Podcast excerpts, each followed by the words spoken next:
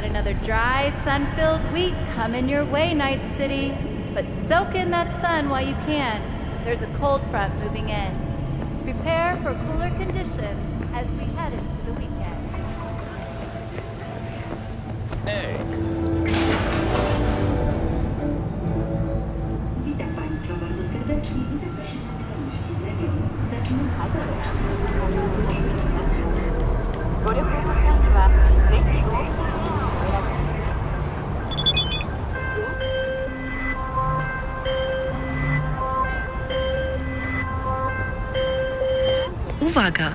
Połączono wielu rozmówców. Cześć, dzień dobry wszystkim. Cześć. Jeju, ale nas dobry. dużo, ale nas dużo. W ogóle pierwsza, pierwsze takie zbiorowe e, nagranie nowej kolaudacji. Mm, trochę jestem podekscytowany, e, że w takim gronie będziemy dyskutować. Na linii witam Anię Nowak, Cześć. Kasię Katkę-Poremską, Dzień dobry. Dominika Nowaka Dzień dobry. i Grześka Gaszewskiego. Cześć. Cześć. Ja jestem Tomek Pieniak. Jakbyście nie wiedzieli, mnie nie znali. Cześć Tomek. Cześć Tomku. A jest to wyjątkowa okazja, e, dla której się spotykamy, no bo skoro aż tylu rozmówców potrzeba, to musi to być naprawdę poważny i ważny temat, który trzeba przedyskutować.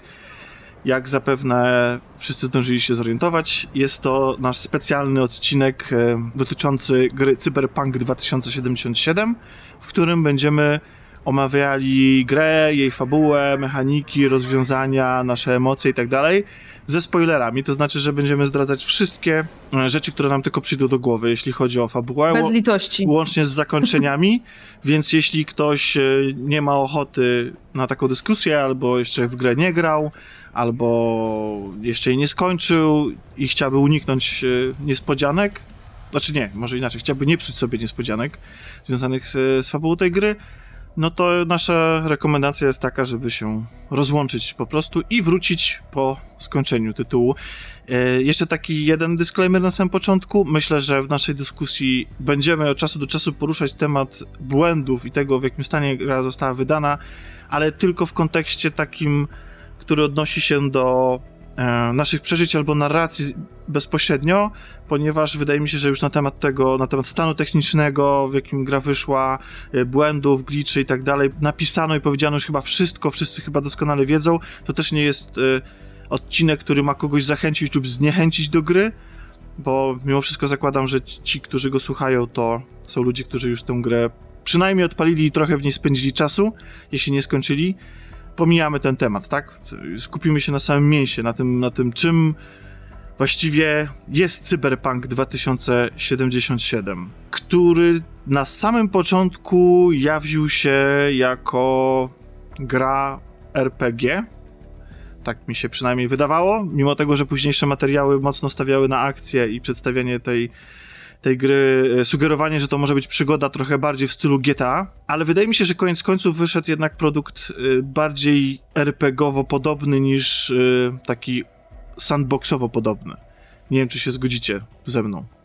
Ja się zgodzę zdecydowanie, bo, bo właśnie y, ja też przyjęłam takie ćwiczenie, że nie chciałam oglądać zbyt wielu materiałów reklamowych i zbyt wielu zapowiedzi, bo, bo, bo też nie chciałam się jakoś specjalnie nastawiać i tak już byłam bardzo podjarana samym, samym konceptem i, i, i grą jako, jako całością.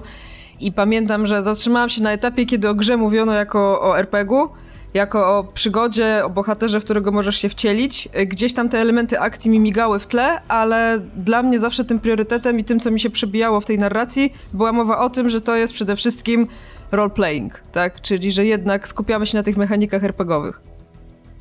Czy reszta też Dla miała takie jest to, oczekiwania? dla mnie jest, jest to stuprocentowy roleplay. Znaczy ja e, w ogóle jestem fanką RPG-ów.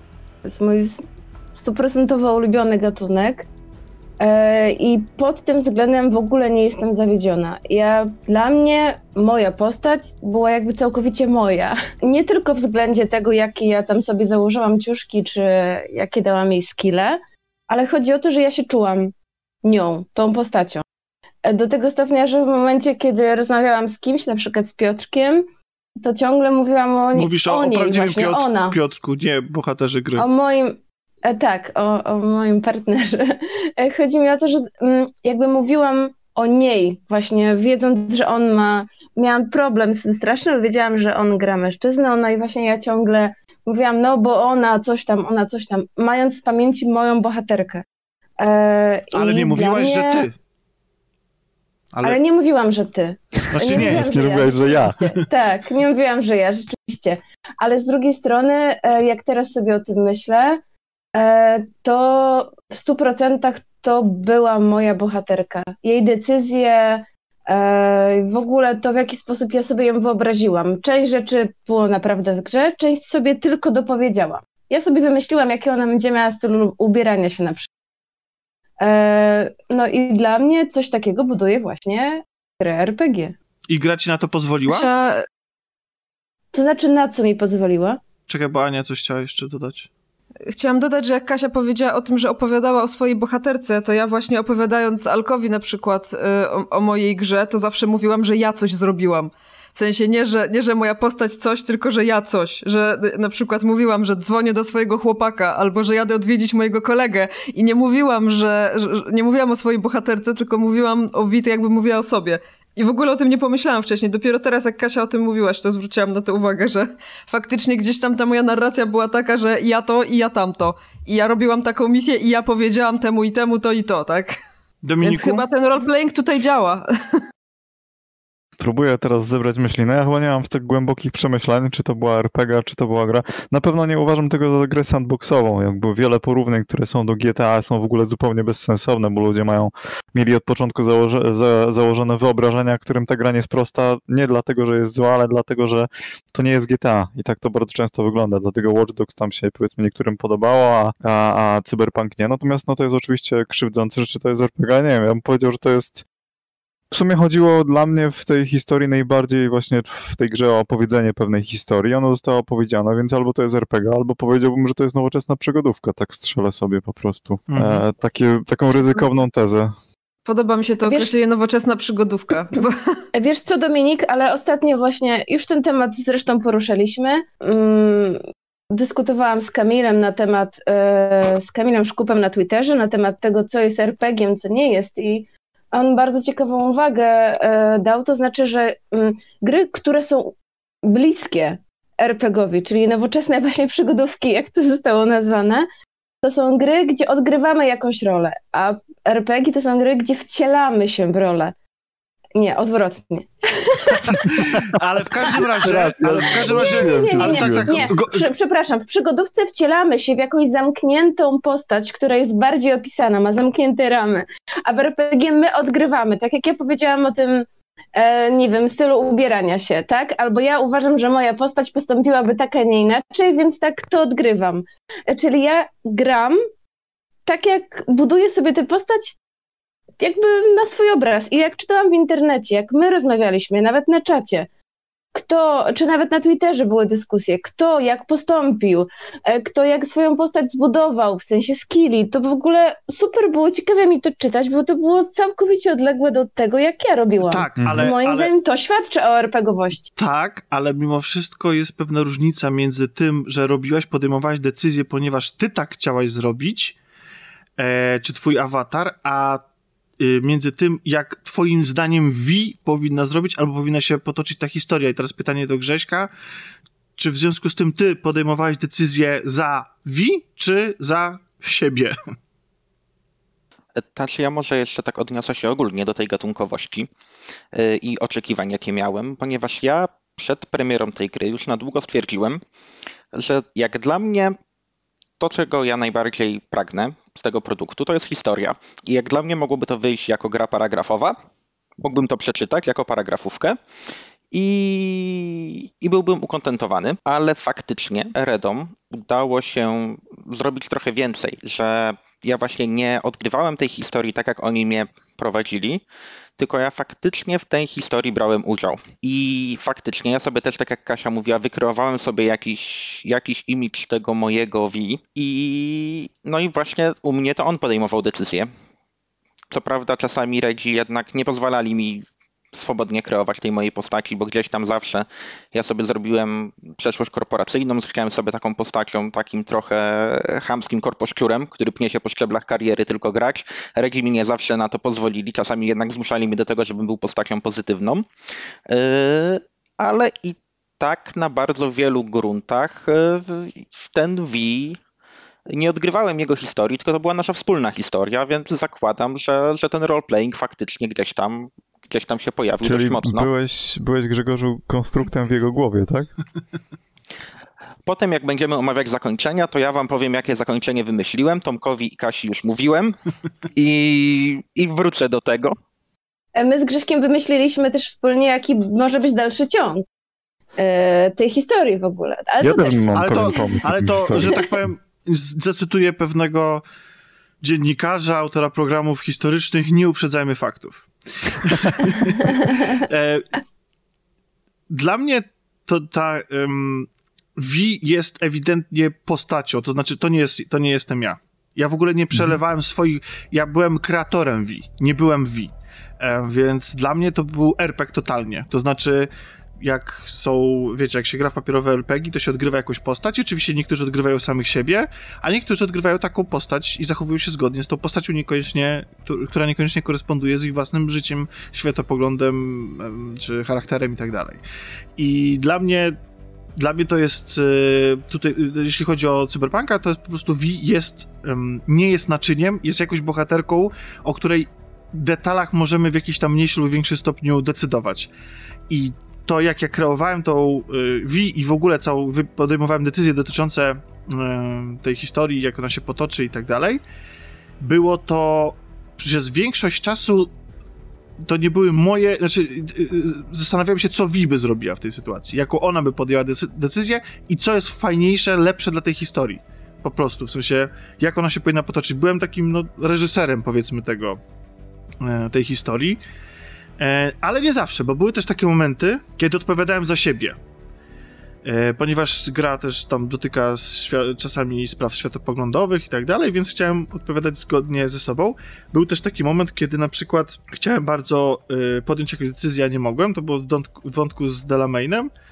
E, O, o jego sobie jeszcze też e, do niego wrócimy, ale tylko powiem, że ponieważ nie mogłem, ponieważ miałem za mało statystyk związanych tam z inteligencją, to po prostu cofnąłem się do wcześniejszego zapisu, e, podpimpowałem sobie postać i z powrotem jeszcze raz zrobiłem tą misję po to, żeby, żeby, żeby, żebym mógł wybrać to, co chcę. Ja tego nigdy nie robię, nie wiem, co mi się stało, ale No na, ja, w tej... Ciekawe, ale ja też właśnie często szedłem tą drogą i chciałem tylko sprostować coś, co powiedziałem wcześniej po waszych wypowiedziach.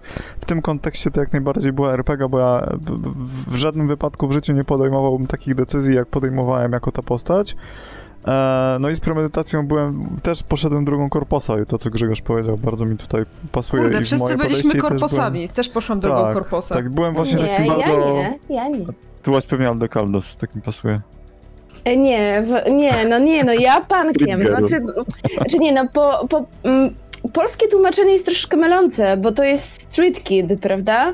No. E, I właśnie to też odpowiada na pytanie, dlaczego ja nie byłam tą osobą, tylko ja sobie stworzyłam, bo ja nie jestem do końca taka, ale ja sobie wymyśliłam właśnie, że to będzie taka dziewczyna, którą wychowała ulica, szorstka, wulgarna, dużo pijąca. I to jest właśnie ciekawe, że takie rzeczy nie mają wpływu na, mm, na grę, ale dla mnie miały znaczenie. Na przykład, kiedy moja postać prowadziła jakiś dialog, za każdym razem, kiedy była możliwość napić się, to za każdym razem piła. Napij się jeszcze raz, to napiła jeszcze raz. I ja byłam w tym konsekwentna. Od początku do końca.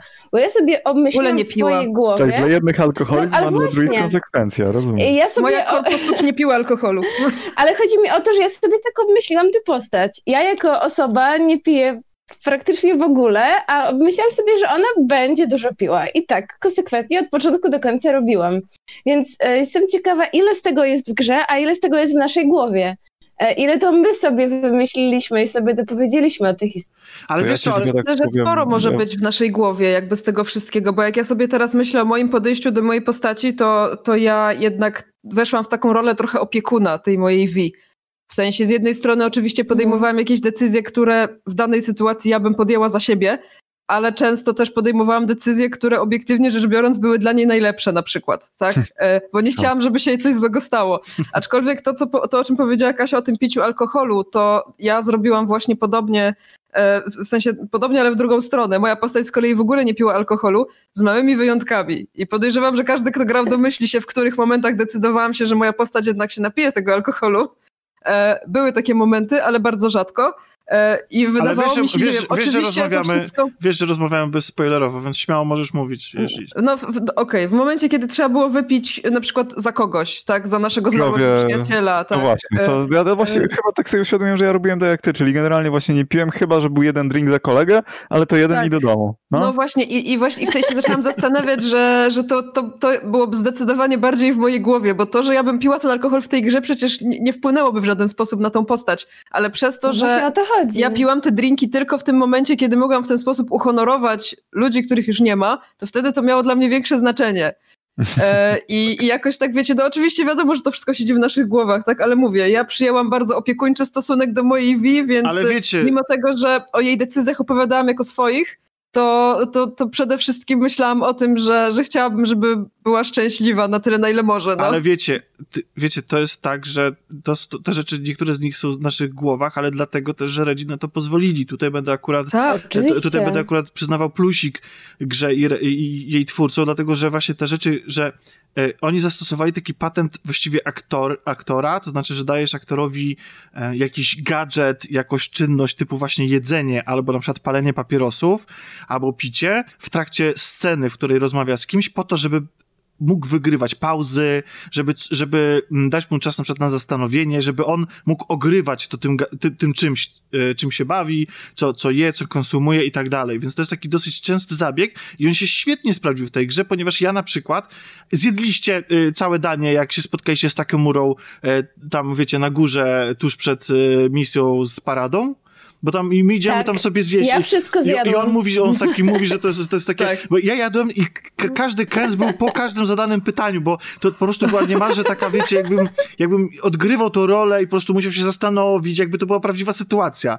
E, taka... Ja stwierdziłem, że jak zobaczyłem, jak to wygląda, że nie jestem w ogóle głodny, nie? Bo to okay. było mega nieapetyczne stwierdziłem, nie, ja tego nie tknę głupno. Ale to są, ale to są właśnie te rzeczy, to, tak samo na przykład możliwość rozglądania się. Ja miałem taki zwyczaj, że jak na przykład traciłem przytomność, a umówmy się, w tej grze się często traci przytomność i się człowiek budzi nagle, e, to się na przykład e, automatycznie rozglądałem. Wiecie, lewo, prawo i potem hmm. zadawałem dopiero pytanie, gdzie jestem. Tak jak przecież ja wiem, gdzie jestem, to jest gra, a jednak taka wczówka pozwoliła mi na to. A z tego, co ja słyszę, z tego, co, co wy mówicie, to, bo słyszę, jakby można było spotkać dużo narzekać na temat tego, że e, nie ma dużych możliwości kreowania tej postaci.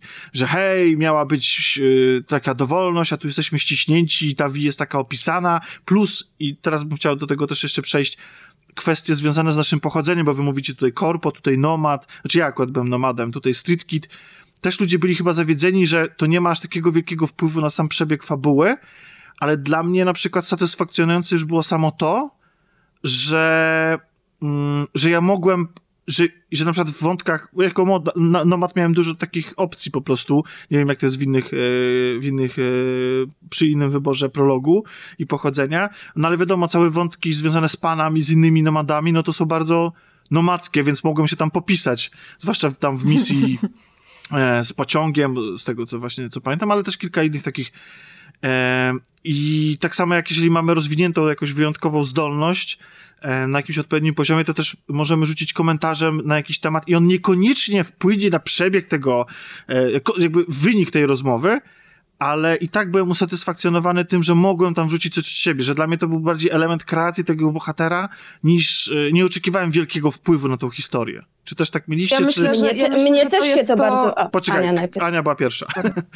Sorry. Teraz jak się nie widzimy, to jest trudno zdecydować, kto się pierwszy wyrywa do głosu. E, ja chciałam powiedzieć, że ja właśnie podobnie do tego podeszłam, Tomku, jak ty e, i na przykład w trakcie gry kilkukrotnie pożałowałam, że wybrałam ścieżkę korpo, bo odpowiedzi korpo bardzo rzadko rzadko wybierałam, bo one nie były w zgodzie z moimi przekonaniami i z tym, czego bym chciała dla swojej postaci, ale masz rację, że to bardziej niż na sam rozwój fabuły wpływa na wizję tej postaci w naszej głowie, tak? Na, na wizję bohatera, którego sobie kreujemy.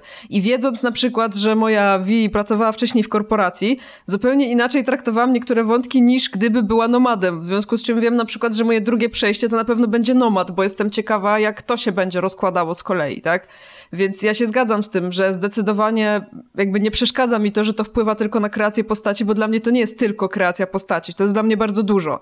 E, Ja się też zgadzam i z Tomkiem i za nią, bo e, przed chwilą mówiliśmy, że to, że dużo rzeczy sobie sami dopowiadaliśmy i że sobie budowaliśmy postać, a więc to jest bardzo ważne. No ja non-stop używałam e, z kwestii e, mojej, moich pankowych.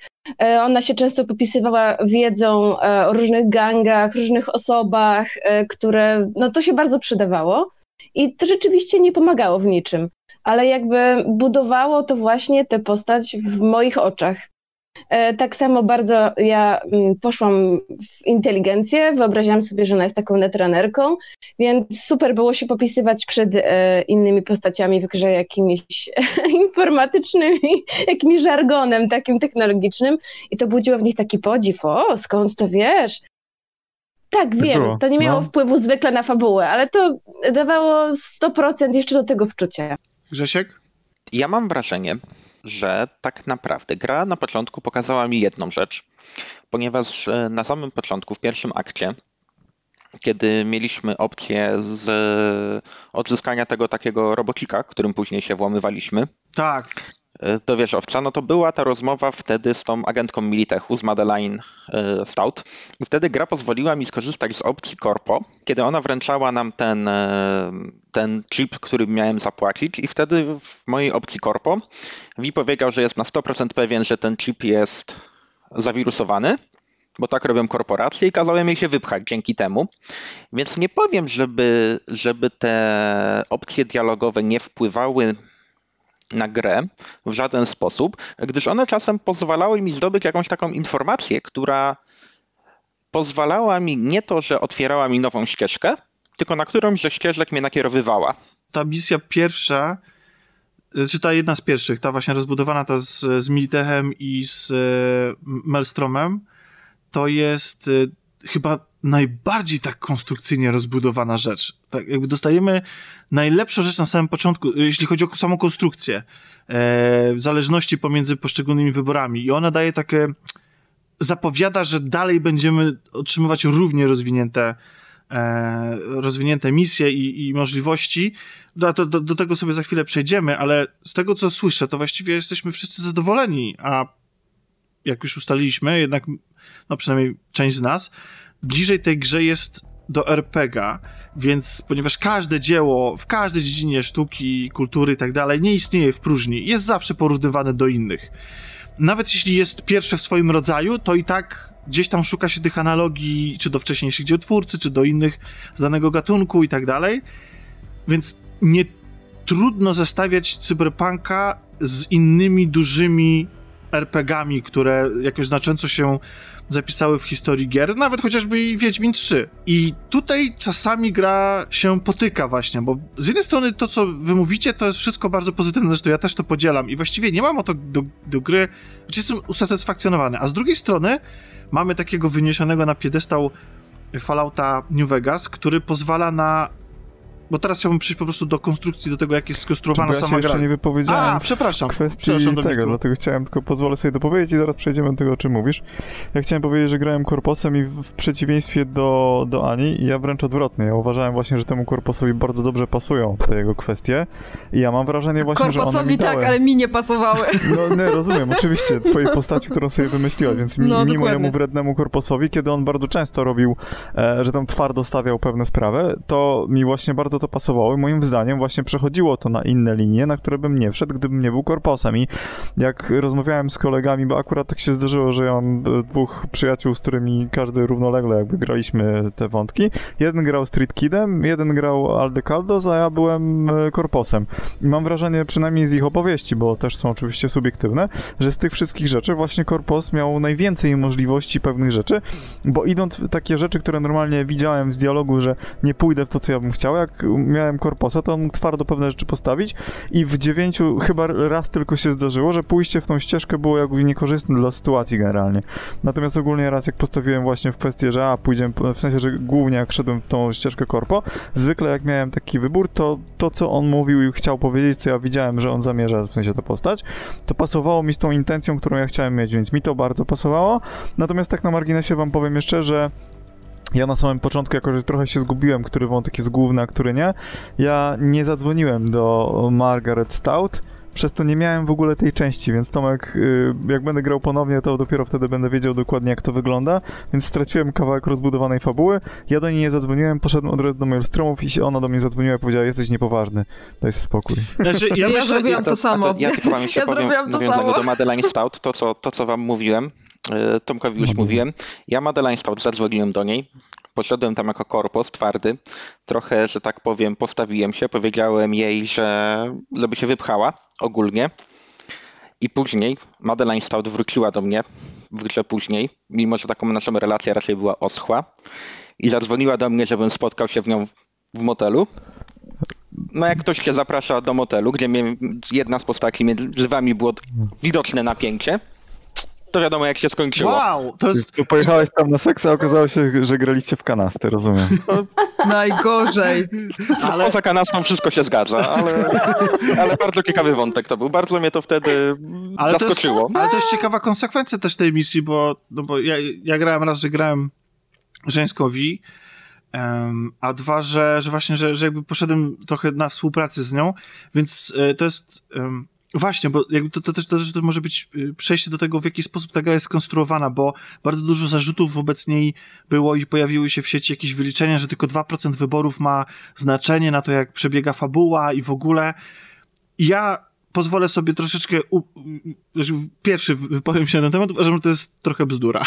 Znaczy trochę prawda, a trochę bzdura. To znaczy wydaje mi się, że tych wyborów w grze jest jednak mimo wszystko dosyć sporo. I czy też macie taką, takie wrażenie? Wszyscy się boją. Ja tak czekałam, żeby się nie wyrywać pierwsza. Nie, no nie, nie, ale, Eee, ale, to, są, to, są, ale to są wasze, to są wasze, wasze, odczucia, nie? Więc się śmiało, jakby Kasia, proszę. E, jakoś... to znaczy, jak tu powiedziałeś e, to zdanie, to chciałam powiedzieć, o rany, jaka bzdura. A wtedy ty powiedziałeś, że uważasz to za bzdurę. To znaczy, mm, ja nie jestem osobą, która robi jakieś chłodne wyliczenia, ile procent moich wyborów na coś wpłynęło. Ja z perspektywy emocjonalnej i odbioru gry, dla mnie wyborów było bardzo dużo. Nie ma dla mnie znaczenia, na co one tak naprawdę wpłynęły, a na co nie. Czasami przecież to były jakieś wątki poboczne, w których ja dokonywałam wyborów. No i te wątki poboczne nie miały wpływu na fabułę, E, więc jakby to było tylko nadal dla mnie, dla wczucia się i dla budowania tej postaci.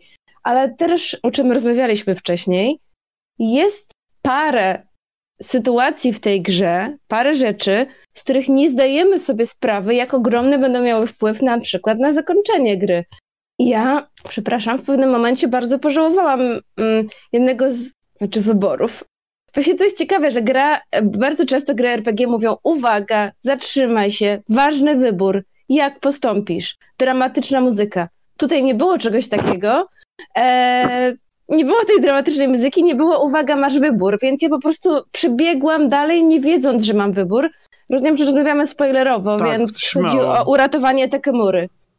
Gra, nie, gra powiedziała mi, Johnny mi mówi, chodź, on nie ma szans, biegniemy, wszystko się wali, uciekaj. To jest jedna z takich scen w grze, gdzie jakby fabuła ci mówi, śpiesz się, szybko, szybko, szybko. Więc ja, os- gracz liżąc ze ściany, normalnie, mówię, dobra, no to lecimy, szybko, szybko. No i nie uratowałam go i dopiero później dowiedziałam się, że była taka możliwość i byłam na siebie bardzo zła. To jego można uratować? Tak, jego można uratować, ale... O fuck! Przepraszam, Aniu. Bo ja to zrobiłam to samo i też muszę teraz Ja grać też. drugi raz. Bo ja, No ja, ja, właśnie o to chodzi. ja- ale to a ja jest zobaczyłem. super, ale to A jest ja super. zobaczyłem tę dziurę w ścianie. tak? Ja też ją zobaczyłam, ale sobie pomyślałam, nie no, przecież Johnny powiedział mi przed chwilą biegnij, nie ma szans go uratować. No to ja znaczy, że biegnij, nie Boże, ma pali szans. się, no. jestem korposem, ratować trzeba swój tyłek. A, widzicie. A czy, czyli... Super to jest, że gra ci nie mówi bubum, bubum, bubum, wielki wybór. Tak, tak, tak. Znaczy. Tylko on przechodzi ci koło nosa i to jest super. Są też takie momenty, bu bum, bu bum, bu bum, wielki wybór, ale faktycznie jest, jest, też, jest też kilka rzeczy, które można zrobić. Ja na przykład miałem coś takiego z e, Maelstromem, to znaczy w tej pierwszej misji, tej, tej z Militechem, z, e, z odzyskaniem tego pieska, robota pieska. Em, I generalnie ja chciałem tą sytuację rozwiązać tak, żeby z nikim nie zadzierać, to znaczy, żeby przede wszystkim z Maelstromem nie zadzierać. I wydawało mi się, że chociaż się skończyło to jadku z Militechem, bo Militech tam wpar- wparował na pełnej i zaczęła się strzelanina, no to jednak ja nie miałem zatargu z, z, Mil- z Milestromem, bo im wszystko powiedziałem o zawirusowanym chipie i tak dalej, i tak dalej. Ale potem jak trafiamy na misję z uwolnieniem, czy pomiciem jej imienia, e, to chodzi o e, czu, czu, menadżerkę zespołu.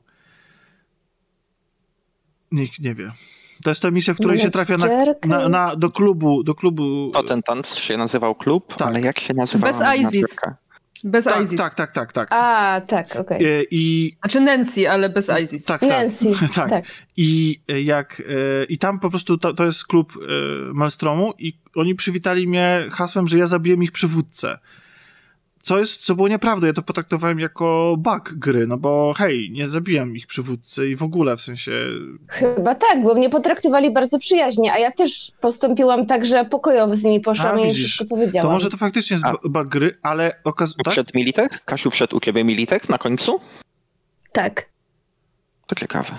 No właśnie, a U m- potem się okazało, że w tej misji, znaczy wyczytałem, czy dowiedziałem się, e, że w tej misji można uratować prawdziwego szefa e, Maelstromu, w tej pierwszej, e, w, te, w tej początkowej misji z odzyskaniem pieska, i tylko, że on jest gdzieś tam Tak, związany... bo on tam, on tam siedzi w pokoju takim A go? zaminowanym. Uratowałam No go, właśnie, tak. I, i- oni mnie potem bardzo lubili. No więc właśnie, a ja tego w ogóle, ja w ogóle nie miałem o tym żadnego pojęcia, więc to w ogóle olałem, po prostu poszedłem się bić z, z znaczy wy- wydostać po prostu z A, tego. Ale to jest- się wyświetlało jako opcjonalna misja nawet. E, Było to Okej. napisane. Wiesz co, y, a okej, no widzisz, no to ja tego nie zrobiłem y, i to jest też fajne, że to, się, że to ma swoje konsekwencje, że to też nie jest taki jeden wielki, gigantyczny wybór, a tylko, tylko, tylko właśnie jakiś jeden z tych, które można przegapić. Zresztą bardzo dużo, mam wrażenie, zależy od tego właśnie, do kogo zadzwonimy, do kogo nie zadzwonimy, w jakim w, w jakiej e, kolejności robimy questy poboczne, nawet te mniejsze, bo wiem też, na przykład czytałem dzisiaj y, ten poradnik, który jest y, dosyć ciekawą lekturą, bo praktycznie składa się z samych tabelek i, i kreseczek, które pokazują, jakie masz możliwości w danej misji. E, Ten oficjalny poradnik i tam zauważyłem, że można w domu lalek rozwiązać całą sytuację też zupełnie pokojowo. Mhm. E, Znaczy, mi się wydawało mi się też, że teraz jest. wejść, E, I że tam jest prze- właściwie, przejąć. i że też zależy od tego, jakie misje zrobiłeś wcześniej, to wpływa na to, e, jak ta rozmowa w ogóle zostanie przeprowadzona. W domu lalek z tym szefem dom, domu lalek, z zarządzającym dom, domem lalek. Z szefem, no właśnie to Tak, jest tak. ciekawe. Ja konfrontowałam z Piotrkiem e, właśnie wersję i ja miałam coś takiego, że ja z nim normalnie pokojowo rozmawiałam, a ponieważ miałam wysoką inteligencję, to ja z nim poszłam na jakiś tam deal. E, a Piotrek w ogóle nie miał takiej opcji, w ogóle nie miał opcji pokojowej, od razu był atak i od razu musiał walczyć. Tak, ja, ja też z nim się dogadałem, jak tam gadałem, no. Też miałem taką możliwość. Że Mi się wydaje ogólnie, że te, ten hejt na te zakończenie jest taki, że w sensie na, na, na te wybory jest taki, że no tak naprawdę finalnie właściwie masz jedną z trzech, jedną z czterech, jedną z pięciu, zależnie jak to ujmować powiedzmy dróg i po prostu to, którą tam wybierzesz de facto tak naprawdę e, spowoduje to finalne zakończenie, jakby kształt tego ostatecznego świata. Ja myślę, że o to jest ta cała chryja, natomiast no ja myślę, że that's not the point, nie? To nie jest Wiedźmin 3, gdzie tam finał jest wypadkową różnych tam podjętych przez ciebie decyzji, tylko idziesz w jedną z trzech powiedzmy wizji świata. Mówię trzy, bo to myślę jest najlepszy, najlepiej to obrazuje o czym o czym myślę. Natomiast to, to, to, nie jest właśnie tak, jak mówicie, że to nie jest tak, że te wybory nie mają żadnego znaczenia. Mają bardzo istotne znaczenie, tylko niekoniecznie w kontekście wielkiego świata, tylko w kontekście mikroświata osób wokół Wii. Tam się bardzo dużo dzieje. Bardzo, na bardzo wiele rzeczy wpływ mają decyzje. Niekoniecznie na, na świat. E, no jedno z Znaczy, moich może- ulubionych... może- e, Grzesiu? To może ja powiem. E, Nawiązując do tego, co powiedział e, Dominik, to ja faktycznie to, bo ta gra została dość sztywno wrzucona w pewne ramy, że ona ma opowiedzieć jakąś historię, która ma cztery zakończenia. I te zakończenia faktycznie.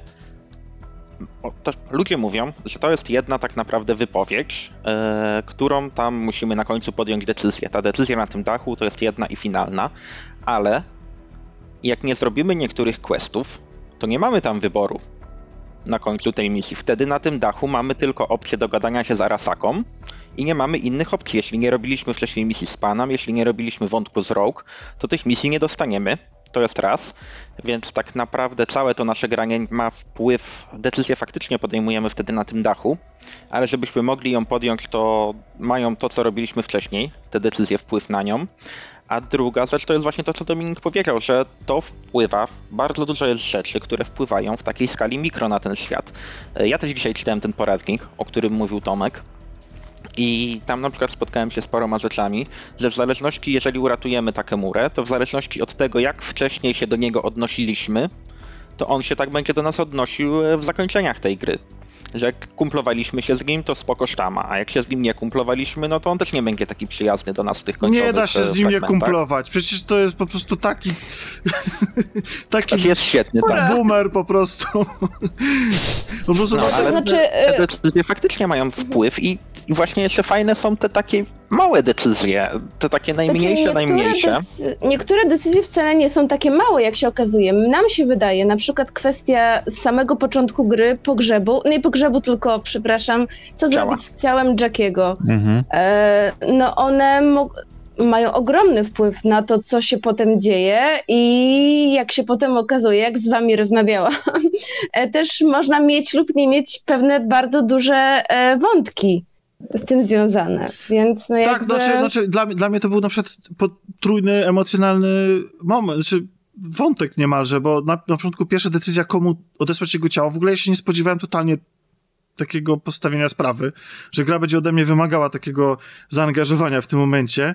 Nie mam, wie, wiecie, to jest chwila na zastanowienie, no, dosyć ciekawy wybór e, emocjonalny. Ja zdecydowałem, żeby wysłać go do jego mamy.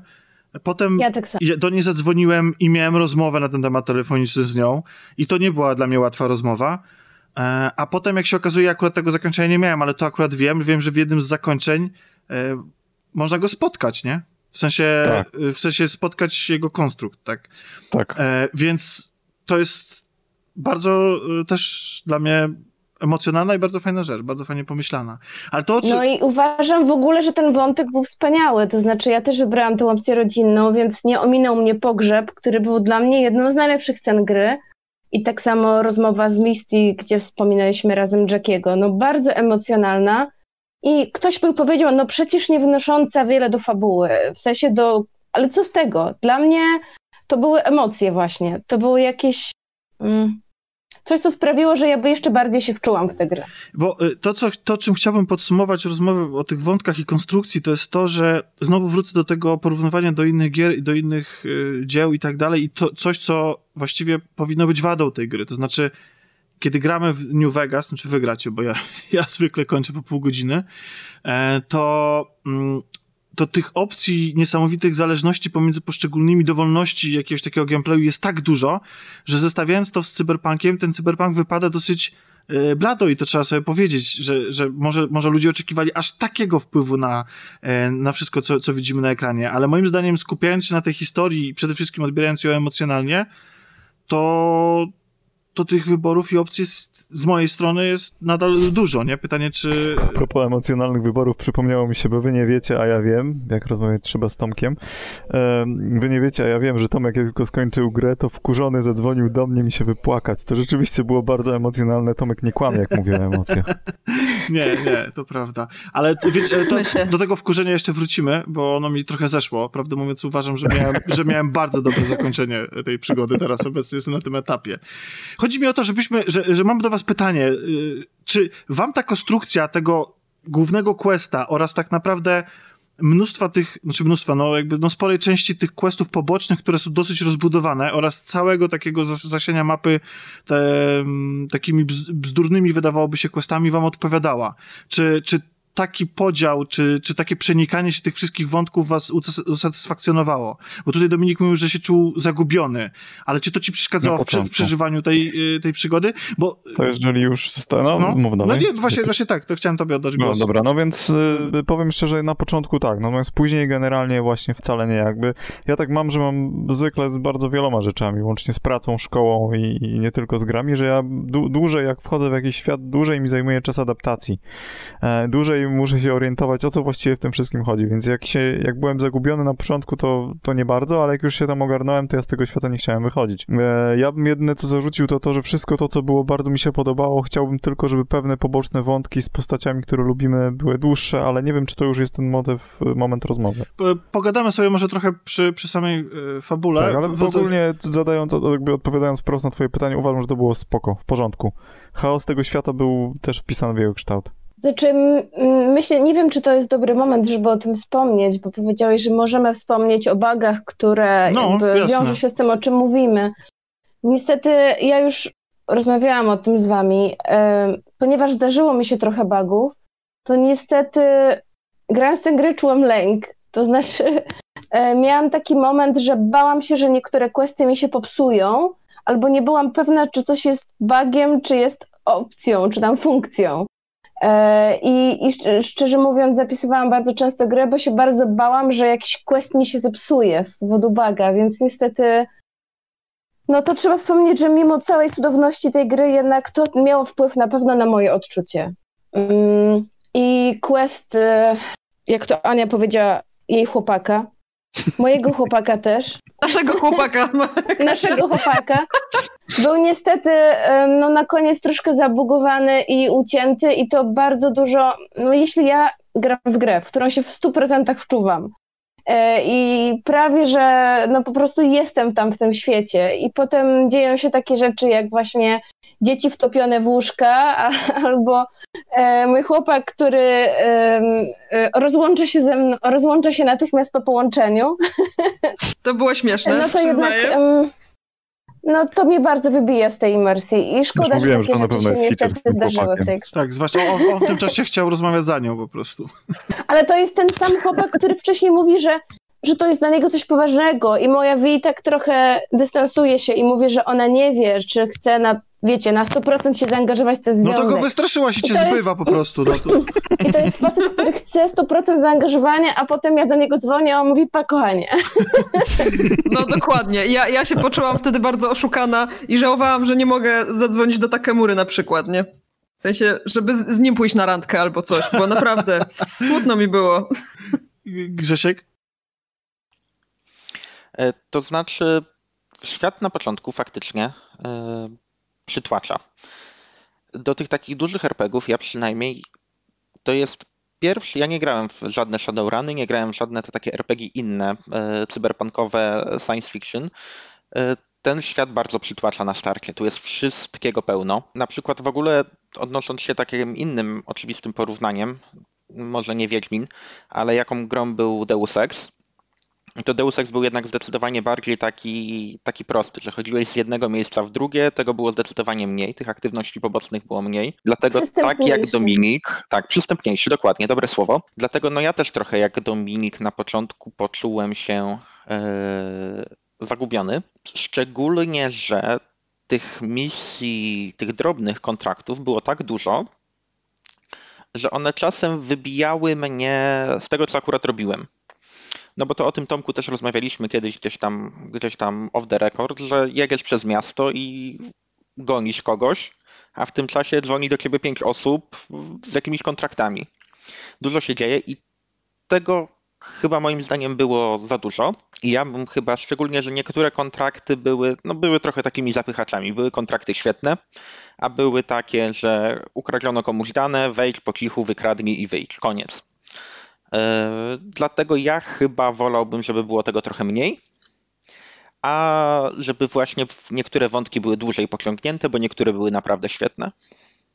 U, u mnie ten chaos działał pozytywnie, ale rozumiem, doskonale rozumiem, że ktoś może się czuć przytłoczony, bo faktycznie w tej grze bardzo szybko jesteś rzucony na głęboką wodę i dostajesz 5000 SMS-ów i telefonów. Hej, tu jest taki kontrakt, hej, tu jest taki kontrakt, hej, kup samochód, hej, kup samochód. I nawet nie można nikogo wyciszyć i po prostu te SMS-y przychodzą, a ty się skupiony na czymś innym. Z drugiej strony miałem wrażenie właśnie, że ten natłok tego wszystkiego działa u mnie na plus, ponieważ ja miałem cały czas wrażenie właśnie życia tego świata. Że tak naprawdę gra nie czeka, że aż ja skończę quest, żeby ktoś do mnie zadzwonił, bo akurat jestem w okolicy i tak działa życie. Znaczy jasne, to, to nie chodzi o to, żeby gry były bardzo realistyczne, ale ale generalnie ten taki chaos i taką atmosferę codziennego dnia i takie, to mi pomagało też w takie wczuciu się trochę w, w, w życie najemnika że tak naprawdę, mm, no tutaj jest jedna robota, zaraz druga, zaraz trzecia i to jest. To mi pomagało y, budować ten świat, że nie ci przechodnie, którzy zawracają, wiecie, na przejściu dla pieszych, czy samochody, które się spawnują przed twarzą, tylko właśnie te, y, te, te aktywności, te, to, że, to, że robię coś i jestem w okolicy i ktoś do mnie dzwoni. Ja się zastanawiałem, jak inaczej lepiej przedstawić ten motyw, wiecie, ty, ty właśnie tych telefonów, tego, że gra ci mówi, że hej, możesz tutaj zrobić coś. Wydaje mi się, że to dzwonienie wydaje mi się całkiem niezłym rozwiązaniem w stosunku do tego, że po prostu tak wiecie, y, chłodno przeglądacie mapę i wybieracie punkt po prostu. Że, te, że, że to jest bardziej organiczne i żywe. Tak mi się wydaje. Więc to, to, też mi się to akurat podobało, ale rozumiem to zagubienie na początku, zwłaszcza, że gra. Mm, tak naprawdę wrzuca, e, e, już tak na podsumowanie, wrzuca, wrzuca, ten wątek główny, daje ci jakieś trzy misje, od razu trzy misje dostajesz niemalże w akcie drugim z, z wątku głównego i od razu dostajesz w ogóle mnóstwo misji pobocznych, gdzie właściwie mamy i te misje, które są takie w stylu idź i pobij się z dziesięcioma ludźmi na mieście, jak i takie misje, które, które prowadzą do bardzo intensywnych znajomości i są bardzo rozbudowane. Więc ten pewien chaos jest, a z drugiej strony całkowicie, no, ja, ja, to kupiłem. Mi to pomagało po prostu uwierzyć w ten świat, że tak działa, tak, tak jest skonstruowane trochę życie. E, bzdurne aktywności obok tych ważnych, e, ludzie, którzy, których poznajemy na sekundę obok tych, z którymi byśmy chcieli spędzić całe życie. I wszystko kipi, dzwoni i buczy. Ostatnia rzecz z samej RPGowej rzeczy, ale no chciałbym jednak mimo wszystko tak króciutko, po jednym zdaniu od każdego was usłyszeć, czy ta strona cyferkowo-numerkowa, mechaniczna zdała, zdała egzamin. E, I czy wybraliście jakiś build i się konsekwentnie niego trzymaliście, czy, czy ta strona właśnie mm, czysto mechaniczna was zadowoliła, czy raczej byliście zawiedzeni, albo w ogóle wam nie przeszkadzała? I na przykład Ania niech odpowie. Właśnie chciałam powiedzieć, że mogę zacząć. Jak cię wyczułem? Ja, ja, powiem tak, ja powiem tak. Od buildów to ja mam The Division 2, a w Cyberpunku generalnie grałam tak, że wybierałam sobie to, co mi się podobało.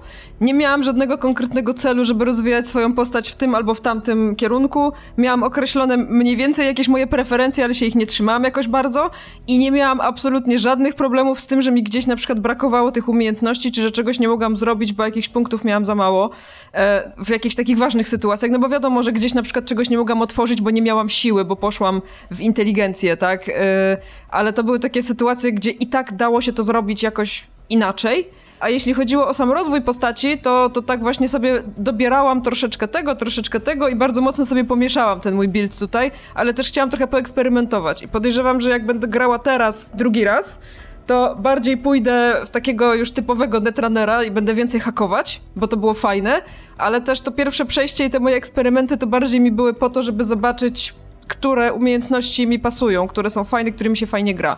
I brakowało mi trochę hakowania, uważam, że trochę za mało go robiłam, więc przy drugim przejściu pewnie będę robić go więcej, ale jak już miałam ostrza modliszkowe, to już potem nie chciałam się hakować, tylko ciachałam wszystkich no ja właśnie, ostrzami ja właśnie... i już, już miałam taką frajdę z tego ja wtedy. Wybrałam... Jeszcze no, no, no, no mów, mów, mów. I jeszcze jak dostałam pistolet Johnego, który jest tak pięknie przeładowywany, i jak znalazłam Skipiego, to już w ogóle już mogłam tylko strzelać i ciachać y, modliszką i było wspaniale. Ja wybrałem zamiast modliszki e, rakiety i był to bardzo zły wybór, mam wrażenie, bo właściwie przestałem ich, znaczy w ogóle ich nie używałem praktycznie, bo samo strzelanie mi sprawiało tyle satysfakcji, jak już dochodziło do walki, to po prostu Tak. ładowałem headshoty. Strzelanie było takie super. E, Właśnie ładowanie headshotów jest tak satysfakcjonujące w tej grze, naprawdę, jak, jak, jak mało gdzie. I to w ogóle, ja się nie spodziewałam, że będę lubiła strzelać w cyberpunku, bo jak robiłam samouczek, to to strzelanie mi się wydawało takie jak wszędzie indziej, ale ten w ogóle system tych uników i tego strzelania i, i nie wiem, jakoś miałam z tego taką frajdę, że, że samo to strzelanie, po prostu chciało mi się robić te wszystkie misje, nawet te bzdurne, więc moja reputacja w ogóle wybiła gdzieś w kosmos w pewnym momencie w tej grze, bo robiłam wszystkie misje polegające na strzelaniu gdzieś tam w ramach jakiejś aktywności dla policji czy coś. Bo po prostu mi się fajnie strzelało. Więc A, to ja poszłam zupełnie odwrotnie niż Ania, e, bo ja, mimo że rozwijałam crafting i tam wszystkie bronie sobie dobiłam do legendarnych, to i takich w ogóle nie używałam. Miałam te modliszki i nie wiadomo co. Nie używałam żadnych broni w tej grze, bo już tak od ostatniej, można powiedzieć, w ostatniej jednej trzeciej gry już hakowanie mojej postaci plus skradanie, w którym się rozwija trucizny, e, było do, doprowadzone już do takiego poziomu, że wpuszczałam atak wirusowy w grupę przeciwników i no i już. Nara. Właśnie ja tak chcę zagrać Kasia drugi raz. E, Właśnie e, taki no więc- tryb też myślę może być fajny. No więc było to takie typowe skradanie plus, e, plus hakowanie. A to widzisz, ja z kolei chcę wypróbować coś odwrotnego. Czyli ja chcę sobie zrobić e, nomadkę lub nomada, e, który będzie całkowicie osiłkiem i będzie wbiegał z jakimś baseballem i wszystkich masakrował. E, To musisz bo- odpowiednią postać pod to zaprojektować, pamiętaj. To no, wiesz. wiado- berserk. wiadomo. Berserk. Berserk, E, dokładnie. wiadomo, pół, e, pół orka. Pół ork, pół cyberpunk. E, To Dobra. znaczy, powiem wam, że ja zaczęłam eksperymentować tak naprawdę na koniec, w momencie, kiedy już sobie postać doprowadziłam do maksimum e, możliwego poziomu i wtedy myślałam, rany, to co ja teraz będę robić? Jak już wszystko zrobiłam, jakby to chciałam, jeśli chodzi o rozwój tej postaci, który sobie szczegółowo zaplanowałam i dopiero wtedy zaczęłam eksperymentować, bo sobie myślę, hej, nie mogę e, levelować tak normalnie, ale mogę nadal rozwijać umiejętności, więc zacznę rozwijać te, których nie używałam. I właśnie wtedy wzięłam do ręki legendarny złoty kij baseballowy i powiem, że było to przyjemne, jak wpadłam w grupę e, przeciwników, jak ktoś z was to nazwał, ktoś tak jakoś fajnie nazwał tych przeciwników w specyfice. Nawet jeśli chodzi o mechanikę i rozwój Kasia, postaci, Kasia, mikrofon, bo to ci... ona zahęca... Kasia, przepraszam, Tak? bo ci przerwę, znowu mikrofon ci ociera, wiesz? O bluzę czy o coś. Ociera, O, no właśnie go tak, trzymam. chrupie. A, okej, Trzymam go w ręku, to dziwne. okej, okej. No to Mm. dokończ.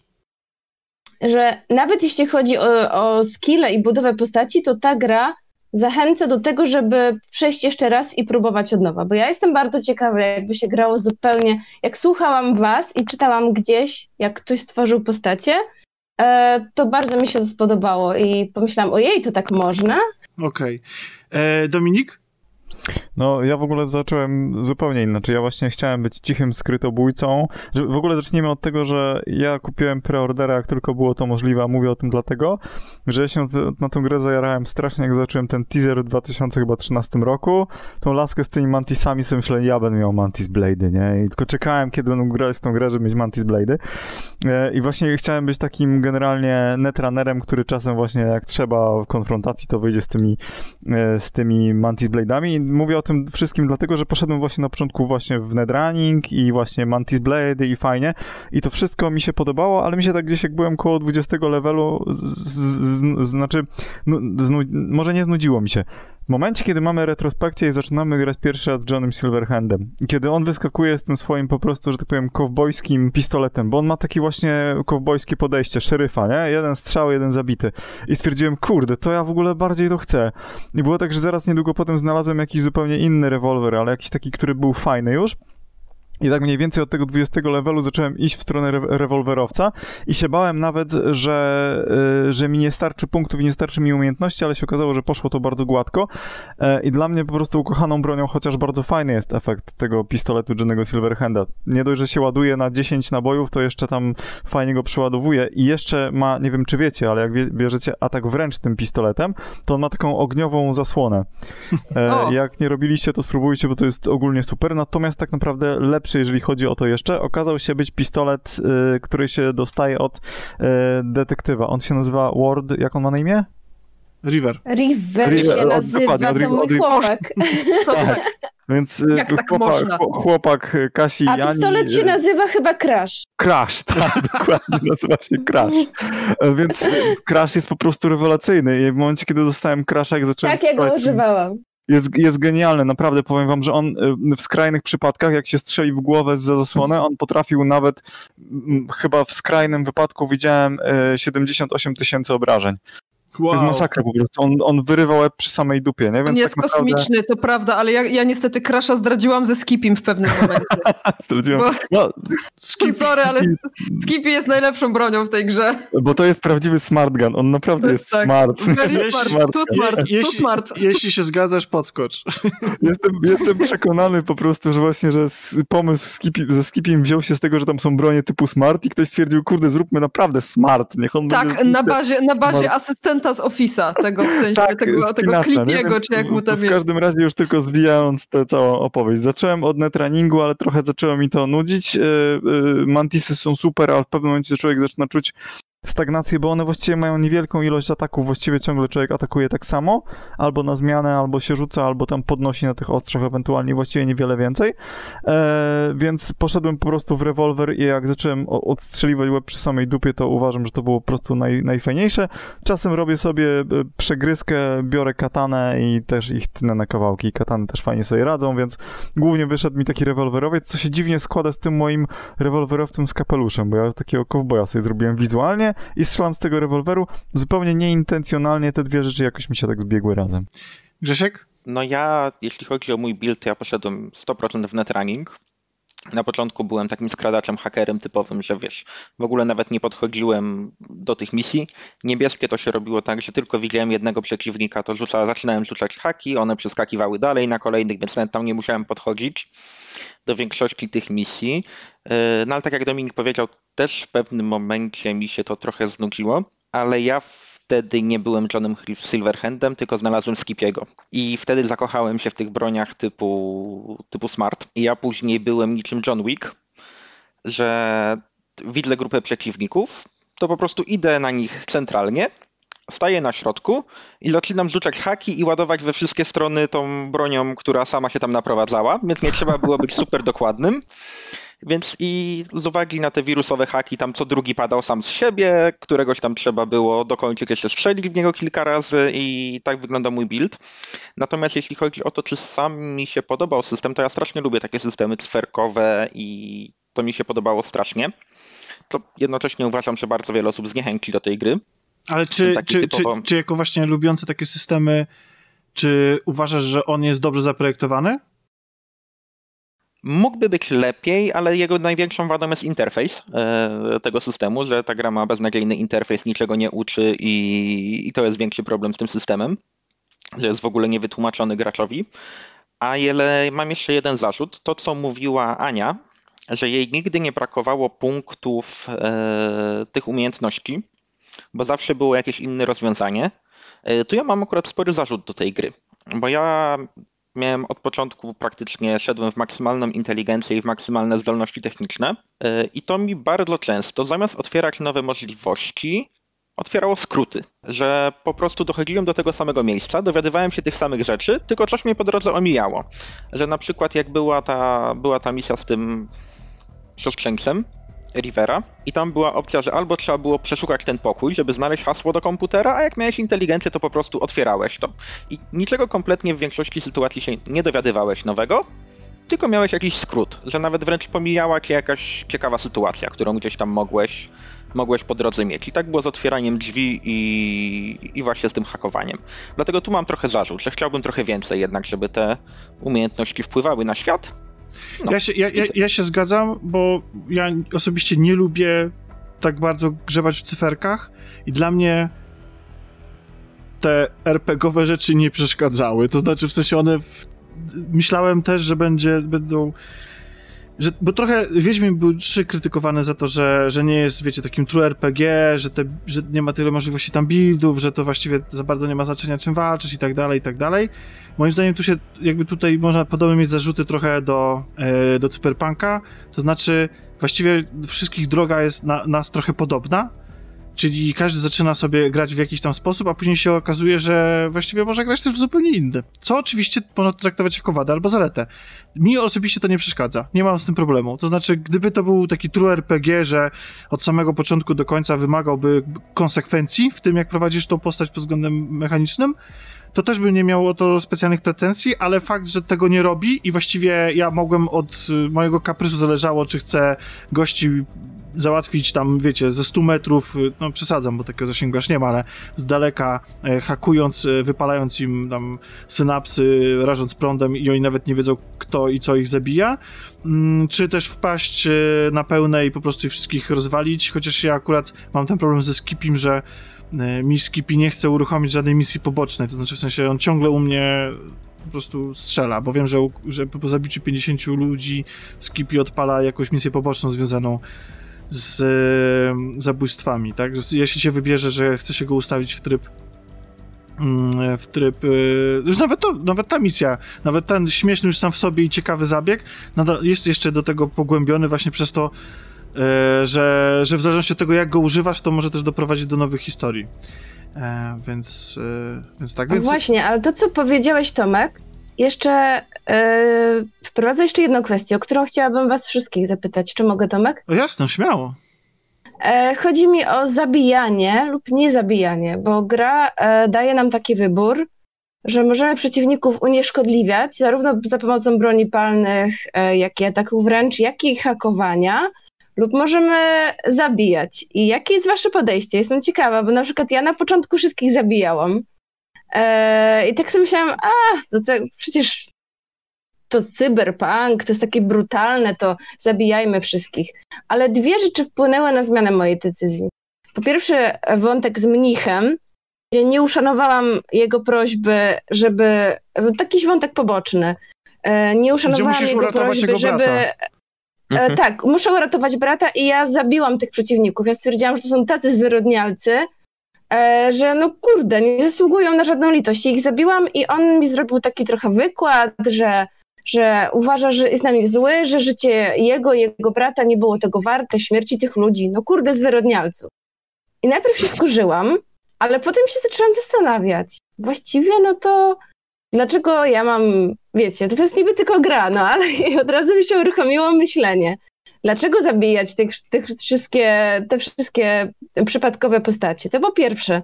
A po drugie, e, wpłynęło też na moją decyzję mm, ulepszenie cyberszczep o nazwie monostruna. Nie wiem, czy używaliście.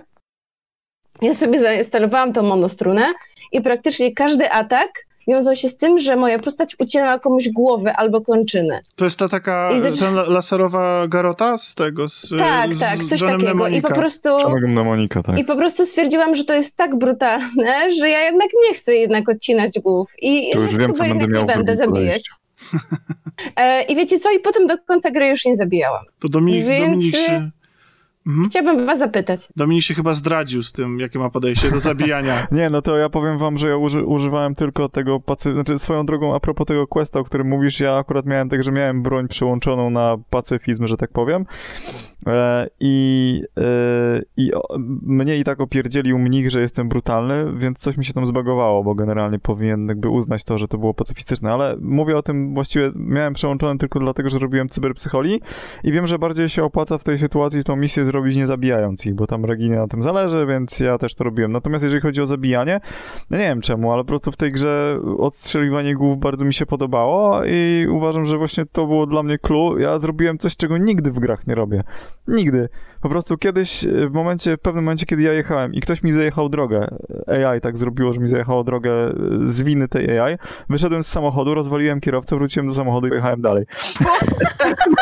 Co to jest to? Stało? Wiesz, ja jestem miłym gościem, jak to jest możliwe, Ale że ta gra to robi, było ta gra to robi, bo ona jest taka, ona jest trochę wulgarna, ten cyberpunk jest taki, wiecie, taki agresywny, ta muzyka ta, i tak dalej, i to, że jesteś takim kozakiem na tym mieście. I w ogóle to, że byłem po prostu z korporacji, jakoś nie wiem dlaczego jak grałem w tę grę, to się nastawiłem od razu, też wiedziałem, ja nie miałem w ogóle żadnego, żadnej rozkminy, było korporacja i tylko tyle było.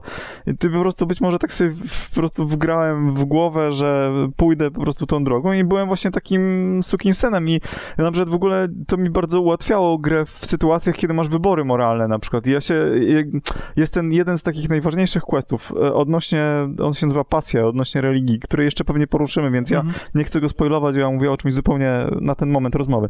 No, ja mówię o czymś zupełnie innym. Jak był ten moment, to było tak, że Hanako dała mi tam e, ten, ten, ten jakby to, to zadanie, więc ja tam idę i w ogóle nie chciałem pójść w tą stronę, jak twórcy mnie zamierzyli, bo ja stwierdziłem, kurde, ja mam kontrakt na zabicie tamtego typa i wyjście, nie? Bo mnie zlecili, a tutaj nagle klient mi tam się położył, no i w ogóle ja nie chciałem grać, ten quest zrobiłem dopiero później, już wiedząc o czym on w ogóle jest, bo nie chciałem w tą drogę iść, bo w ogóle nie miałem ochoty się tam wydawać w zadanie, bo przecież ja dostałem y, misję wejścia po prostu i y, wejścia w to i, i tam zabicia gościa i dostania Ja go, w ogóle, ja go w ogóle nie chciałem przyjmować tego questa. Uznałem, że ja nie jestem mo- mordercą na zlecenie. Że jasne, Ja y- jestem.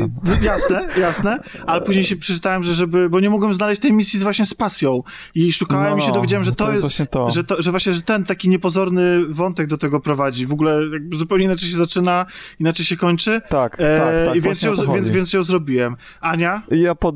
e, A, Przepraszam, a. ja tylko dokończę jedno słowo. I miałem taką sytuację, kiedy otworzyłem bagażnik, bo coś tam stukało się, okazało, że tam jest koleś, no stwierdziłem, dobra, gościu, zamknąłem ten bagażnik i oddałem gościa dalej. Wow, okej, okej, bo faktycznie byłeś be, bezwzględnym no to- korposem, okej. Ja jestem prosty chłopak, który Bez- wiesz, no, robi, robi korpus, zlecenie. naprawdę. Bezlitosny No. Właśnie, korpus. ale co z tym zabijaniem? Co z tym mordowaniem? Ja miałam odwrotnie, Kasia, niż ty wiesz, bo ja na początku podchodziłam do wszystkiego bardzo pacyfistycznie, bo e, przypomniałam sobie, jak mi się fajnie grało w Deus Exa w trybie stealth i w ogóle inne takie rzeczy, więc na początku gdzieś tam faktycznie robiłam to tak, że nie zabijałam tych ludzi, tylko ich ogłuszałam, wrzucałam ich do jakichś pojemników i miałam z tego fan, ale w pewnym momencie jak odkryłam... No niestety, tu wyjdzie moja, moja gorsza, gorsza część mojej natury. Jak zobaczyłam, jak tam się fajnie strzela i jak, jakie mięsiste są te kile, to stwierdziłam po prostu, że koniec z tym i, i będę zabijać, no. I wtedy, wtedy też zostałam bezlitosnym korposem.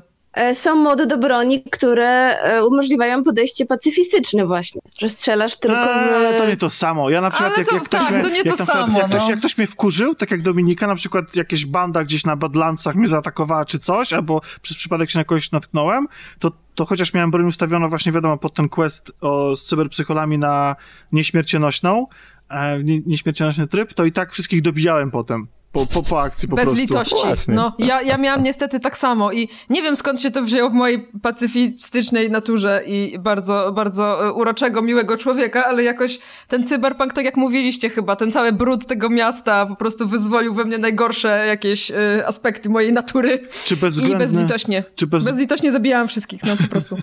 czy be, bezwzględny korpo Grześka też? To znaczy ja, mój korpo był bezwzględny pod tym względem, że on miał misję do zrobienia, jakąś taką konkretną i w gruncie czy, czy zabijał, czy ogłuszał, było mu wszystko jedno. On miał dowieść kontrakt do końca, więc tak jak ja już byłem tym Johnem Wickiem, to wchodziłem, haków część jest nie, nieśmiercionośna, więc ktoś tam padał, ktoś tam dostawał kulkę śmiercionośną i za bardzo nie zwracałem na to uwagi. Chyba, że faktycznie były takie kontrakty na unieszkodliwienie takich, naprawdę na unieszkodliwienie jakichś ludzi, którzy mieli coś za uszami, no to wtedy za każdym razem już się zastanawiałem, jaką decyzję powinienem podjąć. E, No i w zależności od jakiejś tam rozkminki moralnej, którą miałem, albo tego kolesia kończyłem sam, albo wysyłałem go do kogoś, do fiksera z nadzieją, że oni go tam potraktują go jeszcze ciężej. Ja wszystkich na początku zabijałem, byłem właśnie tak samo ten świat i to jakby, ja zawsze jak się skradam zwłaszcza, to staram się nie zabijać, usypiać w grach, e, bo naprawdę to się rzadko skradam, ale... E, tak ale... Grzesiek powiedział właśnie, że ten, że no ja też tak miałem, że podejście zadaniowe, w sensie jeżeli klient oczekiwał, że ma być gość żywy, no to starałem się, że wychodził żywy, robiłem tak długo, aż jakby najlepiej optymalnie, zgodnie z zamówieniem, żeby było i tyle, prosta Jasne, sprawa. profesjonaliści, ale potem... ale potem Wyrachowani! W tej misji z mnichami zrobiłem, załatwiłem wszystkich po cichu skradając się i to mi gra zaliczyła jako non-lethal, tak? Że, że ich nieśmiertelnośnie mhm. załatwiłem, ale misją poboczną, która mną bardzo poruszyła i która wpłynęła na to, jak zacząłem grać, do, jak później grałem do końca gry, była gra z e, byłym weteranem, który ukradł e, lekarstwa i które trzeba było odzyskać. I kiedy ta, ta misja poboczna jest, no bardzo mnie poruszyła, bo raz, że w ogóle cały, mm, kiedy szukamy tego, no jeszcze nie wiemy kto ukradł te lekarstwa, Um, I odnajdujemy go, po prostu świetna lokacja to jest, e, mhm. świetnie zrealizowana, jak po prostu idziemy coraz bardziej w górę, w coraz bardziej zniszczoną część budynku, odnajdujemy go w jego pokoju, jest bardzo fajna rozmowa z nim, on nawet reaguje na to, czy się ruszamy postacią, bo on mówi, nie podchodź bliżej, jak się ruszymy postacią, to on reaguje na to nawet, potrafi powiedzieć tam, pro, e, mówiłem, żebyś się nie zbliżała, nie? E, i, I dowiadujemy się, że on je ukradł, ponieważ cierpi tam na PTSD e, i rzeczy, rzeczy związane z traumą po, po wojnie, I później się okazuje, że te lekarstwa i tak mu nie pomogły i, właściwie ja go próbowałem odwieść od tego, żeby, bo on chciał zamach y, zrealizować na, na burmistrza i jakby, żeby zemścić się, czy coś zamanifestować. Odwiedliśmy go od tego i po odzyskaniu tych lekarstw y, wyszedłem z spokoju z takim poczuciem, hej, właściwie misja zakończona bardzo pozytywnie, po czym słyszę, słyszymy strzał. Ja, ja, ja, wróci, ja, wróciłem, no i okazuje się, że on popełnił samobójstwo. I totalnie mnie ta misja rozwaliła. Ja po prostu, ja wyszedłem na, na, e, na ulicę i wiecie, fixer zadzwonił, tak jak zawsze po robocie. Hej, dzięki Vi, byłaś super, elegancko, e, ten, e, tutaj jest ten hajs. I ja po prostu patrzyłem na te cyferki, które, które leciały i czułem się bardzo źle. Poczułem się po prostu brudny, poczułem się, że po prostu, że dostaję pieniądze za śmierć tego typa. I po prostu, i od tego momentu uznałem, że wszystkich najniższego poziomu członków gangów, którzy właściwie nie wiadomo, jaka historia się za ich życiem. Jasne, to są czasami brudni zwyrodnialcy, brudni, przepraszam, brutalni zwyrodnialcy, mm, e, i, ale, ale wśród nich są też ludzie, którzy nie mieli żadnego wyboru, którzy nie mogli sobie inaczej. Tam właśnie w tej misji się dowiadujemy, że tam chyba 3% tylko ma opiekę zdrowotną zapewnioną w tym mieście, że właściwie, że, że reszta jest, jakby żyje no ale do tego, do, do, do tego jaki system jest e, w tym świecie, też sobie przejdziemy. E, I, i uznałem, że po prostu, że, że tych psycholi, e, zlecenia kontrakty na ludzi, którzy są ewidentnie zezwierzęceni, brutalni, zabijają i szefów po prostu tych gangów traktuje bez litości, natomiast no tych mniejszych może mniej. Nie wiem, czy to jest słuszne, czy nie, nie wiem, bo, bo, ostatecznie no, ci ludzie pewnie po odzyskaniu przytomności swojego życia i tak nie zmienią, nadal będą zagrożeniem na przykład dla normalnych cywili, ale no, no tak, tak, tak, tak to potraktowałem. E, jeszcze jedna rzecz, tylko chciałem sam dodać do tematu wcześniejszego. Przepraszam, że łamię trochę zasady tej dyskusji, ale byłem y, zawiedziony odnośnie konsekwencji odnośnie jednego questu. Mianowicie chodzi mi o quest poboczny z y, Claire E, z tą, z którą się ścigamy, e, bierzemy udział w mhm. wyścigach. I mhm. tam w trakcie tych, y, tego jej questu, które swoją drogą te wyścigi są tragiczne pod względem mechanicznym, ale sama fabuła i ta intryga jest całkiem ciekawa, ale ja podjąłem decyzję, że chciałbym ją odwieść, Claire, od y, zemsty za, za, za męża i wybrałem w trakcie wyścigu jazdę do mety, tak, żeby ona nawet nie była, żeby nie było w ogóle możliwości spotkania się z, z tą ofiarą, znaczy w sensie ofiarą, no, z tym typem, którego ona chce zabić co, na co Claire po prostu się na mnie obraziła i to, ta misja też mną bardzo poruszyła, ale później Claire widywałem w, mm, w barze i w, bo ona tam była barmanką, tak? Tam, gdzie Rogue, y, przepraszam, wyleciał mi. Tak, w Afterlife. W, w, w Afterlife. Mhm. I bardzo byłem zawiedziony tym, że nie ma, gra w ogóle na to w żaden sposób nie reaguje, że ona na przykład E, nie wiem, że ja że mógłbym po tym wszystkim próbować z nią porozmawiać, a ona by powiedziała spadaj, czy cokolwiek, nie?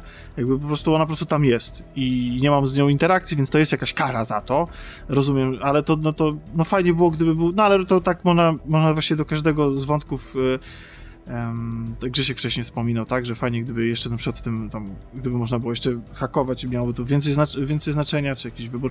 I jeszcze jedna, os obiecuję ostatnio, już się zamykam, przechodzimy do następnego tematu, to jest, e, byłem bardzo zawiedziony misją z e, Lizzie, e, Wizzy, tak? Lizzie Wizzy. Tak, dlatego, że e, to jej pomagamy, znaczy mamy jej pomóc ostatecznie w jej wątku w pozbyciu się ciała.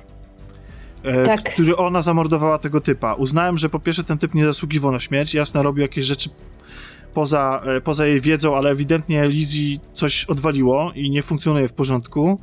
E, I ja po To prostu... było chyba clue w ogóle tego Tak, wątku. tak, właśnie, tak. Że już jest ono wszcze- to jest to właśnie cyberpsychoza, ale taka pod, y, pod płaszczykiem właśnie celebryty, nie? Tak, A to był Mhm. świetny Tak, wątek w tak. ogóle. Ja uważam, że to była jedna z fajniejszych questów, tak ogólnie, od tego, co w ogóle ten koleś chce zrobić i jak ta cała metamorfoza na Lizzie i Lizzie wpłynęła. E, I to był jeden z fajniejszych takich cyberpunkowych motywów, że co kiedy w momencie, kiedy ty przestajesz nad sobą panować, a ludzie zaczynają grać twoim życiem, jakbyś był tylko maszyną. mhm. Bardzo fajny motyw. tak. E, w ogóle, czy mam jeszcze pytanie, czy ona... Bo ona do... Dobra, ale co cię w tym zawiodło? No wiesz, zawiodło, mnie to, że, że zawiodło- mnie to, że gra pozwala w większości przypadków właśnie na podjęcie jakiejś decyzji, jak chociażby Claire. W sensie, że możesz zakończyć ten wątek w jakiś tam sposób i gra ci nie mówi hey, you blew it, wiesz, jakby nie dokończyłeś wątku, a to był centralnie pierwszy i jedyny raz w grze dostałem informację, bo ja nie chciałem się pozbyć tego ciała, uznałem, że nie będę jej pomagał. Że to jest jakby, to ja nie jestem od tego, żeby się pozbywać ciał po prostu. E, Od, od kobiety, która ewidentnie zasługuje, znaczy, żeby się ktoś nią chociaż zajął, bo coś jest z nią nie tak po prostu. I, e, I w tym momencie gra mi wyświetliła zadanie niewykonane. O, I to była jedyna informacja, w której dostałem coś takiego i po prostu jeszcze, hej, ale jak to? Na czerwono, wiesz, zadanie niewykonane.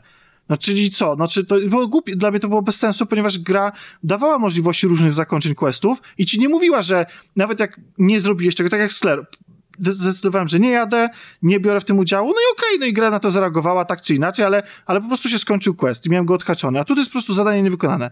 Więc wczytałem... Pamiętam, że CD Projekt mówił właśnie o tej grze, wejdę ci w słowo, ale to uzupełnię, tylko że mówił właśnie o grze, że oni chcą, że co byś nie zrobił w czasie misji, żeby generalnie gra pozwoliła ci grać dalej. Więc to zgodnie z tą deklaracją wygląda jak zwykła niedoróbka. Tak, i, i wiesz, i bo w większości przypadków tak jest. No i tym bardziej, czy wgrałem tego save'a i myślę sobie, okej, no to dobra, no to zobaczę, co się stanie, jak wiecie, jak, jak jednak wykonam to zadanie. I to było okropne dla mnie przeżycie, bo ja musiałem wyrzucić ciało tego człowieka do śmieci. No po prostu, no okropne to było. I- Ja on- byłem ona to, ona zawiedziony to w tym momencie, że tak łatwo to poszło. Bierzesz A, to- gościa, wrzucasz w Tak, dokładnie. Ja myślałem, że Bierzesz, wyrzucasz do sypu. Tak, ja myślałem, że go będę musiał gdzieś tam wziąć, nie wiem, y, będę z nim szedł, to ktoś mi zajdzie Tak, drogę, tak. jakaś policja albo coś. Spodziewałem się, że ten wątek pójdzie dalej, a on został po prostu wrzucony do sypu i tyle. I ja byłem zawiedziony tym questem w tym sensie. Natomiast jeżeli chodzi o samą, samą tą progresję tej Lizzy Weezy, która ewidentnie dostaje na łeb, bardzo mi się podobała, tak jak Grześ powiedział. No dobrze. Y, Myślę, że możemy zrobić duży krok naprzód i zakończyć ten segment. y, I przechodząc do.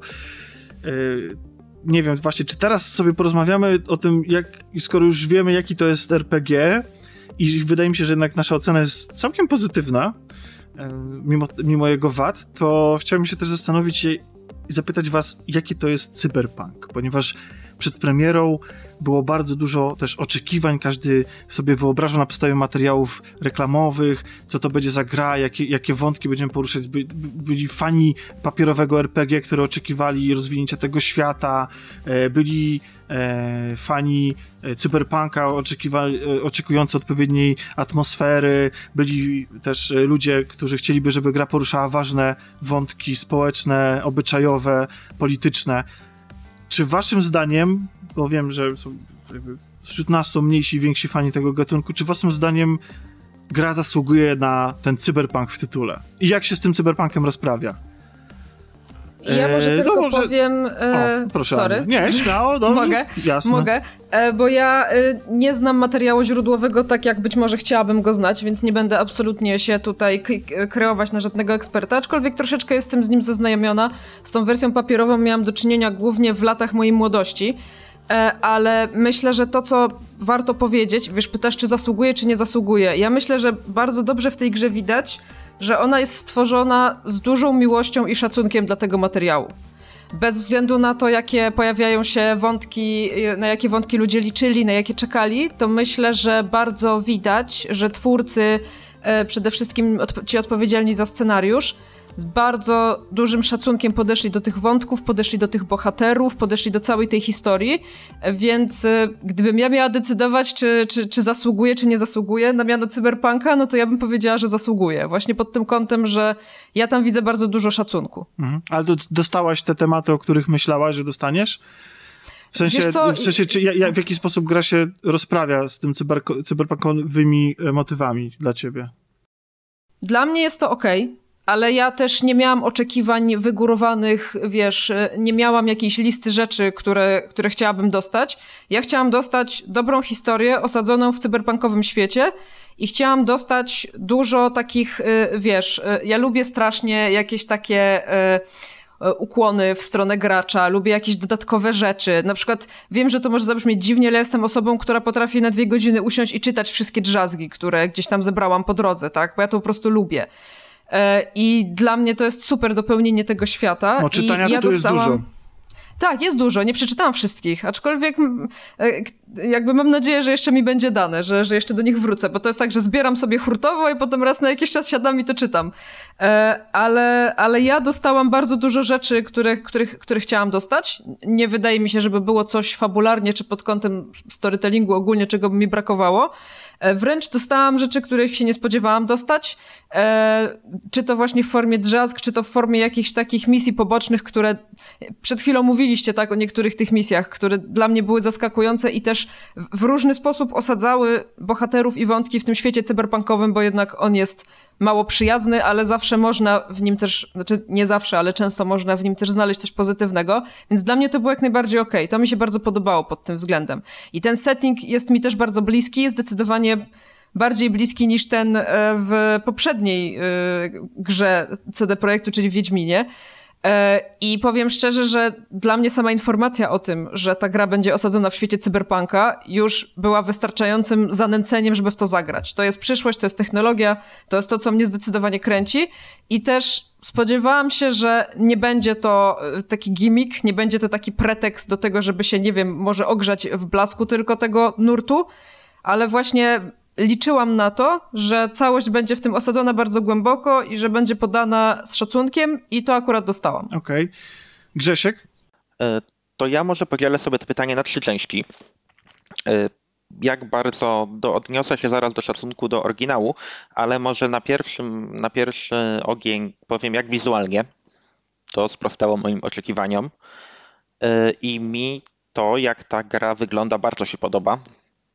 Ona jest krzykliwa, ona jest kolorowa, dokładnie tak, jak ja sobie ten neokitsch wyobrażałem, jak te ubrania z tych czasów powinny wyglądać, kiedy, e, kiedy ten styl no, jest kreowany całkiem inaczej niż teraz. Też przekaz reklamowy jest kreowany całkiem inaczej niż teraz, więc wizualnie bardzo mi się ta gra podobała, to jak wyglądają budynki, jak wyglądają samochody. To wszystko moim zdaniem było super.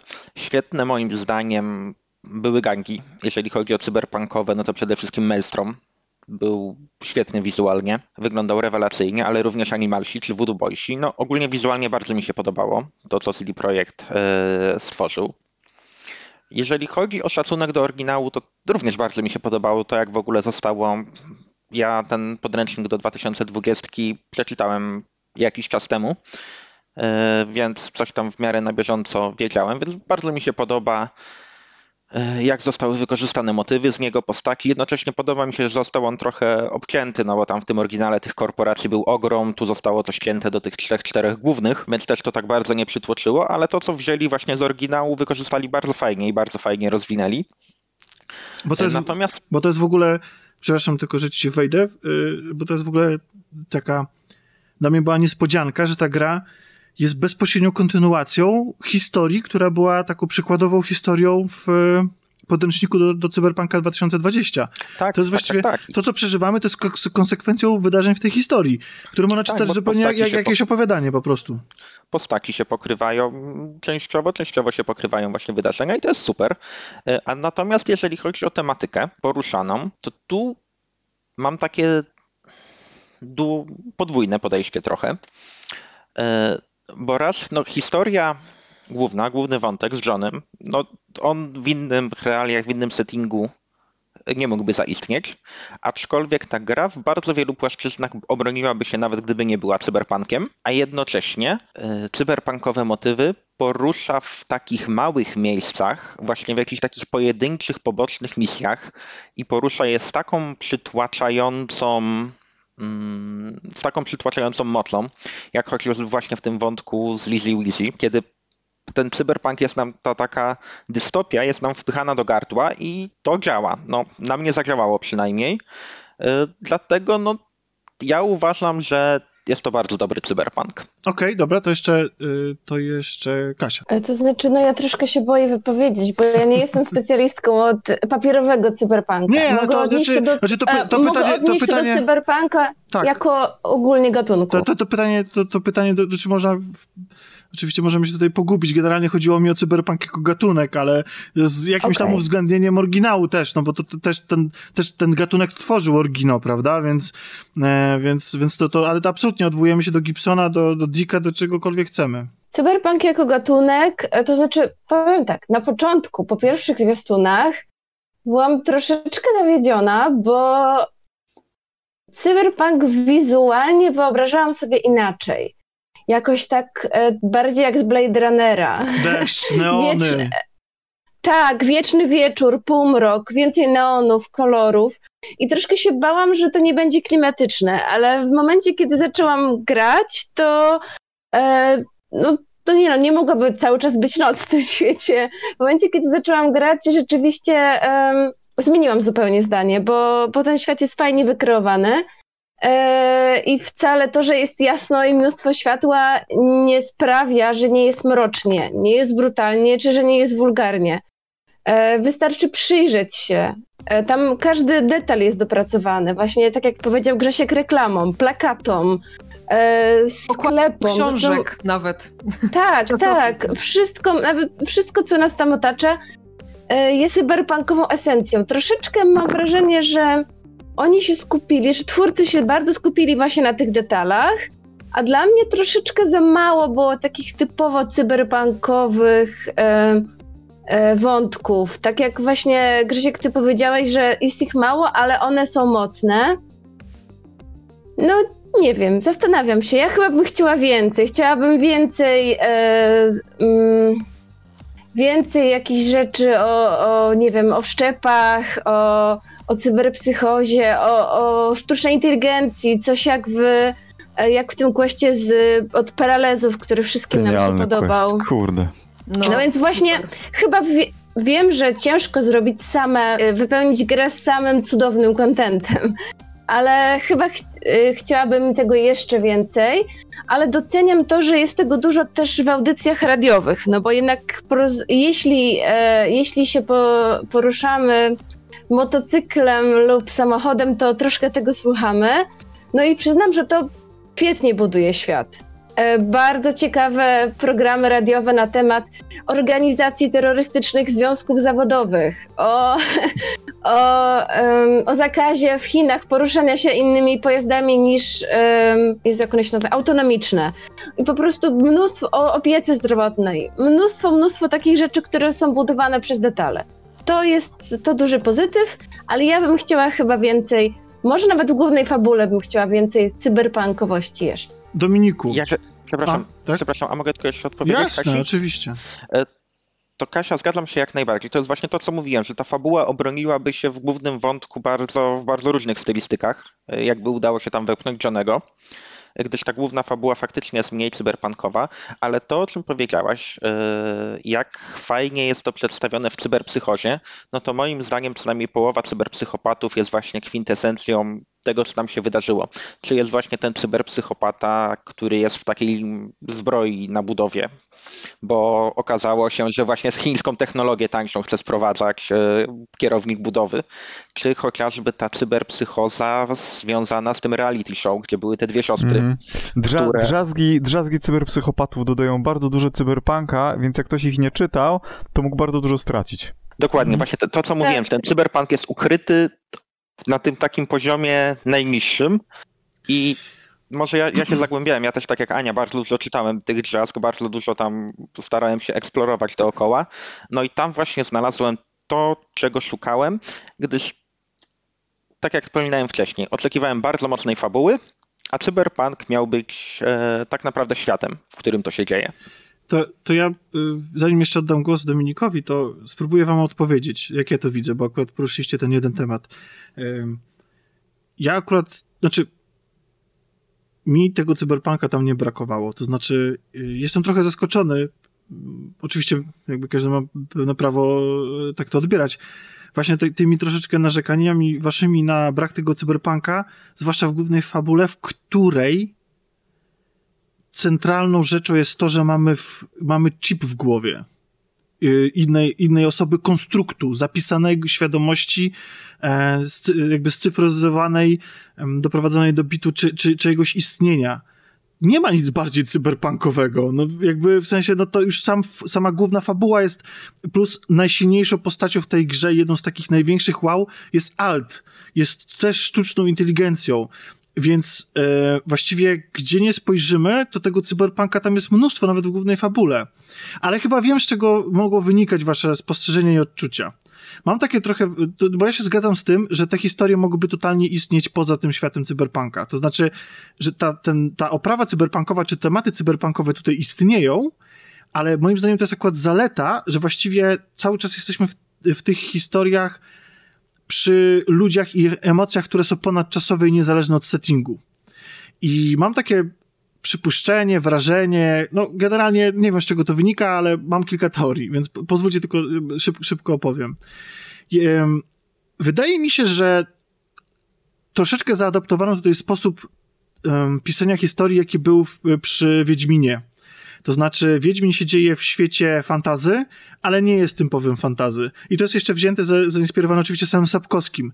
Historie wiedźmińskie są bardzo przyziemne, tutejsze, obecne, takie, które możemy odnieść do naszych światów i znaleźć mnóstwo analogii. To po prostu to, jest, to, są, to są opowieści, które też mogłyby się dziać zupełnie w innym świecie i też by działały.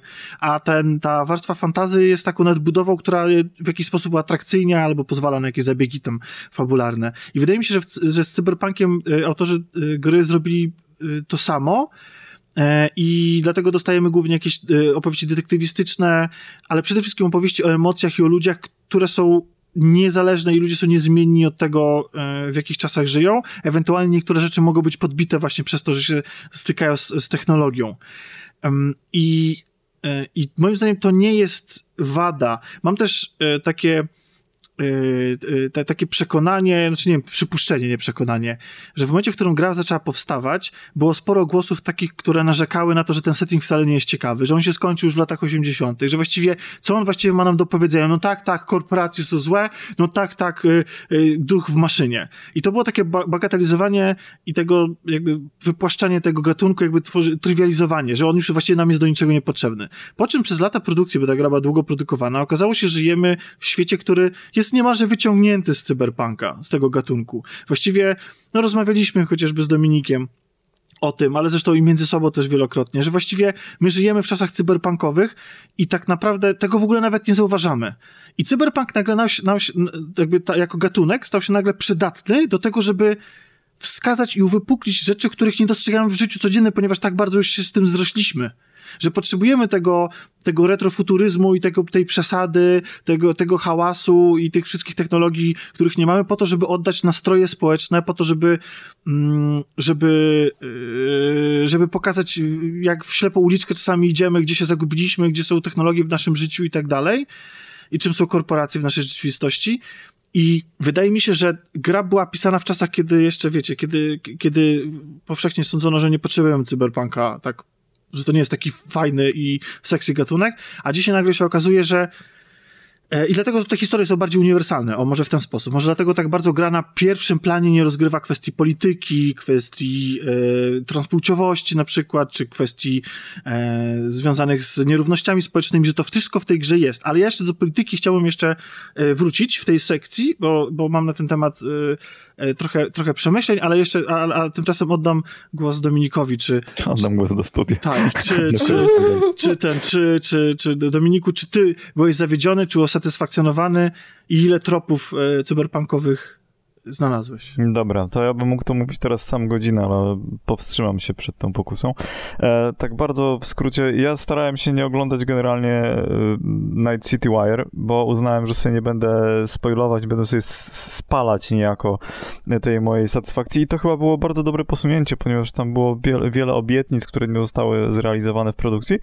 Ja się bardzo cieszę, że jakoś się z nim nie związałem, dzięki temu mogłem tak wziąć, że tak powiem, to co ja miałem jakieś tam oczekiwania, wziąłem to niejako na czysto, że tak powiem netto, nie? I tak, zacznę od, od chociaż ogólnie bilans uważam za dodatni, to jednak zacznę od tego, co mi się bardzo podobało, a skończę na tym, co mi się podobało mniej, albo czego mi zabrakło. No więc jeżeli chodzi o cyberpunkowość miasta, uważam, że miasto jest genialne. Ja po prostu mogę jeździć tam tylko po to, żeby robić zdjęcia. Ktoś gdzieś na Reddicie nawet napisał, że to jest 60 dollar feature, e, w sensie ten tryb photo mode, który mógł być osobnym produktem. Tak niektórzy potrafią wejść w ten świat i tam utonąć, więc e, to jak on wygląda, to jak, jakie są relacje między tymi ludźmi właśnie, że ja na przykład wiem, że jak wejdę do windy, to wiem w jakiej jestem, jakim, jakiej jestem dzielnicy, bo w jednej dzielnicy nie ma w ogóle wind, w innej są obskurne, a są takie, gdzie one są takie totalnie idealne. Jakby poziom e, życia, że tak powiem, który widać pod tytułem mamy obskurną windę, to wiem w jakiej jesteśmy dzielnicy i tak dalej, nie? Wiele bardzo fajnych rzeczy, to co powiedziałeś, Alt Cunningham jest rewelacyjna i tak dalej. E, e ten tylko mało, tylko mało, od razu powiedzmy, jest jej bardzo mało. Tak, tylko tego, tak jak mówisz, tego wszystkiego jest e, ciągle mało. Natomiast powiem wam, czego mi, e, jakby, bo, bo tak, ja też nie, nie znam właściwie tego, e, tych książkowych pierwowzorów, w sensie e, growych, o tak, bo czytałem, e, czytałem Gibsona trochę, oglądałem Johnego Mnemonika, o czym zresztą rozmawialiśmy i jeżeli chodzi o to, to tych rzeczy było bardzo dużo i one mi się bardzo podobały. To, czego mi zabrakło, to tak, ja byłem przekonany, że w generatorze będę mógł być dosłownie cyborgiem, nie? Zabrakło mi możliwości, nie wiem, jak chciałem moją postać, nie żartuję, chciałem, żeby moja postać wyglądała jak ma Maelstrom po prostu. To była moja wizja, byłem przekonany, że sobie wejdę do kreatora postaci i sobie zrobię właśnie postać, która albo będzie, albo przynajmniej pozwoli mi gra z czasem stać się takim połową maszy- poł- w połowie maszyną, bo tak chciałem właśnie tą postać prowadzić. I gra mi tego nie dała, ponieważ wszczepy były tak naprawdę wyłącznie powierzchowne, nie licząc tych Mantis Blade'ów właśnie które były takie ogólnie super wizualne, to poza tym właściwie, no nie wiem, nie można sobie było pewnych rzeczy przerobić, chociaż ten świat generalnie pozwala na to, no bo NPC niektórzy to mają. To, czego mi zabrakło z jednej strony, zabrakło mi możliwości przejechania się metrem na przykład, bardzo ubolewam nad tym, że zostało to finalnie wycięte. Uważam, że było trochę za mało cyberprzestrzeni, ponieważ jak się ogląda Jennego W ogóle jej nie tam, było. to nieprawda. Ona była, była nie, no właśnie było wtedy... No tak, ale to była, tam... to była na zasadzie takich wiecie, no, krótkich. Chodzi o to, że nie można było organicznie sobie do niej wchodzić w trakcie gameplayu. O tym mówię, dokładnie o to chodzi. A, okay. Była cyberprzestrzeń jako część świata jako takiego, część fabuły i to było bardzo istotne, potwornie istotne z punktu widzenia fabuły, ale jak ja chciałem jako gracz sobie wejść, po, posurfować, nie miałem takiej możliwości. I tego bardzo, ale to bardzo mi tam zabrakło. E, miałem kolegę, który grał w papierowy i on mówił, że jemu tam zabrakło Trauma Team. Dlaczego była tylko jedna misja na samym początku z Zdecydowanie. I tego trochę brakowało. E, no i to są takie rzeczy, których generalnie im brakło, żeby to był taki pełny, pełnokrwisty cyberpunk. Ale to nie znaczy, że ja się skarżę. Ja mam nadzieję, że chociaż część tych rzeczy zostanie kiedyś dołożone w formie DLC. E, ja przy podsumowaniu powiem, jak postrzegam całą tą grę, bo gdzieś tam pewnie do tego dojdziemy. Natomiast generalnie, jeżeli chodzi o to, to mi brakowało, ale ja nie narzekam, ja się nie skarżę. Ja uważam, że mimo wszystko i tak, nawet jeżeli to jest nie nie wszystko, co dostałem i tak jestem usatysfakcjonowany tym, co mimo wszystko tam było, nie? No tak, to tam, jeśli, jeśli nie wiem, Grzesiek, jeśli ty się ze mną zgodzisz, że też przecież e, rozmawialiśmy, że brakuje tam właśnie tego e, Trauma Team, że brakuje... Trauma Teamu, no. Dokładnie. Całe, dużo, dużo rzeczy, one gdzieś tam są pokazane, że my wiemy, że one są, ale pociągnięcia tego faktycznie, faktycznie zabrakło. No Trauma Team faktycznie pojawia się tylko na początku, Max tak też się pojawia tylko w tej jednej misji z tym, z tym sklepem odzieżowym. No tych takich rzeczy faktycznie było za mało, ale ja podejrzewam, że tak jak Dominik powiedział, że do podsumowania jak dojdziemy, to ja powiem czego w tej grze było za mało, bo tam dużo Jasne. rzeczy było za mało. Jasne. No na, pe na pewno czuć po prostu wycinany znaczy, nie chciałbym się też, żebyśmy się na tym skupiali, bo wiemy po prostu, jaka ta gra wyszła, już wszystko to jest przegadane, ale czuć na każdym kroku, że jest to poobcinane, że, że na przykład jestem przekonany, że to kasyno, które w, widzimy w jednym z, z epilogów w kosmosie, że, to, to, że ono totalnie wcześniej powinno być w grze zajawione. To powinniśmy, Mhm. po, powinniśmy być tego, być tego świadomi. Ale tego cyberpunka mi tam nie brakowało, bo nadal mamy te korporacje, co, jakby nad, nadal mamy tu technologię, mamy te, to rozwarstwienie społeczne. Ja bym chciał poruszyć jeszcze temat polityki. E, Bo rzadko się w ogóle rozmawia o tej grze pod tym kątem, znaczy w sensie są jakieś tam e, zarzuty, ktoś mówi, że ta gra nie porusza tych tematów, kwestii em, światopoglądowych, czy ustroju przede wszystkim gospodarczego. I ja jakby czytam nawet teksty, które mówią, że gra się od tego wymiguje, że, że właściwie, że ona nie podejmuje tego wątku. Ja się z tym nie zgodzę. Moim zdaniem gra podejmuje go, tylko nie zawsze jest to dosyć oczywiste, a czasami potrafi bardzo skonfudować, co właściwie ma do powiedzenia. Bo jakby biorąc pod uwagę, się o Silverhandzie sobie będziemy gadać, ale generalnie to jest postać rewolucjonista, terrorysta, który działa, walczy z korporacjami. Ale z drugiej strony to nie jest komunista, socjalista. To nie jest człowiek, który występuje przeciwko kapitalizmowi. I są takie dwie, dwa momenty w grze, w których moim zdaniem gra zabiera głos w tej sprawie, jednocześnie właściwie ciężko wyczuć właściwie. Znaczy, generalnie jakby biorąc to, to, co słyszymy w grze i widzimy, jasno można e, odnieść wrażenie, że gra mimo tego, że stawia na pierwszym miejscu jako wroga korporacje, właściwie ciągle korposi, korposi, że korporacje to, że korporacje takie, widzimy w ogóle jaki jest ten świat. Jest niesamowicie zniszczony. Pojechanie na wysypisko, pojechanie na Badlandsy, po prostu widzimy Pacyfikę, widzimy jak, jak, jak, jak, jak, jak cały ten mechanizm nie działa po prostu. On ich egzystuje, on funkcjonuje, on działa tylko dla jakiejś wąskiej grupy. A z drugiej strony nie mamy jasnego potępienia przez twórców tego systemu. Jasne, i ja absolutnie tego też nie oczekuję. To znaczy, uważam, że gra raczej, czy dzieło kultury raczej powinno zmuszać do refleksji gdzieś tam e, nie narzucać może. Znaczy, oczywiście może też narzucać jak najbardziej, ale, ale jeżeli twórca wybiera raczej zadawanie pytań e, i ty sobie, odbiorco, sam na nie odpowiedz, to też jest okej. Ale so, są takie... Ale z drugiej strony socjalizm w jednym z wątków jest wyśmiany i to No, bardzo właśnie o to, I robi to doskonale. Właśnie, właśnie, znaczy, właśnie, ale właśnie, ale, Eee, i- ale właśnie do tego chciałem przejść, bo, no, no, Okej. nie, bo, bo, chcia, bo Nie no, chciałam tylko powiedzieć, że bardzo mnie zaskoczyło zakończenie jednego z wątków pobocznych, kiedy szukamy znaczy, to, mitycznego wieszcza. buntownika, Tak. socjalisty, marksisty, rewolucjonisty. Okazuje się on żartem. A to Okazuje jest, się to jest wątek, który mi się zgliczował i byłam bardzo niepocieszona, bo chciałam go Ojej. zrobić wczoraj. Oj. I nie miałam opcji. To jest właśnie, to jest jedyny glitch, który się pojawił w mojej grze, który uniemożliwił mi zrobienie jakiejś misji. Bo pozostałe to były jakieś popierdółki, ale To tutaj chyba faktycznie... był glitch, który wszedł po patchu, bo wcześniej to chyba się dało E, zrobić. co, Ja zrobiłem Tutaj to była taka szybko. sytuacja, że w, w momencie, kiedy trzeba było e, wejść w interakcję z routerem, tam jak się szuka, tak, w takim Mhm. miejscu gdzieś tam, gdzie cię ta bez ISIS właśnie wysyła, e, trzeba wejść w interakcję z routerem, ja w ogóle nie miałam opcji, żeby wejść z nim w interakcję. I odpalałam tę misję, wczytywałam poprzednie savey, e, wychodziłam, wchodziłam do innej misji, wyłączałam grę, wracałam, wracałam do niej. Strasznie byłam zdeterminowana, żeby zrobić tę misję, ale niestety gra mi na to nie pozwoliła. To był jedyny taki przykład, ale jestem niepocieszona, bo właśnie słyszałam, że to jest super fajna misja. Świetna jest, to prawda. To znaczy jest bardzo ironiczna, no bardzo no, no ironiczna. właśnie, też w wymowie, Bo nie? w tym świecie, ciekawa. który potrzebuje, potrzebuje jakieś czegoś innego, okazuje się, że no co, idea, osobą, której po prostu wszyscy, e, nie wszyscy, może wszyscy buntownicy chcą zawierzyć, okazuje się żartem maszyny do wróżb, czy żartem czyimś, e, i okazuje się maszyną do wróżb generującą losowe marksistowskie hasła.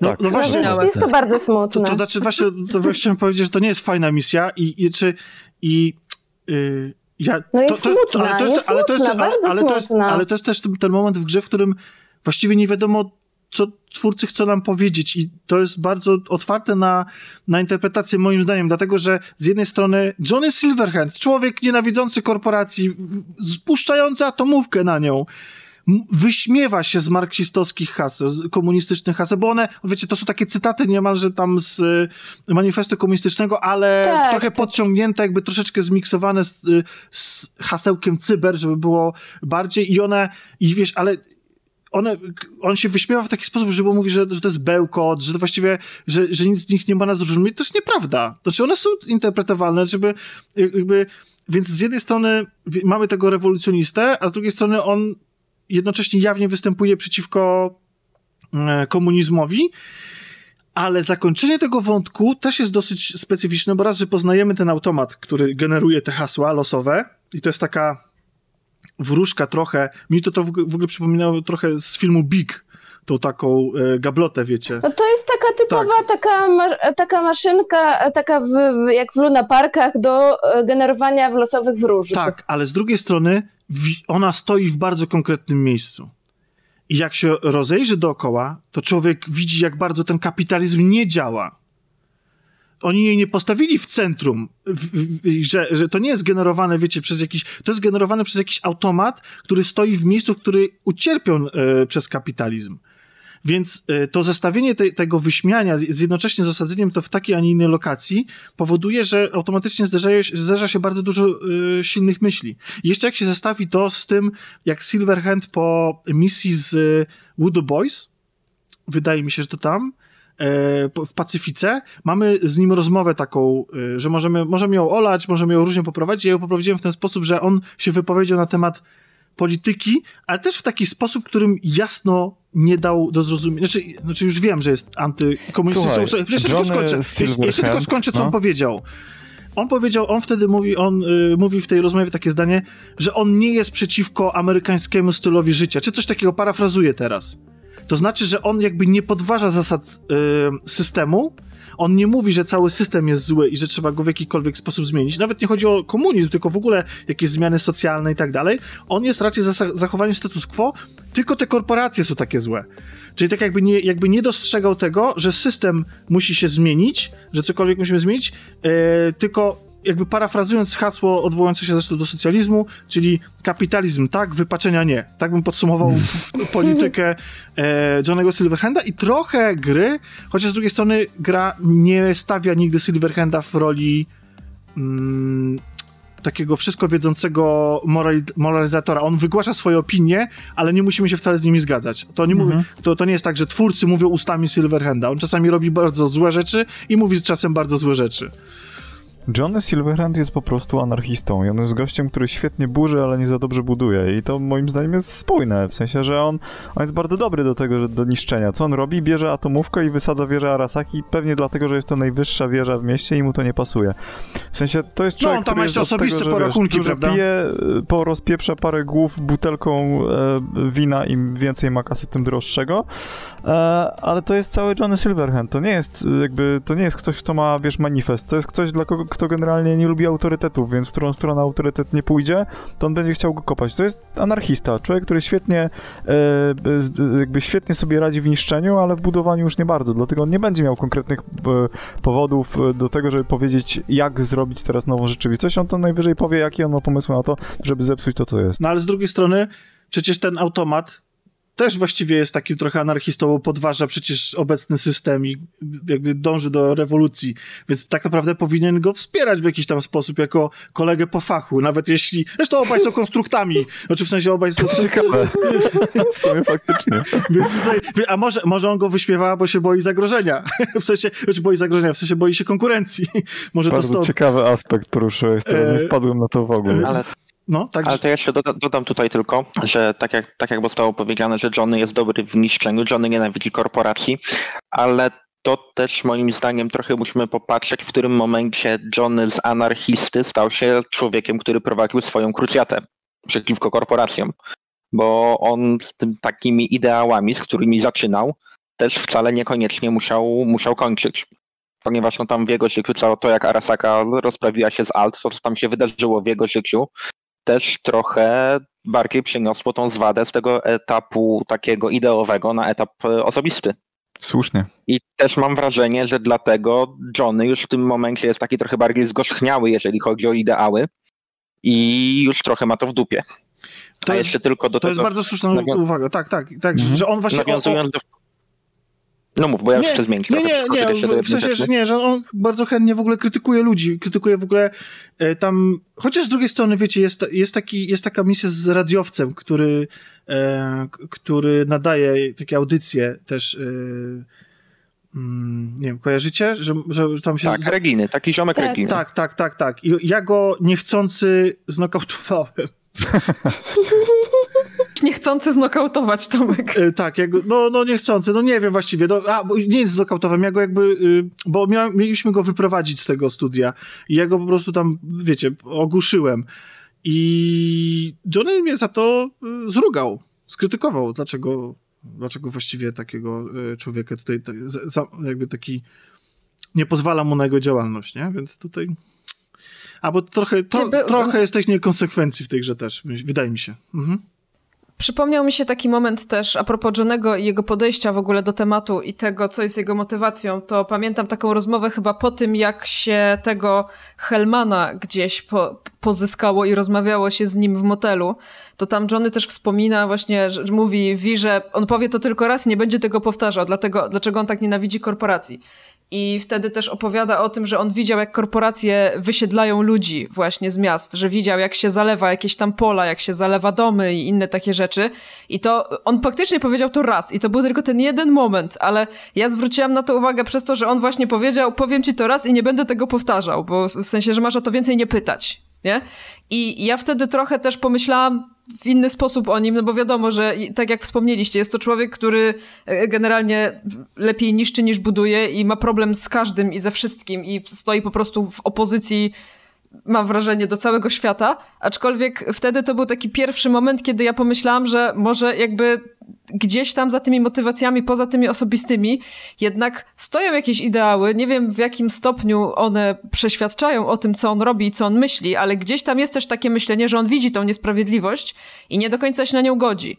Oczywiście to, to nie jest tak, że to jest jedyna rzecz, która go pcha do robienia tego, co robi, e, ale zaskoczyło mnie to, że ona tam jest, bo ja jednak myślałam stricte o nim właśnie i o jego motywacji w taki sposób, że on po prostu chce być przeciw. No to chyba A ja płynnie teraz tak przeszliśmy was do... do no, A no. mogę tylko jeszcze... Tak, tak, Ja, ja tylko, też jeszcze jedno mam Dobrze, to pytanie. najpierw Grzesiek, bo on był pierwszy, przepraszam. Dobrze. Dobra, to ja nie mam pytania, bo ja tylko chciałem do ogólnego tematu, który już chcemy zamykać powoli, zanim przejdziemy właśnie do wiwisekcji Johnego, co jest, obstawiam, clue naszego spotkania.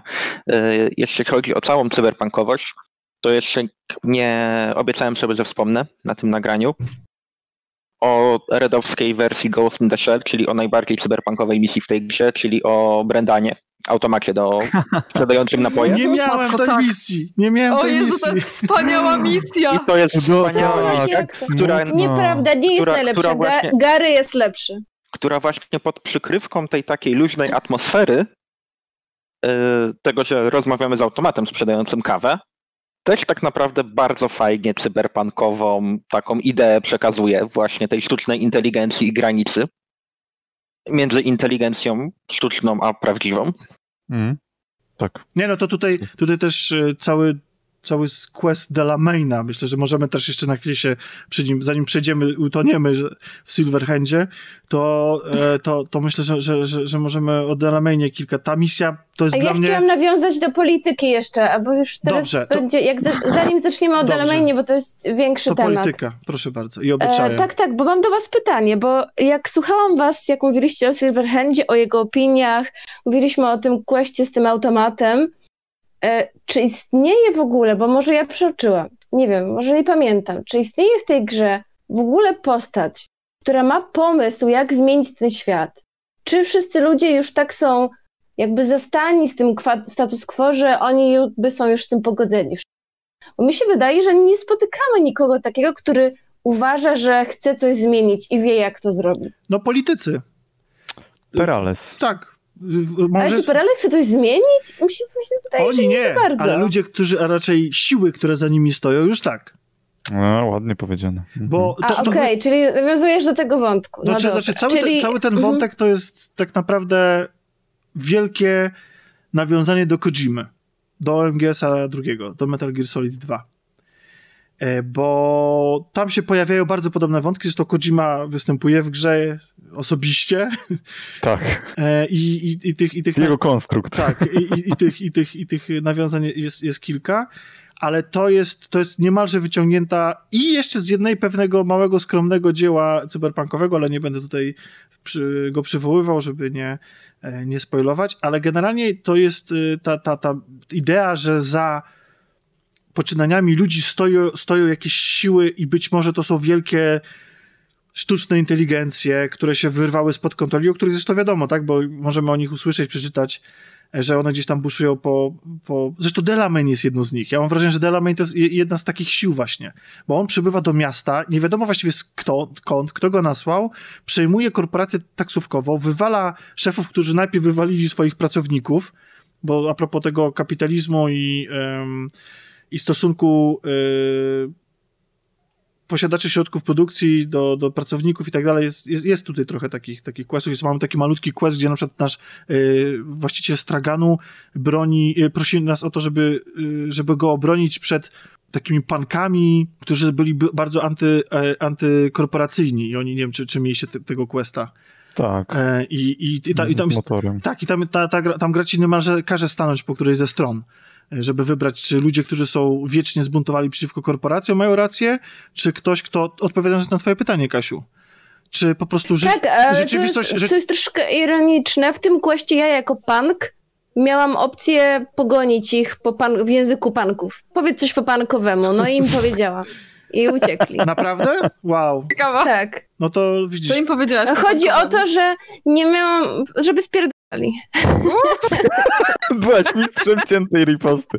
Ciocia, Ka ciocia Kasia mistrzyni ciętej ja No to... chodzi mi o to, że myślałam, że postać punk będzie miała opcję, żeby jakoś porozmawiać z nimi, jakoś przekonać, a nie tak wiecie, no po prostu po wulicznym języku im kazać spadać, no. To a propos takich sytuacji, to, to najgłupszą ewidentnie dla mnie misją była ta, w której zostajemy okradzeni w restauracji. Yy, nie wiem, czy, czy też na pewno ją mieliście, bo niektórzy z was zrobili absolutnie wszystko. To jest, gdzie wchodzimy do restauracji i wpadają gangusy i my im oddajemy hajs, czy coś takiego. I to jest, Rozwaliłem ich. można ich Ja rozwalić? też ich rozwaliłem. Można, można. misji, więc... naprawdę można, mo, można cokolwiek z nimi zrobić? Bo ja miałem tylko po prostu, żeby... Okej. No to nie wiem. Miękka była i tyle No właśnie, no, znaczy właśnie, bo nie no, ja tutaj wielki kozak z rakietami na, na, w rękach, a, a, a muszę oddawać hajs jakimś, to nie wiem, albo coś, ja chyba coś źle ze swoim życiem To ten zrobiłem, ale... ale... Braindance'ami, to był quest, kurde, jak cię kosiarze tam, E, no. Dobrze, ale to wróćmy na tory. E, Jej, właśnie, to jak, e, jak nasza postać musi, musi stać się na chwilę debilem. Bo ja byłam bardzo ciekawa, jak super. się potoczy ten quest, więc oczywiście wiadomo było, że ten, kto nam chce sprzedać te braindensy, e, maleńka, mam nielegalne braindensy, Tak, zajebisty towar, Drzewo, nie ufałam mu. No chyba oczywiste jest to, że on chce nas oszukać, no ale ja byłam tak bardzo ciekawa, że musiałam, musiałam zagrać debila, no że niby nie Tak. wiem, że on I John jest chce. wtedy fantastyczny w tej misji, bardzo mi się podoba, jak No pomaga. i potem się budzimy tam, gdzie ratujemy Sandrę Dorset, prawda? Na Tak. początku. W tej samej wannie. W tej samej, samej wannie się tak. Aha, to jest ta sama wanna nawet, to jeszcze To jest lepiej. ta- Tak, wanna. tak, Cudownie. tak. e, tych tematów związanych z samym cyberpunkiem jest, jest mnóstwo i kurczę, no w taki, ta dyskusja powinna trwać 5 albo i 10 godzin, bo, bo tam jest naprawdę takich, e, wiecie, nawet e, odnosząc się do, do jakichś kontrowersji związanych z transpłciowością przed premierą gry. E, Jeszcze ja ci przerwałam, Tomku, jak chciałeś o Delamainie, tak przypomnę. To tak, to za chwilę, to najpierw, najpierw to, to. To też na przykład gra to porusza w taki sposób, który, no może ten temat powinna raczej oceniać osoba transpłciowa, że w jaki sposób jej zdaniem to, to zostało poprowadzone, ale e, pojawia się on w bardzo subtelny, mojej ocenie, sposób e, właśnie w postaci Claire, e, która po prostu Tak. rzuca mimochodem i też o, o tym, że, że jest taką osobą i to w ogóle nie ma żadnego znaczenia dla fabuły. W ogóle to nikt, jakby gra nie robi z tego absolutnie żadnego tematu, po prostu tak jest, a jednocześnie robi temat i bardzo fajnie kontrastuje to z y, wszystkimi tymi wulgarnymi reklamami, z tym y, y, powiększaniem sobie czy zmianą genitaliów y, dla zabawy, jak mamy tego gościa, którego musimy wieść, y, bo, bo tam kupił jakiś lewy towar, czy coś takiego. y, A to akurat bardzo głupi Tak, quest ale właśnie- ale- tak. i taki bardzo pod publiczkę. Tak, ale, on, ale wiesz co, widzisz, tylko że on kontrastuje właśnie z Claire i na, jakby najpierw przechodząc tamten quest, a później spotykając Claire, która nie ma żadnego wszczepu. Twórcy moim zdaniem jasno mówią, że w tym świecie jakby, że, że, trans, że w ogóle, że, że, że transpłciowość to nie jest zabawa. To nie jakby, zabawa to jest właśnie ten kretyn, który sobie y, coś tam zrobił z genitaliami, a, a kwestie transpłciowości, jasne, pewnie te rzeczy powinny być pogłębione i może jeszcze inaczej po, pokazane, e, nie sprowadzając tego tylko do zmiany korekcji płci. Tego w grze zabrakło, ale myślę, że to jest początek drogi, na której gry się znalazły i wydaje mi się, że ten temat dobrze został poruszany przy okazji Cyberpunka i pewnie to będzie, e, mam nadzieję, że gry to podejmą. Mnie się i... też to bardzo podobało. Ale- ale ja sam- pamiętam, jak e, napisałam wam na czacie od razu, e, jak tylko miałam ten wątek, że cudownie spodobało mi się, że to jest tak mimochodem wspomniane i że nie jest z tego robione, moim zdaniem, żadne halo. To znaczy, po prostu tę postać to rzuca jako coś naturalnego i to się pojawia w świecie wokół nas i nie ma z tego jakiegoś wielkiego questa i tak dalej. Mhm. Ja się zgadzam z przedmówcami. Sposób wszystko podane. Więc te tematy, tak samo w kwestii Delamaina właśnie dowiadujemy się o tym z maili, o tym w jaki sposób by, byli traktowani pracownicy tej korporacji taksówkowej, jak Delamain ich zastąpił, a potem Delamain się pozbył zarządu. I kurde, jaki to był cyberpunkowy quest. Tak, To- i to, że, i to, że nie, nie, nie wiadomo właściwie, kto mu ciągle koncesję przedłuża. Przepraszam, Aniu, wszedłem ci w słowo. Sorry, to ja tobie chyba. Wow, ja, Ojej! ale on w ogóle, on, on nieprawdopodobnie wręcz po prostu e, się rozwija. Jest, zaczyna się, po pierwsze ja nie miałem, w ogóle nie myślałem o tym, że spotkam kiedykolwiek jeszcze tu taksówkę że, w taki sposób, że będzie się z nią miał jakąś interakcję. Potem się okazuje, że my się z nią zaprzyjaźniamy. Potem ona nas prosi o pomoc. Ta pomoc nagle się okazuje tak naprawdę gonieniem za różnymi osobowościami, jakimiś takimi naprawdę smutnymi wątkami i takimi zaskakującymi. E. E, Właśnie to jest ciekawe, że sztuczne inteligencje mają zaburzenia psychiczne, bo każdy tak naprawdę, no nie każdy, ale większość z tych, e, z tych osobowości to są jakieś osobowości lękowe, prawda? A jakieś różne, różne rodzaje zaburzeń mają. Tak. To jest ciekawe. A potem, tak. potem, potem mamy prośbę Delamaina o to, żeby coś z tym problemem zrobić i musimy podjąć decyzję, która, tak jak już wcześniej wspominałem, u mnie poskutkowała tym, że tak bardzo się przyjąłem, że, że chciałem e, powtarzać tą misję po to, żeby tylko poszło po, po mojemu. Ale to da, nie wiem, czy wiesz, ten wątek jest jeszcze dalej kontynuowany. Ponieważ później, jeżeli jeździsz sobie tym samochodem, bo e, jeżeli tą misję wykonasz po myśli Delamaina, Tak, to- dostajesz tak. jeden z jego taksówek. I później ona z tobą rozmawia o tym, jaki robi research na temat ludzi i co z tego wyciąga. To też jest super po prostu. Naprawdę? Bo mi właśnie brakowało Tak. rozmów z nim, bo ja miałem... Ona A później... mi też brakowało. Ja wsiadłam w ten samochód, pomyślałam, nie gada, to nie będę nim jeździła. Jaki jest no tego nie, sens? on Ja chciałam z nim gadać. Dzie- Dzień dobry, panie Wi. Y, Odnośnie naszej rozmowy, O. proszę mi powiedzieć, i ty mu później dajesz rady. I on mówi, y, Wi na przykład mówi, no to w takim razie może spróbuj y, bardziej podejść, ja już nie pamiętam tych dialogów, nie, ale może spróbuj bardziej podejść do tego tematu coś tam. I później za radą pana, panie Wi, y, zrobiłem research na ten temat. Ro- Przerabiam sobie całą historię. Na razie jestem na średniowieczu i doszedłem do tego, że coś tam. Super one są i są właśnie takie dodatki, które robisz wtedy, że jedziesz na jakąś misję tą taksówką i on zaczyna z tobą gadać. Co prawda ja tego nie przeszedłem wszystkiego, bo jakieś takie okoliczności wokół tutaj, bo coś nie mogłem, musiałem coś przerwać, coś tam zapisałem, więc nie dopatrzyłem pewnych tych rzeczy, ale generalnie to idzie później dalej i sobie normalnie z Delamainem możesz pogadać o tym i jakby widzimy też to, jak, jak ta jak ta sztuczna inteligencja, ona chciałaby być jak najbliżej ludzi, tak stara się coś tak podpytać, tak dowiedzieć, coś, ona by tak coś chciała więcej, więc ten wątek idzie jeszcze dalej Okej, stronę. to ja w takim razie... Mi się to... podobało też w tym wątku, to, bo, bo ja podjęłam decyzję, która się oparła na tym, że uwolniłam te sztuczne inteligencje, w sensie te wszystkie odłamy jego świadomości, bo nie, nie byłam w stanie się zmusić, żeby je zniszczyć. E, I potem dostawałam od nich SMS-y. Od każdej jest osobna i każdy ten SMS jest podpisany jako SMS od Delamaina, e, ale one są, są tak śmieszne, są tak zabawne e, i, i jakby faktycznie jest tak, że, że gdzieś tam e, jeden przykład, który teraz mam tak, tak z czubka głowy, wysyła mi jakieś hasło. Lód i ogień. Ja wybieram lód czy ogień. E, dowódca plemienia zabić czy, czy ocalić. Ja Wow. mówię ocalić i dostaję w odpowiedzi SMS-a zawiodłem. Wow. No ja po prostu te, te SMS-y od tych taksówek, od tych różnych tak, tych e, elementów świadomości były wspaniałe. A już nie wspominając o tym, że w moim zakończeniu jak rozmawia, jak mówi do mnie Delamain w moim zakończeniu, to te głosy się zmieniały na głosy tych właśnie. Ale to ja właśnie, to ja właśnie taki jeden z y, argumentów przeciwko mojemu zakończeniu właśnie został zniszczony, bo ja po prostu ja myślałem, że Delamain, ten główny, wyjechał z miasta i został tylko ten jeden w moim wozie i nic się z tym dalej nie działa. To nagle w zakończeniu przelatuje po mnie taksówka Delamaina. Mówię, what the fuck, czemu tu właściwie jesteś? No. Ale to teraz jest wszystko to było, jasne. To, to było takie miłe, bo ja się bałam, że one się nie dogadają, a właśnie w momencie, kiedy ja leciałam tą taksówką, to i, i prowadziłam dialog z Delamainem, to każde zdanie, jakby czy tam po dwa zdania, były wypowiadane przez inną z tych części jego osobowości. O, To było Ale takie ze mnie fajne. mam moralniaka teraz przez ciebie, bo ja po prostu wyciąłem ich pięć, zrobiłem szybki Jak reset tyle, nie? Zresztą Ja, ja było nie, ale nie, wiesz co, bo, bo to wiesz, ja się długo zastanawiałam, co zrobić. Naprawdę, ja tam stałam e, i tylko zasugerowałam się tym, co Johnny powiedział, że to będzie jak morderstwo. I, I ja po prostu czułam potem też takie wyrzuty sumienia. Mówię, dobra, nie no, okej, zostawię, niech żyją, one też mają prawo żyć. Ja ale to nie była łatwa nie decyzja. lubiłem, więc stwierdziłem, że go się No po śmieszne. swojemu. Aczkolwiek nawiązanie w tym momencie, nie wiem czy byście zarejestrowali, ale pewnie tak, było cudowne nawiązanie do Odyssey 2001. Owszem, Piękne. owszem. Znaczy w ogóle ten quest to jest, jest, jest bardzo bliski mojemu serduszku. Chyba, znaczy było wiele innych questów, które też mi się podobały, ale ten chyba tak bardzo szczególnie mi zapadł w pamięć.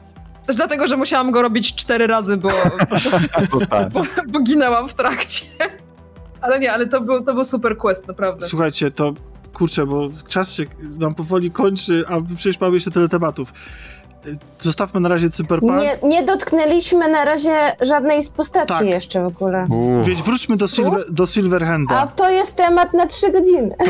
Znaczy, Może znaczy, o postaci, bo ja- słuchajcie. tak, chcia, chcia, chciałem zrobić takie przejście, że ja generalnie nie jeździłem Delamainem, ponieważ praktycznie całą grę przejeździłem samochodem Jackiego, bo uznałem, że tak. Motorem, znaczy motocyklem. Łódką. A nie, aha, Ja motocyklem. powiedziałem samochodem. Łódką. Tak? Nie, A. nie, Łódka jest, mo, mo, motocyklem, Jackiego, bo uznałem, że jakby Jackie był przede mną przez całą grę, cały czas, naprawdę. Nawet E, jeśli on później znika, pojawiają się zupełnie inne postacie, to jakoś po prostu ciągle miałem żal za tego Jackiego.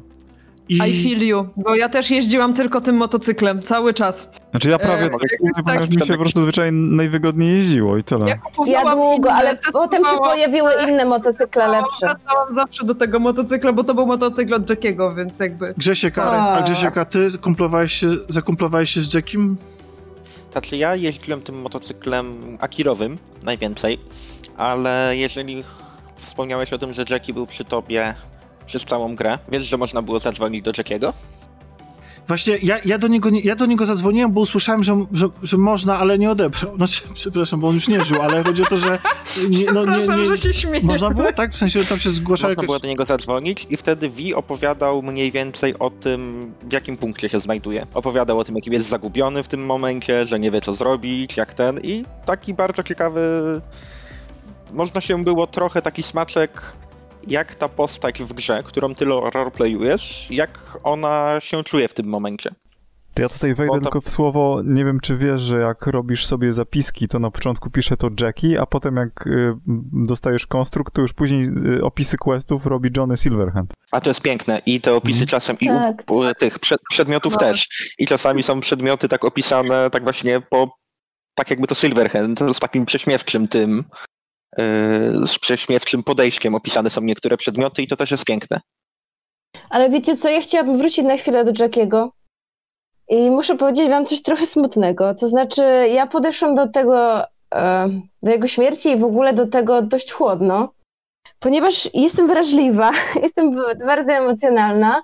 To jak tylko zaczął się ten e, napad, ten skok, e, to ja sobie pomyślałam, ktoś na pewno umrze. I tak jakby wiedziałam, że tak to musi zostać rozwiązane fabularnie. Więc ja tak jakby przygotowałam się na to psychicznie. I nie podeszłam do tego trailera? chłodno. Właśnie, bo w To tra- był... No w trailerze było Nie, widać, nie że- oglądałam to- Nie, ja nie oglądałam. Nie. Tego nie wiedziałam, też tego nie widziałam w trailerze, i, y, bo specjalnie nie oglądałam materiałów, mówiłam Piotrek wam. e, powiedział mi, że wszystko wiedział, a ja specjalnie oglądałam, więc wiedziałam. ja nie wiedziałam, że on umiera i nie No ja wiedziałam, też. jak się skończy ten skok.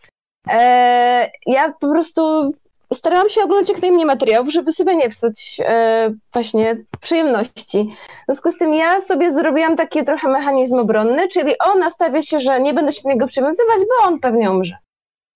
Więc Ja chyba podobnie. Wiesz, że ja chyba podobnie, nie właśnie tym bardziej wiedząc, że więc mnie też ta śmierć nie ruszyła. Podejrzewam, że właśnie dlatego, że ja po prostu wiedziałem, że on umrze, ale to dlatego, że widziałem w tym trailerze i to mnie, jak mówicie, że wam było bardzo szkoda, ja nie bardzo. Mnie było e, bardzo szkoda innych zupełnie postaci, jak coś tam się z nimi działo, ale, ale tego to akurat jakoś nie. to- Za szybko byłem To ja wiedziałem, wiedziałem o tym, że on umrze i uważa, uważam, że to był dziwny ruch ze strony wydawcy, że, że postanowili to zdradzić, ale w ogóle to nie odebrało dla mnie bo, kurczę, to jest tak dobrze napisane, jasne, to jest taki tani chwyt, ale to, że Vi do niego mówi e, e, Major League, kiedy on umiera, że to on, że on ciągle mówi, on był właśnie takim, bo moja Vi nie była taka, nie miała takiego parcia na, na, na zostanie legendą, na zostanie gwiazdą, na posiadanie własnego drinka w e, Afterlife. A to on był taki. Jak ona mówi, jak, on, jak, jak ona do niego mówi, jak on umiera w tym Delamain, ona do niego mówi Major League, ostatnie słowa. No, no masakra, i, ale sam, sam Jackie mnie kupił telefonem przed wejściem do Afterlife z matką, jak rozmawiał. To jest po prostu... To, To było wspaniałe. to, to ten moment, w którym ja uznałem po prostu, że ja jestem... Ja dopiero potem się skumałem, że w tym, e, e, w tym montażu sześciomiesięcznym, który dostajemy, tam jest jego matka w ogóle występuje i ja z nim razem mieszkałem i szkoda, że oni wycięli ten content, po prostu ca cały ten prolog, bo to by zbudowało jeszcze bardziej tę relację. E, I i dla, dla mnie, dla mnie to, to, to, no więc Jackie był dla mnie ważny i ja też ze względu na Jackiego podjąłem decyzję w finale. Właśnie ze względu na Jackiego, ale to, to, y, to, to sobie do tego dojdziemy. Natomiast przejdźmy do drugiej najważniejszej osoby, czyli Silverhanda. Już o nim powiedzieliśmy trochę, o jego cechach charakteru. E, a teraz chciałbym się raczej skupić na tym, bo spotkałem się z zarzutem, że w tej grze my jako postać się nie rozwijamy. Wiecie, w sensie, że Vi idzie od jakiegoś punktu do jakiegoś punktu i właściwie fabuła gry bezpośrednio nam nie mówi o tym, że, że coś poznaje, coś się dowiaduje, czegoś się uczy, ale to jest moim zdaniem nieprawda, ponieważ zapominamy o tym, że właściwie Vi już nie jest jedyną właścicielką tej postaci, tego ciała, bo dzieli go właśnie Silverhandem i to on ma drogę do przejścia. Tak, ja się zgodzę z tobą. To chyba też rozmawialiśmy na privie, że ta gra w ogóle nie jest o Vi, moim zdaniem. Yy, Że Vi jest tak naprawdę awatarem gracza i jest nosicielem głównego bohatera, głównej postaci tej fabuły, która tutaj jest. Yy, Bo my nie gramy w tę grę, żeby poznać historię Vi. Bo Vi ma na początku, niczym w Breath of the Wild, ma postawiony cel, który musi zrealizować i, i nic innego nie musi robić. Natomiast e, wszystko dzieje się wokół Johnego i to on przechodzi faktycznie tę drogę, a raczej my poznajemy całą drogę, którą on już przeszedł wcześniej. Wszystkie te wydarzenia, retrospekcje z, z jego życia. Poznajemy je nie tylko w tej głównej osi fabularnej, ale poznajemy je także poprzez relacje z innymi postaciami, jak z Kerem, jak z Rogue, jak chociażby w tej misji, kiedy, kiedy odnajdujemy Porszaka. I to on jest moim zdaniem tak naprawdę główną postacią tej gry. I tak powinniśmy na, na tą grę patrzeć. No, Vi dla mnie jest Nośnikiem Silverhanda. nośnikiem, nośnikiem Silverhanda. Ja tak, od, ja tak to, co odbierałem się tę grę. zmienia, e, dopowiem Grzesiek do tego, co mówisz, to, co się zmienia, to nie Vi, tylko nasz stosunek jako gracza do Silverhanda. Oczywiście kierowany odgórnie e, fabułą, ale no mój stosunek się bardzo zmienił w ciągu Mój też. Ja go na początku bardzo nie lubiłem, a później się No wiadomo. dogadaliśmy. Mhm. Miałam podobnie, że na początku wręcz miałam taką zdecydowaną awersję do niego i jak się odzywał za każdym razem, to tak, wiecie, marszczyłam nos, jakby coś śmierdziało. E, Ale im więcej czasu mijało i było kilka takich scen, właśnie kilka takich momentów, kiedy on mnie kupował coraz bardziej. I pamiętam, Mhm. że taka jedna scena, kiedy po jednym ataku e, Silverhand V trzyma za rękę to to było to, co mnie tak chyba już ostatecznie tak ruszyło, że on jednak, bo oczywiście jakby można być dla niego też niemiłym, można się z nim nie zgadzać, ale ja jednak w pewnym momencie zaczęłam bardziej żyć z nim w zgodzie i właśnie w tej scenie, kiedy on po jednym z tych ataków trzyma Wi za rękę, jak się, jak się Wi budzi, to dla mnie było, nie ruszyło mnie to bardzo, bardzo na mnie to podziałało w jakiś taki sposób. Oczywiście jest dużo dyskusji, które też tak się odbywają, choćby ta dyskusja tak na... Yy, to nie jest wysypisko, tylko jakieś tam pola, pola naftowe. Tak? Z, z jego, z jego, z jego yy, nagrobkiem, tak? Co mu piszemy imię jego- gdzieś tam w błocie. Tak, tak, Tak. tak. Kiedy, kiedy Mhm. robimy mu nagrobek i, i kiedy Johnny mówi, że on się cieszy, że to właśnie Vi jest tą osobą, w której głowie przyszło mu bytować, to, to był jeden z, z wielu, ale, ale jeden z momentów, kiedy ja autentycznie miałam łzy w oczach grając w Cyberpunka, bo to Tak. myślę, że to też kwestia tego, jak, jak Żebrowski zagrał Silverhanda, bo to myślę, że naprawdę zrobił kawał tak zajebistej roboty, e, że, że nawet naprawdę byłam pod wrażeniem, ale autentycznie w, w tej relacji było dużo takich momentów, kiedy y, jakby i moje nastawienie do Silverhanda się zmieniało i ja byłam autentycznie wzruszona tym, co on mówi, wiedząc, jakie podejście miałam do niego na początku, jaką on w sumie też drogę przeszedł jako bohater. Tak, ja tylko chciałem dopowiedzieć, że tam pada takie fajne hasło pod tytułem, będzie wulgarnie, ale myślę, że to odda sens. Jesteś chujem. Mówi, mówi do Johnego, jesteś chujem. A John odpowiada, a ty pismo, więc chyba pasujemy do siebie, nie? I jakby mam wrażenie, że to, ta prosta wymiana zdań bardzo fajnie podsumowuje to, tą No bo tak, bo tak tak, no, do, do swojego, swojej dupkowatości się nie wyzbywa. Znaczy ja w ogóle miałem duży problem z jego retrospekcją, tą, która zahacza jeszcze o przygodę z Cyberpunka 2020, gdzie mamy seks z alt i, e, i, i cały ten, on po prostu był mega dupkiem, po prostu był tak człowiekiem, którego nie można do niego paść w ogóle żadną sympatią Kropne to było. i on się, i on się tak, i, i dla mnie to był cały, jakiś taki przemocowy, nie wiem, no toksyczny megatyp. Później w trakcie dużo też daje na przykład to, y, ta kwestia z, y, ta, ta misja, w której y, lądujemy w jakimś y, pokoju tam hotelowym i szukamy jego tych y, na mm, nieśmiertelników. Mhm. Czy nie jego, tylko tam w sensie jak on opowiada o członkach drużyny i tak dalej, że on ostatecznie okazuje się, że jest człowiekiem, który mimo wszystko ma jakiś tam honor, rozumie. I on, i on, on się też, jego jakby stosunek do Wi się też zmienia. On ją, ja autentycznie mu wierzyłem. Wierzyłem w to, że on się o mnie troszczy.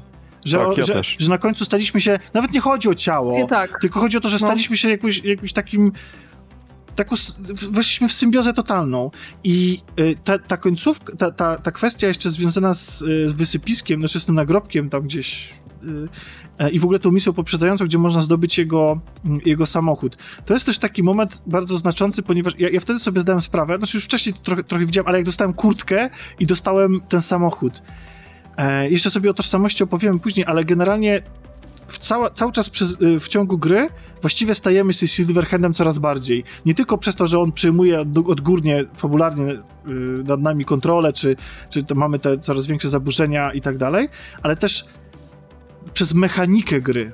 Ponieważ najsilniejsze ciuchy, więc chcemy automatycznie je nosić, to są ciuchy samuraja. To są osobiste buty Silverhanda, to są osobiste, osobista, albo na zamówienie, wiecie, robiona podróbka, e, replika kurtki Silverhanda, to są, to są jego spodnie, to jest jego koszulka i ostatecznie dostajemy nawet okulary i Porsche. I stajemy się Silverhandem poprzez mechanikę No i gry. broń, i broń. Tak, i broń. I broń. Więc de facto właściwie jesteśmy Silverhandem poprzez samą mechanikę. To jest genialny zabieg. Znaczy, to, Znaczy ja tak tego nie odczułem, bo akurat ja byłem taki przypakowany, że mam mocniejsze rzeczy niż Znaczy tego. ja nawet, ja, ja, ja, ja też nosiłem, bo też czułem się, nie wiem, bo chciałem je nosić, bo dlatego to też jest fajne, bo oni wprowadzili to w, mar- y, w materiałach marketingowych, jesteś właśnie ubrany w ten sposób i też jest taka, Tak. że część graczy dąży do tego, żeby być ubranym tak jak typ z tego, z reklamy, nie?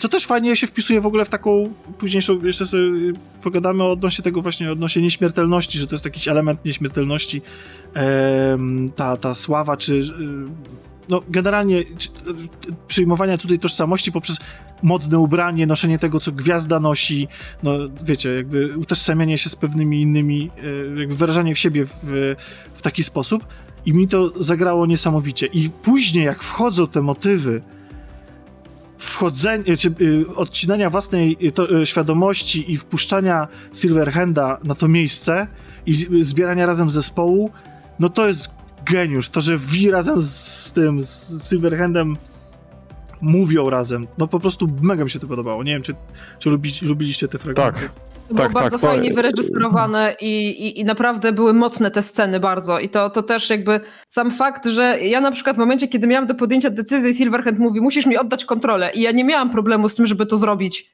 Mimo, że A tam widzisz, a ja miałam. jeden, jeden raz Ja ja, nie miałam, ja nie miałam problemu, dlatego że już na tym etapie ja byłam do niego przekonana. Gdyby to nastąpiło wcześniej, to pewnie bym mu powiedziała, żeby spadał na drzewo i nigdy w życiu tego nie zrobię. Ale to się zadziało już no w takim dobra, momencie, ale że, pierwsza sekwencja e, jest wiesz, tak zrobiona, że ja że wiedziałam, on że on... e.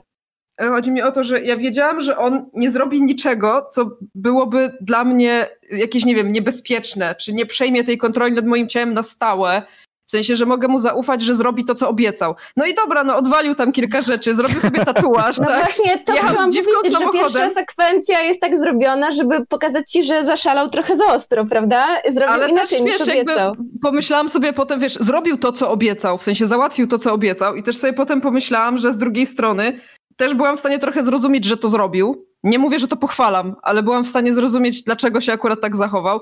Dobra, by, było to trochę zabawne i, i trochę byłam niepocieszona i, i faktycznie jak potem była ta rozmowa, gdzie się z nim rozmawia i Wi mi- mu to wypomina, tak, że no ale trochę, trochę chyba przesadziłeś i on mówi, no ale musiałem zrobić to wszystko, żeby zdobyć te informacje, które, które mam, tak. No i faktycznie jakby ma też rację w tym, co mówi, tak? Więc nie, nie, nie czułam się jakoś, nie wiem, oszukana, wykorzystana i nie, nie miałam, nie było moją myślą to, żeby raz na zawsze zerwać kontakt z Silverhandem, czy fajnie by było, gdyby można było to zrobić. W takim sensie, żeby, żeby wiecie, e, zamknąć się na niego kompletnie i już nigdy więcej mu na to nie pozwolić, bo mimo, że on faktycznie trochę przegiął, to nigdy nie miałam poczucia, że on chciał źle dla, dla mojej Vi. Właśnie Ja na też, ja czułem, już, że w sumie trochę mu się należało tego szaleństwa. Tak, właśnie no. też tak o tym trochę pomyślałam i na tym etapie już miałam takie poczucie, że on jest jaki jest, ale że e, faktycznie jak on, jak on mi powiedział, tam była ta rozmowa właśnie tak jak Tomek mówiłeś e, przy tych nieśmiertelnikach i to chyba było tam, gdzie on mówił, to, to chyba właśnie tam Mhm. powiedział, że on zrobi wszystko, co, jego w mocy, co w jego mocy, żeby pomóc Vi odzyskać to ciało, Mhm. to ja mu uwierzyłam, że on mówi szczerze. Ja też. W sensie, że on nie mówi tego, żeby dać mu spokój, że, że mi ściemnia, tylko już na tym etapie uwierzyłam, że on to mówi szczerze i że on naprawdę dla tej mojej Wi chce dobrze. I, I dlatego nie miałam problemu z tym, kiedy on mówi, oddaj mi kontrolę nad swoim ciałem. Mówię, no dobra, no, wiesz co robisz. Miał też jakiś pomysł na to, miał jakiś koncept, który ostatecznie okazał się słusznym konceptem w kontekście mojego zakończenia, tak? To, to, to co on wymyślił się jakby sprawdziło, więc nie mam, nie, nie, nie Znaczy- mam tutaj żadnego argumentu, wiesz, innego. Ja miałam z tym problem innej natury. E, e, Całkowicie się Ania z tobą zgadza. Znaczy ja miałam też podobnie, że mu ufałam i tak dalej. W jakiś sposób przywiązałam się do niego, no bo tak fabuła jest zbudowana, żeby tak to wyglądało. Ale ja mam problem ogólnie też w życiu, że się boję utraty kontroli. I po prostu to się przełożyło też na, wiecie, rzutowało na moją postać w grze. Ale Mam wiesz, co, teraz, mam teraz tak Jak to ja nie będę kierować? Jak to? ale teraz Mhm. sobie o tym, Kasia, pomyślałam, co powiedziałaś i wiesz, że ja też mam ten problem w życiu, ale miło było poczuć, że w grze nie muszę go mieć. O, może tak. Mhm. E, może tak, bo faktycznie jakby wiesz, gdyby mnie to spotkało, coś podobnego na przykład, to, to miałabym z tym duży problem, ale w grze miałam takie poczucie, że akurat w przypadku Silverhanda nie muszę mieć z tym problemu. I myślę, że to też było fajne i też świadczy o tym, że jednak ta, ta relacja jest dobrze napisana, dobrze poprowadzona. Jeżeli on mnie na tym etapie już był w stanie do siebie na tyle przekonać, że ja nie czułam aż takiego dyskomfortu, nie? Ale faktycznie, wiesz co, tak jak o tym mówisz, to też sobie o tym myślę trochę z tej, z tej perspektywy i może i to, to tym bardziej moim zdaniem przemawia na plus. Do, Dominiku, bo ty jeszcze y, ty powiedziałeś, że tak masz tak samo. Nie, no ja mam tak samo dokładnie jak. Yy, zaraz, muszę sobie poukładać, bo nie spodziewałem się takiego pytania w ogóle. Ja Mówię, mam tak samo, że ja też jakby nie lubię generalnie oddawać kontroli i też nie bardzo chciałem oddać kontrolę w e, V, ale nie wiem, bo to teraz chciałbym przejść do, do, zakoń, do zakończenia, ale to pewnie za szybko jeszcze. Yy, no wiesz co, to dobrze, to dajmy teraz powiedzieć jeszcze Grześkowi odnośnie Silverhanda, bo się zdaje się, że się nie wypowiadał, a na pewno jakąś relację z e, Kijaną, tudzież e, Żebrowskim zbudował. Tak, e, ja tak jak wspominałem, dla mnie to była gra głównie o Silverhandzie. I jeszcze nawiązując Tomku do tego, od czego zacząłeś, od tego jak na początku nie lubimy Silverhanda, a także jak poznajemy, poznajemy tę jego przeszłość. To ja co do, do tej przeszłości też mam taką teorię trochę. To, co się wszyscy zgodzimy, że te sceny, które gramy jako Silverhand, to to Silverhand jest bogiem w tych scenach, szczególnie w scenach walki, Mhm. bo on tam wchodzi na środek, e, wszyscy do niego strzelają, kule go omijają niczym w Matrixie, on tylko wymierza, wymierza strzały, każdy się kończy wybuchającą głową. Ja mam trochę teorię na temat tych retrospekcji, że my tak naprawdę nie, nie rozgrywamy tych retrospekcji w czasie, kiedy one faktycznie się dzieją, tylko te retrospekcje są nam pokazane tak, jak pamięta je Johnny. Mianowicie to, co jest zapisane na konstrukcie, to my tam widzimy. I to, co mówiłeś też odnośnie relacji z Alt, jak on się tam zachowuje, to mam wrażenie, że to też może być trochę Jego wizja. wykrzywione przez to, jaki Johnny ma żal sam do siebie za to, jak to wszystko się skończyło.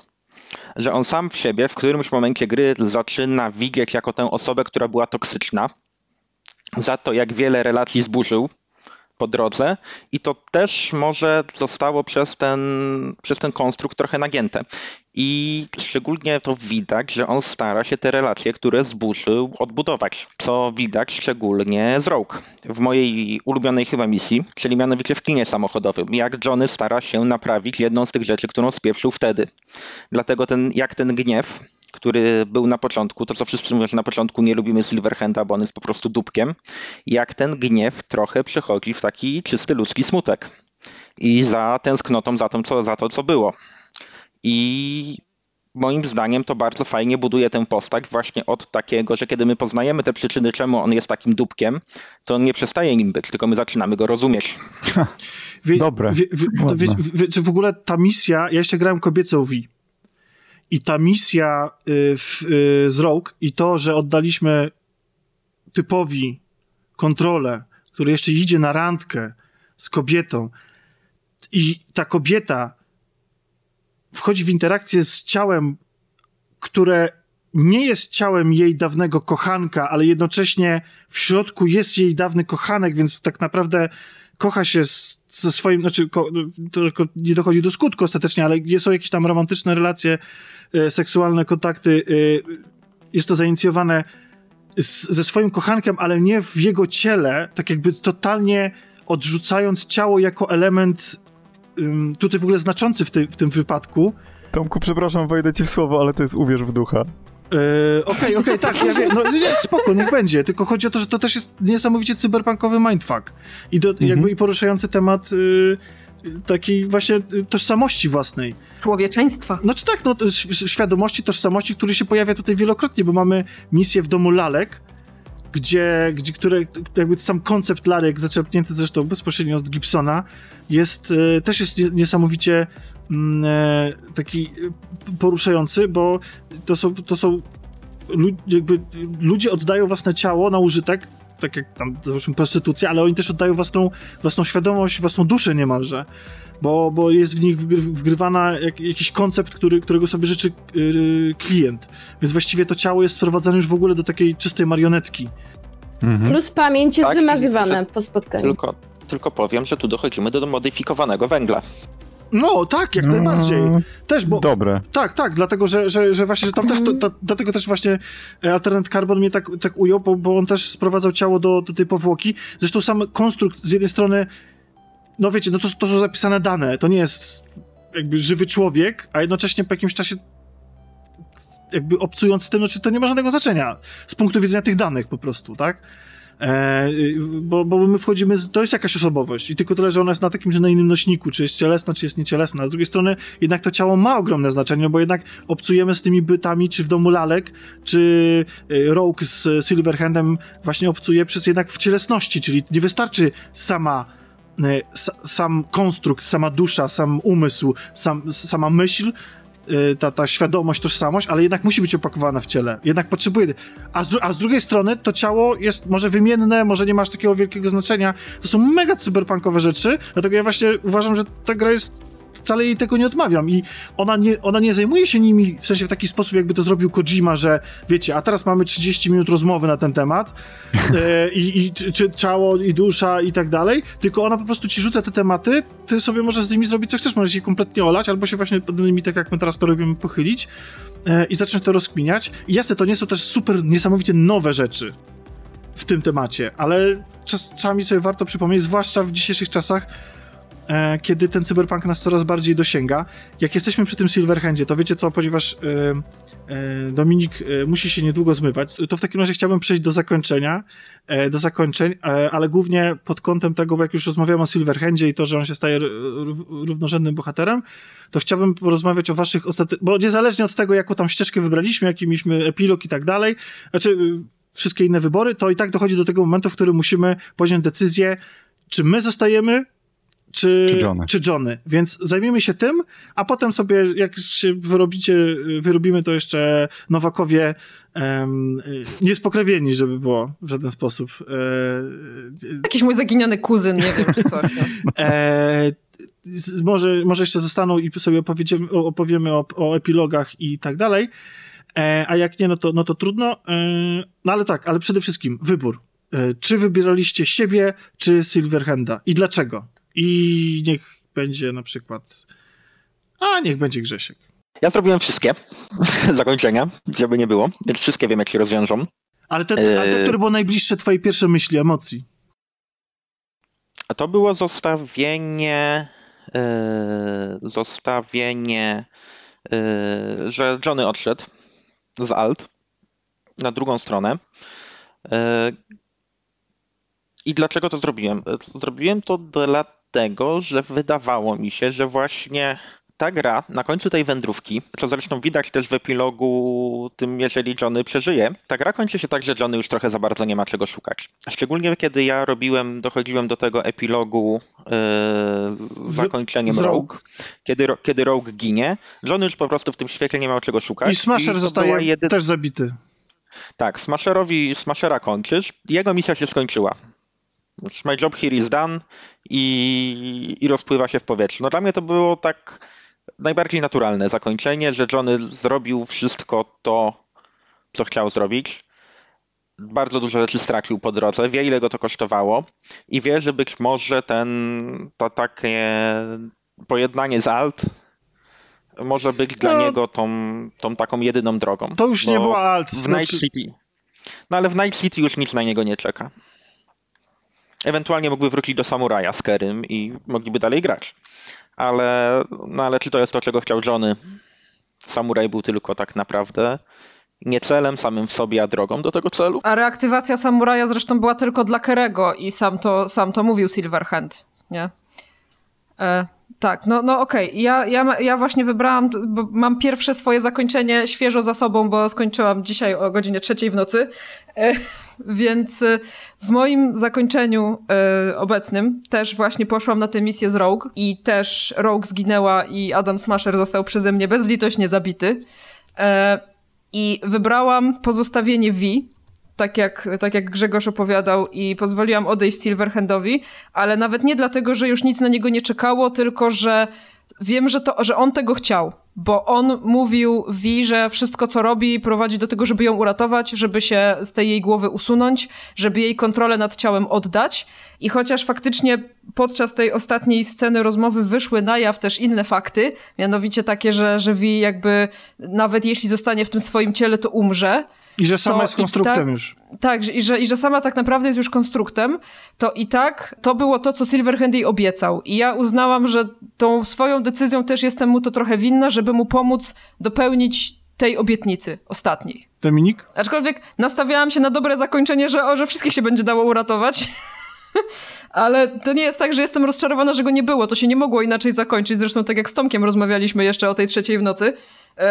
To się nie mogło inaczej skończyć, ale gdzieś tam się tliła taka iskierka nadziei, że a może jednak, Ale- a może jednak. Ja się później do, ja się później do tego odniosę, bo ja uważam, że to akurat jest bardzo pozytywne zakończenie, prawdę Mi się- mówiąc. mi Znaczy też tak, ja uważam, to- że, że, że to jest, y, że to jest do, może nie dobre, ale pozytywne zakończenie z takim pozytywnym wydźwiękiem, ale też myślę, że tam po prostu nie było miejsca na takie klasyczne, dobre zakończenie i nawet pewnie bym nie Ale była ono jest rozczarowana, gdyby było. Chyba najbardziej, ja zrobiłam wszystkie, ono jest chyba najbardziej pozytywne z wszystkich.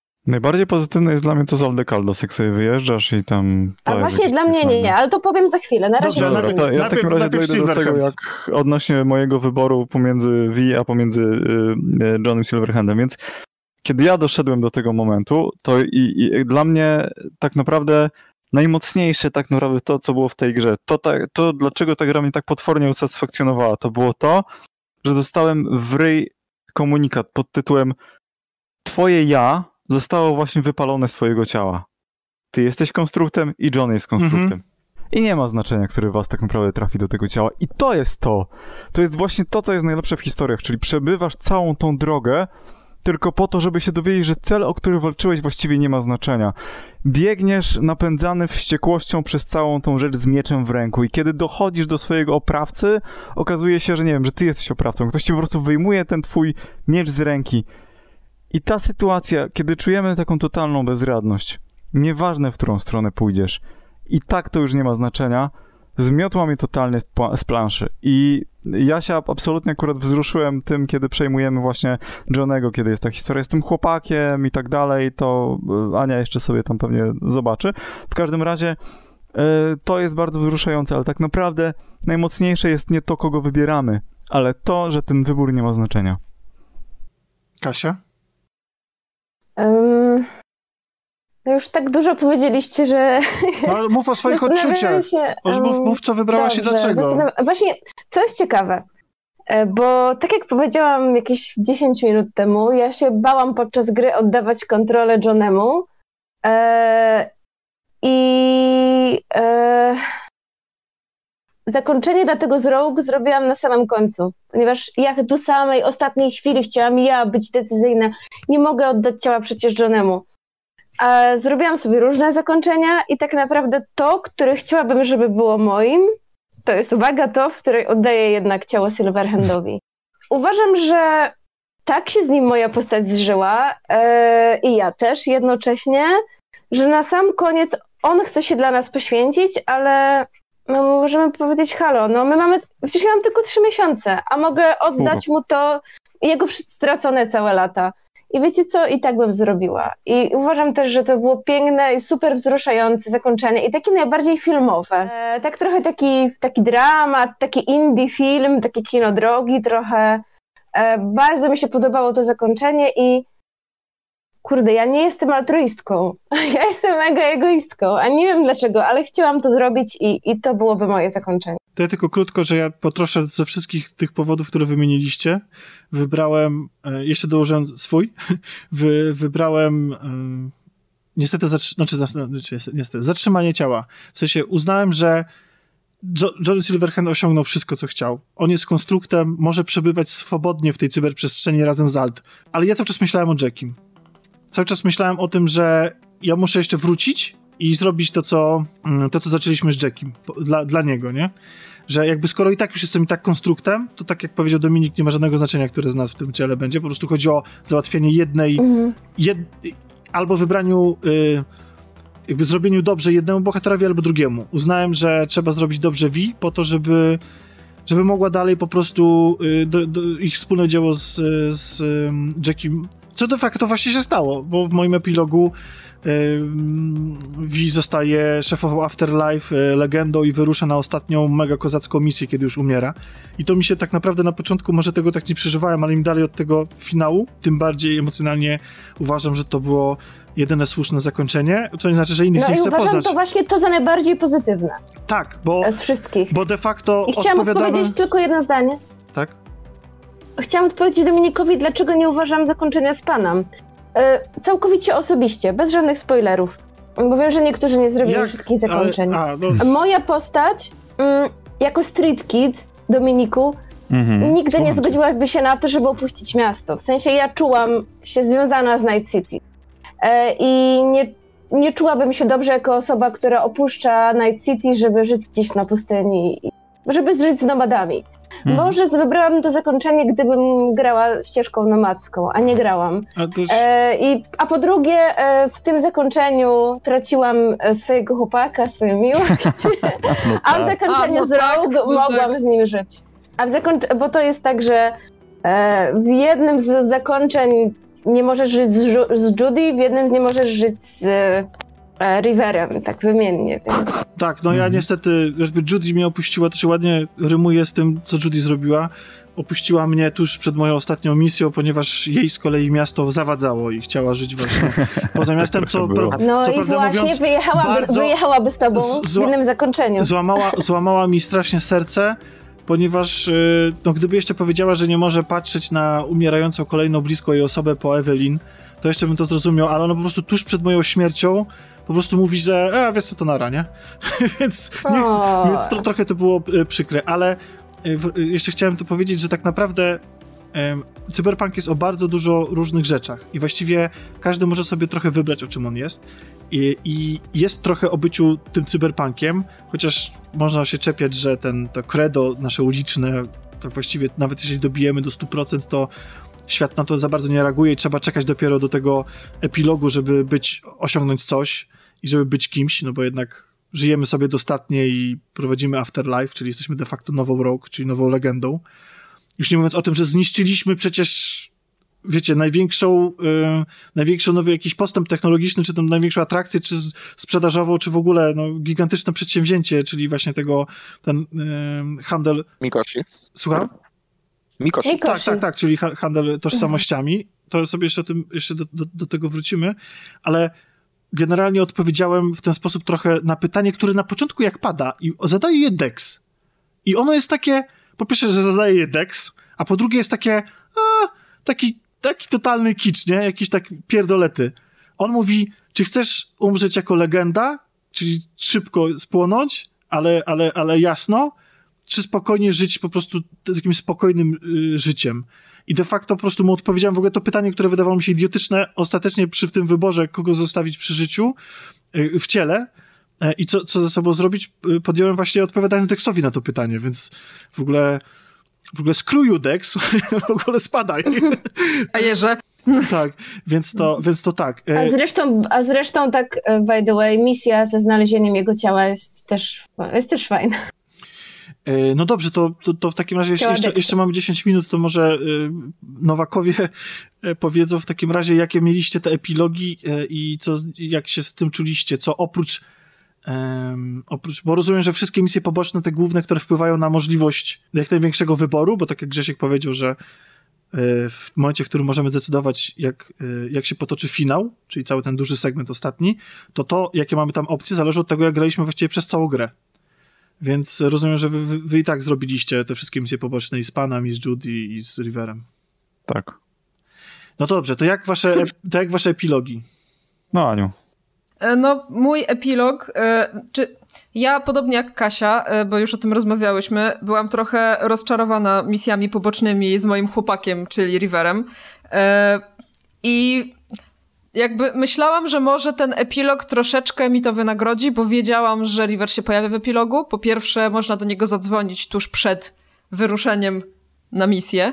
Ale też później, w momencie, kiedy ja podjęłam decyzję, że zostawiam Vi w jej ciele, to tak naprawdę budzę się, tak, razem z nim w łóżku i potem jest cała dyskusja na temat tego, że on nie rozumie, co się dzieje, że on niby wie, że zostało mi jeszcze te, te, te kilka miesięcy życia, ale że to nie jest powód, żeby się od niego odsuwać. I ta dyskusja jest taka w miarę przyjemna, ale mimo tego, znaczy ogólnie ten epilog mi się bardzo podobał, ale sam ten wątek z Riverem byłam trochę rozczarowana też pod tym względem, że ja uważam, że to jest fajny wątek z fajnym potencjałem, ale jest strasznie krótki i ja nie zdążyłam się z nim na tyle zżyć, żeby mieć poczucie, że to ma jakieś bardzo duże znaczenie, co się dzieje wokół niego w tym epilogu na przykład. Mhm.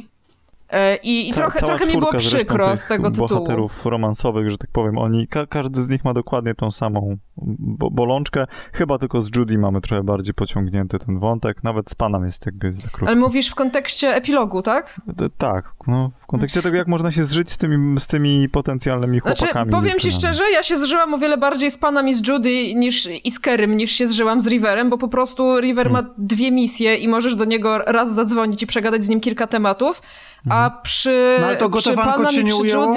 Ale gotowanko było super. Właśnie mi nie chodzi o to, że to, co było, było złe. Mi chodzi o to, że to, co było, było super i było tego za mało. Ja bym chciała Mhm. mieć mniej więcej tyle kontentu, ile miał choćby Kerry, który miał kilka tych misji pobocznych, Miał tak? rzeczy, tak, rzeczywiście Kerry miał zaskakująco dużo w, w, w stosunku do Warda, który jest też znacznie bardziej lubię Rivera niż, niż Kerego, nie? Ja mam wrażenie, i, i to będzie jakby moje ostatnie słowo w tym temacie, już gdzieś o tym pisałam, ale niestety y, mam wrażenie takie, że ten wątek Rivera po prostu został doklejony jako.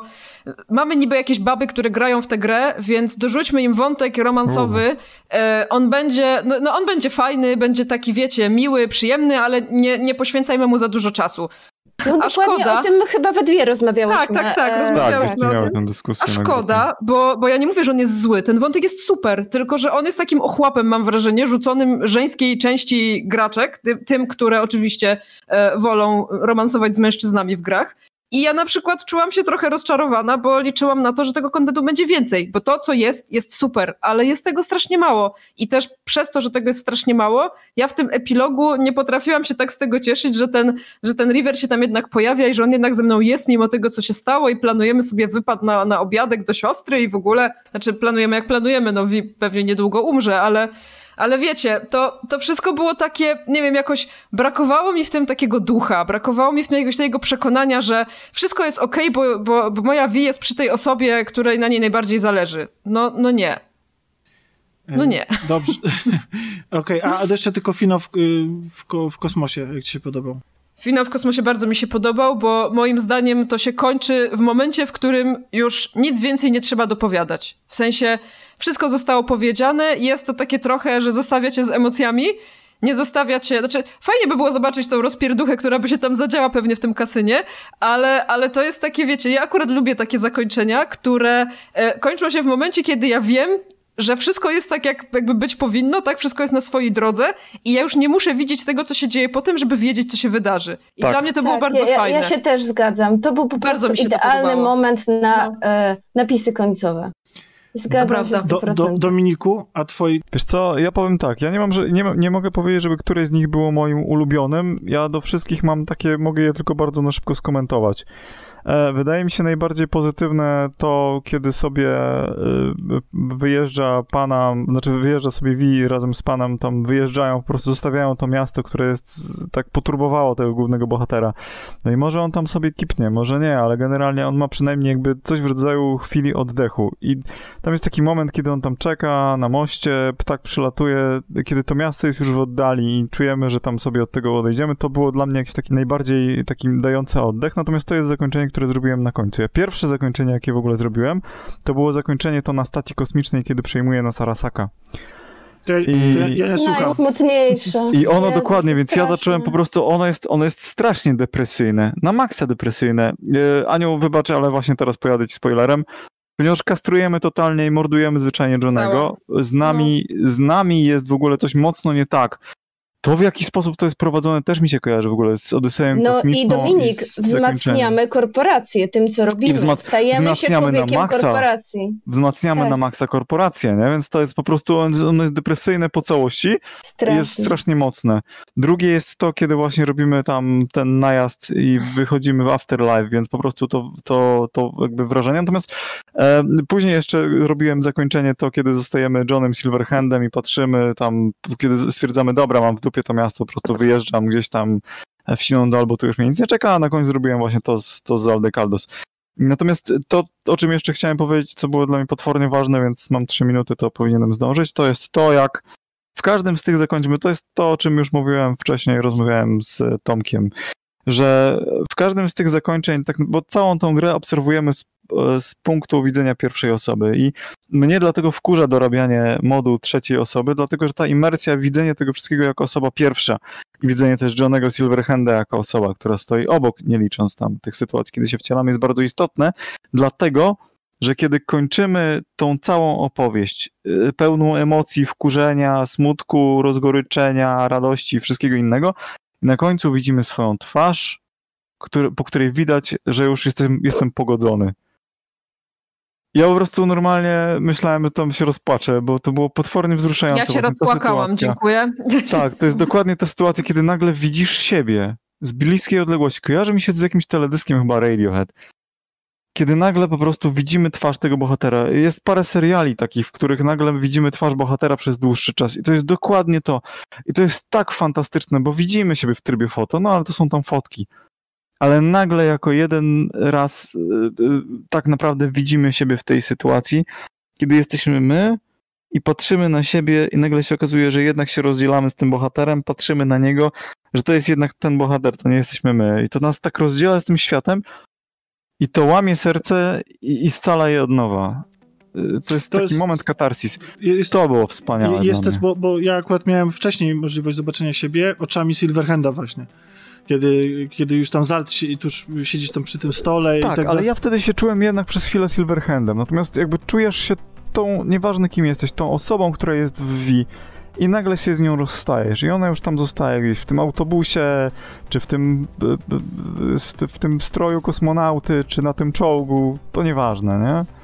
Zawsze jesteś tą osobą, już widzisz siebie z daleka, nabierasz nagle wreszcie po tym wszystkim do siebie dystansu. Uważam, Dominik, że naprawdę pięknie to powiedziałeś i bardzo Dziękuję. też to co, to, co ja wtedy czułam.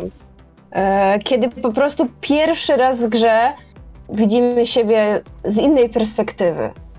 I sprawia, że z, strasznie jest to wzruszające. Mnie też to bardzo wzruszyło. W każdym możliwym zakończeniu, ale Tak. zrobiłam wszystkie, za każdym razem się wzruszam.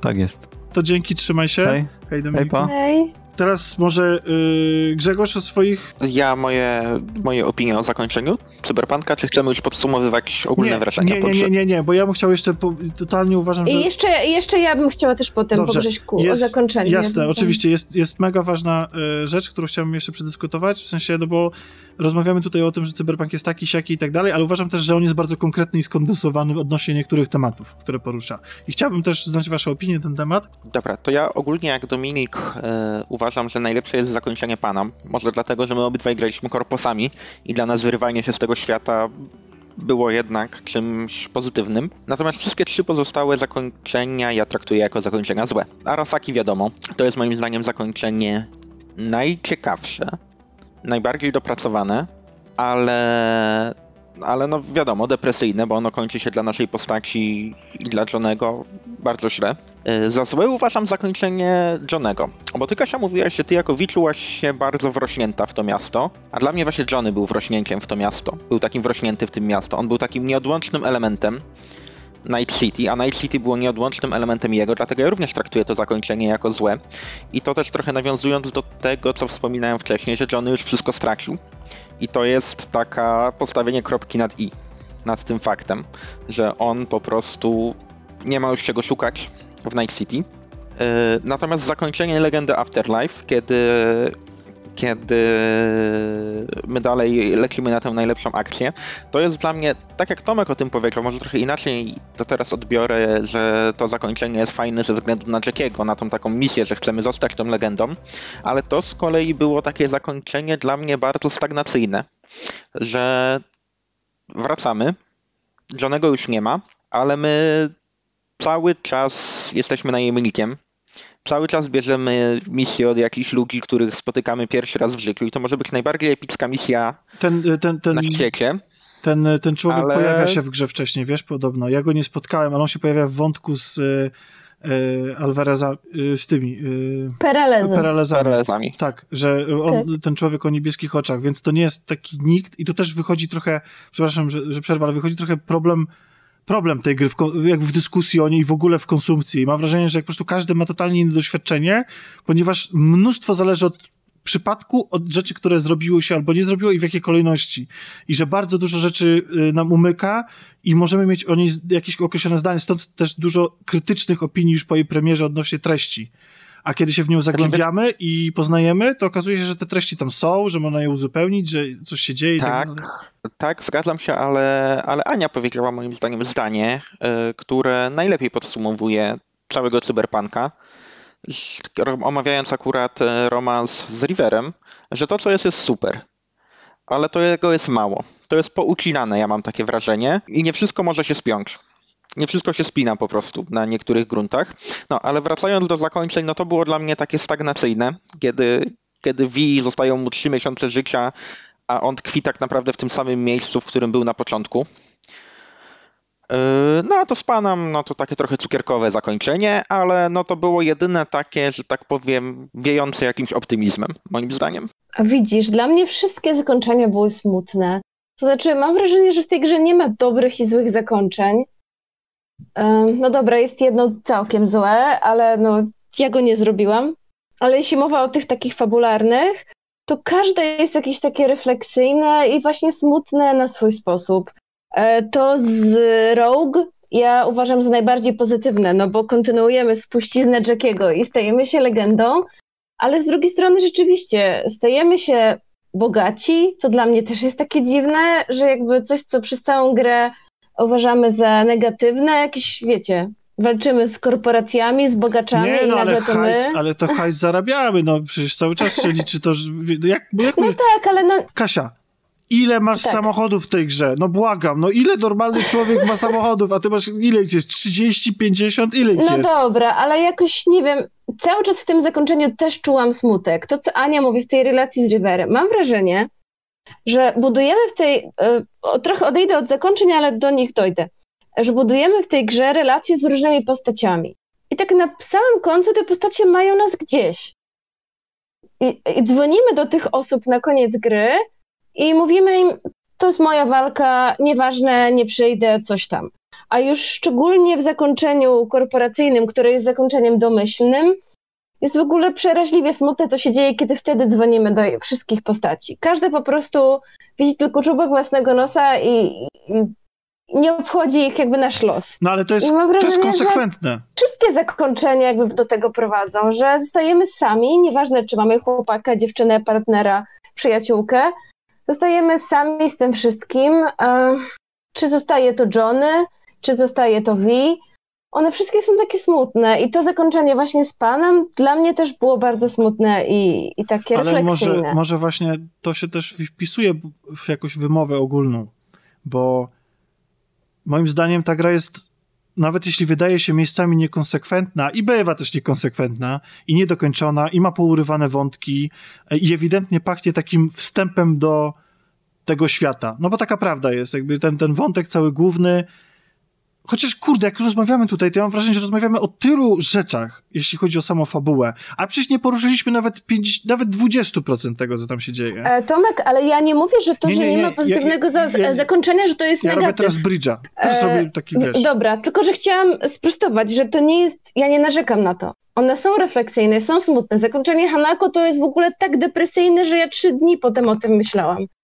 E, ale okej, i niektóre historie się kończą smutno. No właśnie, bo, To jest bo, bo, bo piękne. właśnie, bo chciałem powiedzieć, że, że mimo tych rzeczy, które są niedorobione i które ewidentnie można skrytykować, moim zdaniem należy docenić tą grę za to, jak bardzo ona jest konkretnie o czymś i ona porusza kilka konkretnych tematów i bardzo mocno skupia się na śmierci. I ta śmierć jest w grze obecna non-stop. Nie mówię, znaczy, już nie mówiąc o tym, że my ją zadajemy, ale już sam fakt, że możemy jej nie zadawać, to, że ktoś nas o to prosi, ale przede wszystkim uczestniczymy w tej grze w kilku pogrzebach. Był pogrzeb Jackiego, ja też uczestniczyłem w pogrzebie um, jednego z Alde Caldos. Swoją drogą dostajemy tam jako czy po całym, po, po, po, po tym pogrzebie dostajemy je- pamiątkę po nim, która, którą jest fi- figurka y, Skorpiona z Mortal Kombat. I można ją postawić na stoliku Tak. e, w salonie. Tak, To jest wspaniałe. tak.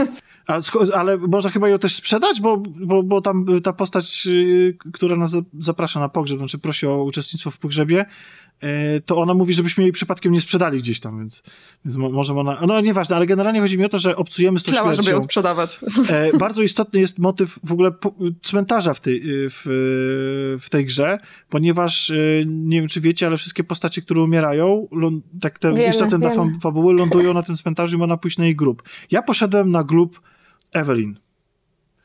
Czułem potrzebę i po tym, jak zadzwoniła do mnie Judy i powiedziała po prostu o tym, że, że Evelyn nie żyje, ja czułem potrzebę pojechania na jej grób. Pojechałem na jej grób i tam byłem świadkiem rozmowy, jak rozmawiał ojciec z córką odnośnie matki i konstruktu, ponieważ ten motyw konstruktyw się pojawia w tym świecie, on istnieje. Są reklamy, są rozmowy w telewizji na ten temat, em, wypowiadają się tam duchowni, generalnie z różnych stron na to, na to jest e, patrzone i my jesteśmy w całym środku tego zamieszania i tam jest ten motyw tego konstruktu odnośnie tego, że ta ma- matka, wiesz, jakby może z nimi zostać.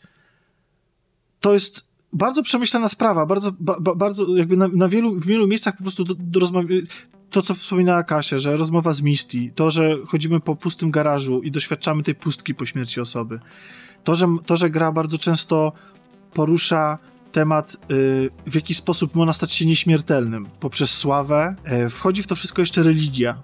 Religia, która porusza temat na- zmartwychwstania, cierpienia, oddania życia za kogoś. W, w kwestii tam misji, tak? Że w sensie w misji, mi, y, w misji pasja, przepraszam. Dosyć kontrowersyjne, ale, ale, ale, ale, myślę, że uczciwie przedstawione, bo można w niej nie brać po prostu udziału. Na każdym etapie można się z niej wycofać. Można się, gra też pozwala zachować się wobec niej w, w tej misji zgodnie z własnymi przekonaniami religijnymi. E, więc to nie jest tak, że gra do tego zmusza i też jest, mimo tego, że jest, może być, jakby sam akt jest y, kontrowersyjny, ona, ta, ta misja też nie jest oceniana w jakiś sposób jednoznacznie przez grę. Tak mi się wydaje. Zresztą ta misja łączy w sobie kilka spojrzeń na śmierć, kilka tematów związanych ze śmiercią, bo oprócz tego oddania życia za mniej lub bardziej dosłowne zbawienie ludzkości, mamy też element komercjalizacji śmierci. W końcu cały ten performance ma zostać e, wykorzystany e, przez, e, przez, przez korporacje. Do tego jeszcze w ogóle ta misja zaczyna się od motywu zemsty za śmierć bliskiej osoby, co zresztą nie jest takie rzadkie w tej grze i ten motyw się po, ten motyw powraca chociażby w misji Skler, w całym, wątku Skler, która też się chce zemścić za śmierć męża. Zresztą ta śmierć pojawia się w grze nie tylko w odniesieniu do osób, do ludzi, bo mamy też śmierć przestrzeni, mamy też śmierć miejsc, bo mamy całą Pacyfikę, która umarła jeszcze zanim się zdążyła narodzić, czy chociażby mamy całe to zatopione miasto, w którym, e, które odwiedzamy razem z Judy. Więc e, ta śmierć jest tutaj wszechobecna. Pytanie, czy wy też tak to e, odebraliście, tą, że, te, że jednym z tematów przewodnich jest śmierć? Jestem sam? Nie. Tu, ale czekamy, kogo wywołasz do odpowiedzi bo jako pierwszego, wiesz, jak w szkole. Ten, który się zgłosi, bo, bo dlaczego, dlaczego ja zacząłem mówić jeszcze a propos samotności? Właśnie to, że ostatecznie idąc na śmierć jesteśmy sami. Nikt z nas nie pójdzie do Alt. Ani Judy, ani e, Panam, ani River, ani nikt inny nie stanie oko w oko ze śmiercią, jak, czyli Alt, gdzie musimy sami, jakby gdzie musimy podjąć ostateczną decyzję, gdzie my już i tak już umarliśmy i idą, idzie tam e, idziemy tylko sami z, z, Silverhandem. No jest Panam, czy jest Rogue, ale ona y, też z nami tam, tam nie pójdzie na, na, na, na ten... Y, na ten sąd ostateczny, na to ostateczne spotkanie, bo niemalże tutaj Alty prawie jak, jak, jak, jakby była Bogiem. No i właśnie, jakie jest wasze zdanie na temat, przemyślenia? Czy macie w ogóle jakieś emocje, czy też ja po prostu nadinterpretuję? Wiesz co, ja nie myślałam w, o tym w taki sposób, w sensie nie zastanawiałam się nad tym, jak gra mówi o śmierci, chociaż o niej mówi, bo jakoś tak, e, jakoś tak ogólnie nad tym wątkiem się nie pochylałam zbyt dużo, ale faktycznie te wątki poboczne i główne, które kręcą się wokół śmierci, są związane ze śmiercią, e, gdzieś tam w jakiś sposób e, próbują ją pokazać na różne sposoby i też przypomina mi się pierwszy quest, jaki ja w ogóle zrobiłam w tej grze. Pierwszy quest jest taki, że dwójka policjantów w bloku, w którym ja mieszkam zresztą, w sensie, w którym mieszka moja Wi, zagaduje mnie i mówi, że nie może się skontaktować ze swoim sąsiadem, e, że się o niego martwią, bo zginął jego kolega. No i od słowa do słowa rozmawiamy też z tym, z tym właśnie człowiekiem. I e, dostajemy się do niego do mieszkania i pytamy go tak, jak, co, o co chodzi, o co chodzi z tym kolegą. No i on opowiada, tak, że że czuł taką wielką niesprawiedliwość i że ten Andrew, do tej pory pamiętam jego imię, był takim, był jego wielkim przyjacielem, jedyną jego ostoją w tym świecie i mamy wtedy dwie opcje do wyboru. Możemy albo porozmawiać z tymi jego znajomymi i powiedzieć im, jaka jest sytuacja, że on tam cierpi, albo pojechać na cmentarz i odwiedzić grób Andrew. Tylko, że w momencie, kiedy my jedziemy na cmentarz, okazuje się, że Andrew był żółwiem, a nie człowiekiem. Że to nie był jego przyjaciel taki, wiecie, z krwi i kości, ale on był w tak złym stanie psychicznym, e, że jego najlepszym przyjacielem był żółw i śmierć tego żółwia ruszyła go tak bardzo, że jakby załamało mu się wszystko. I mam wrażenie, że tutaj o śmierci jakby mówi się trochę w taki sposób, jako o takim o czymś, co nie, z jednej strony jest ostateczne, ale z drugiej pokazuje, że jeżeli nie jest, to nie do końca może jest to dobre, nie do końca powinno to tak wyglądać, że może ta śmierć powinna być ostateczna, nie wiem. To tak teraz, jak sobie o tym myślę. E, ale faktycznie te wątki, które się wokół śmierci kręciły, były, były dość interesujące i gdzieś tam pokazywały taki, wiecie, no w ogóle sam koncept tego, że nie musisz umrzeć, tak? Że, że twoja dusza, twój konstrukt no właśnie, może właśnie, dusza. w jakimś tam sposób żyć. Właśnie, właśnie to, to, to jeszcze... dusza konstrukt. No bo, to, pokazałabym, bo, pokazałabym cudzysłów, pokazałabym tak. cudzysłów, ale nie mogę, bo, tak? Bo, bo, bo to nie jesteś ty, tylko właściwie to jest tak, tak jakby twój klon, prawda, cyfrowy. To jest konstrukt ciebie, tak, że to, to jakby... E, I, i czy, czy to w ogóle jest coś, co powinno się dziać, czy jest to dobre, czy nie jest to dobre. Nie w kontekście tego, czy to jest, wiecie, dobre w oczach Boga, Stwórcy itd., itp., tylko czy w ogóle dla człowieka jest to dobre, czy tak powinno być, nie wiem, ale myślę, że właśnie też w tym o to chodzi, żeby nam tego, tej odpowiedzi nie dać, tylko dać nam materiał, żebyśmy się nad tym zastanawiali. Ten wątek właśnie jest poruszany w jednym zakończeń, ale no nie wiem, czy mogę o tym powiedzieć, czy to dla was nie będzie spoiler. Już było tyle spoilerów dzisiaj, Kasia, że myślę, że możesz No, mówić to ja zdejmę słuchawki, a ty powiedz. E, bo to jest w, w zakończeniu korporacyjnym, w zakończeniu Hanako. Widzimy w telewizji, że, i uwaga, bo tutaj jest wątek podobny jak z Altered Carbon, że stary Arasaka został wgrany do ciała Saburo. E, Okej. I widzimy to tylko w telewizji. Bo w tym zakończeniu my wspieramy korporacje, tak? Więc nie niszczymy Mikoshi Znaczy, i wszystko się toczy wspieramy- dalej, jest Przede wszystkim wspieramy Hanako, a okazuje się właśnie, że Hanako cały czas jest sterowana przez konstrukt swojego ojca, cały czas się z nim konsultuje. E, Tak. I faktycznie na końcu ten konstrukt, tam jest taka scena dość emocjonalna pomiędzy. Ojejku, jak wypadło mi teraz imię z głowy, powiedziałem przed chwilą. E, No to? Hanako, Saburo. Hanako, Hanako i Hanako. Saburo. Między nimi jest taka emocjonalna scena, a później się dowiadujemy właśnie, że to jest moim, że on został zastąpiony Sabu, znaczy przez ten Yorinobu został zastąpiony przez Saburo. Tak, I moim zdaniem jest to zastąpiony najbardziej cyberpunkowe, jest to najbardziej cyberpunkowe e, zakończenie. Yy, i no, Ale właśnie mówi o tym, co powiedział Tomek, i to jest takie Mówi. rozwinięcie, te, e, takie strasznie smutne tego tematu, że jakby e, ten konstrukt e, sterował właśnie poczynia, poczynaniami tej bohaterki i na końcu jest wgrany w czyjeś ciało. A co się w takim razie stało z duszą i świadomością e, Yorinobu? W sensie, wiecie, pow- spowodowało u mnie to takie myśli. Co się dzieje, jeśli wgrywamy w czyjeś ciało czymś konstrukt? Czy oni obaj funkcjonowali tak jak Vi i Johnny? Zastanawiam się nad. Przez jakiś czas, a potem konstrukt zaczął przejmować to ciało, tak jak to było właśnie z, z, z V i Johnem. Pewnie to tak. się możemy no, tylko no, zastanawiać tak naprawdę. straszliwie smutna wizja przyszłości, moim zdaniem. E, I jakby w, to jest taka. Mam wrażenie, że e, w tym programie telewizyjnym jest to przedstawione jako taka rewolucja, jako coś nowego, ale też z drugiej strony jako zwiastun tego, co być może będzie codziennością w tym świecie już niedługo. Czyli, że może śmierć teoretycznie przestanie istnieć, bo będziemy wgrywali konstrukty wszędzie. No ale Działa. tak, tylko że to właściwie nie. To i tak, to, to właśnie Miałeś nie podsłuchiwać. Tak, ale już teraz włączy, włączyłem, ale no bo coś długo gadaliście, nie? Chodzi mi o to, że chodzi mi o to, że to nie znaczy, że śmierć przestanie istnieć.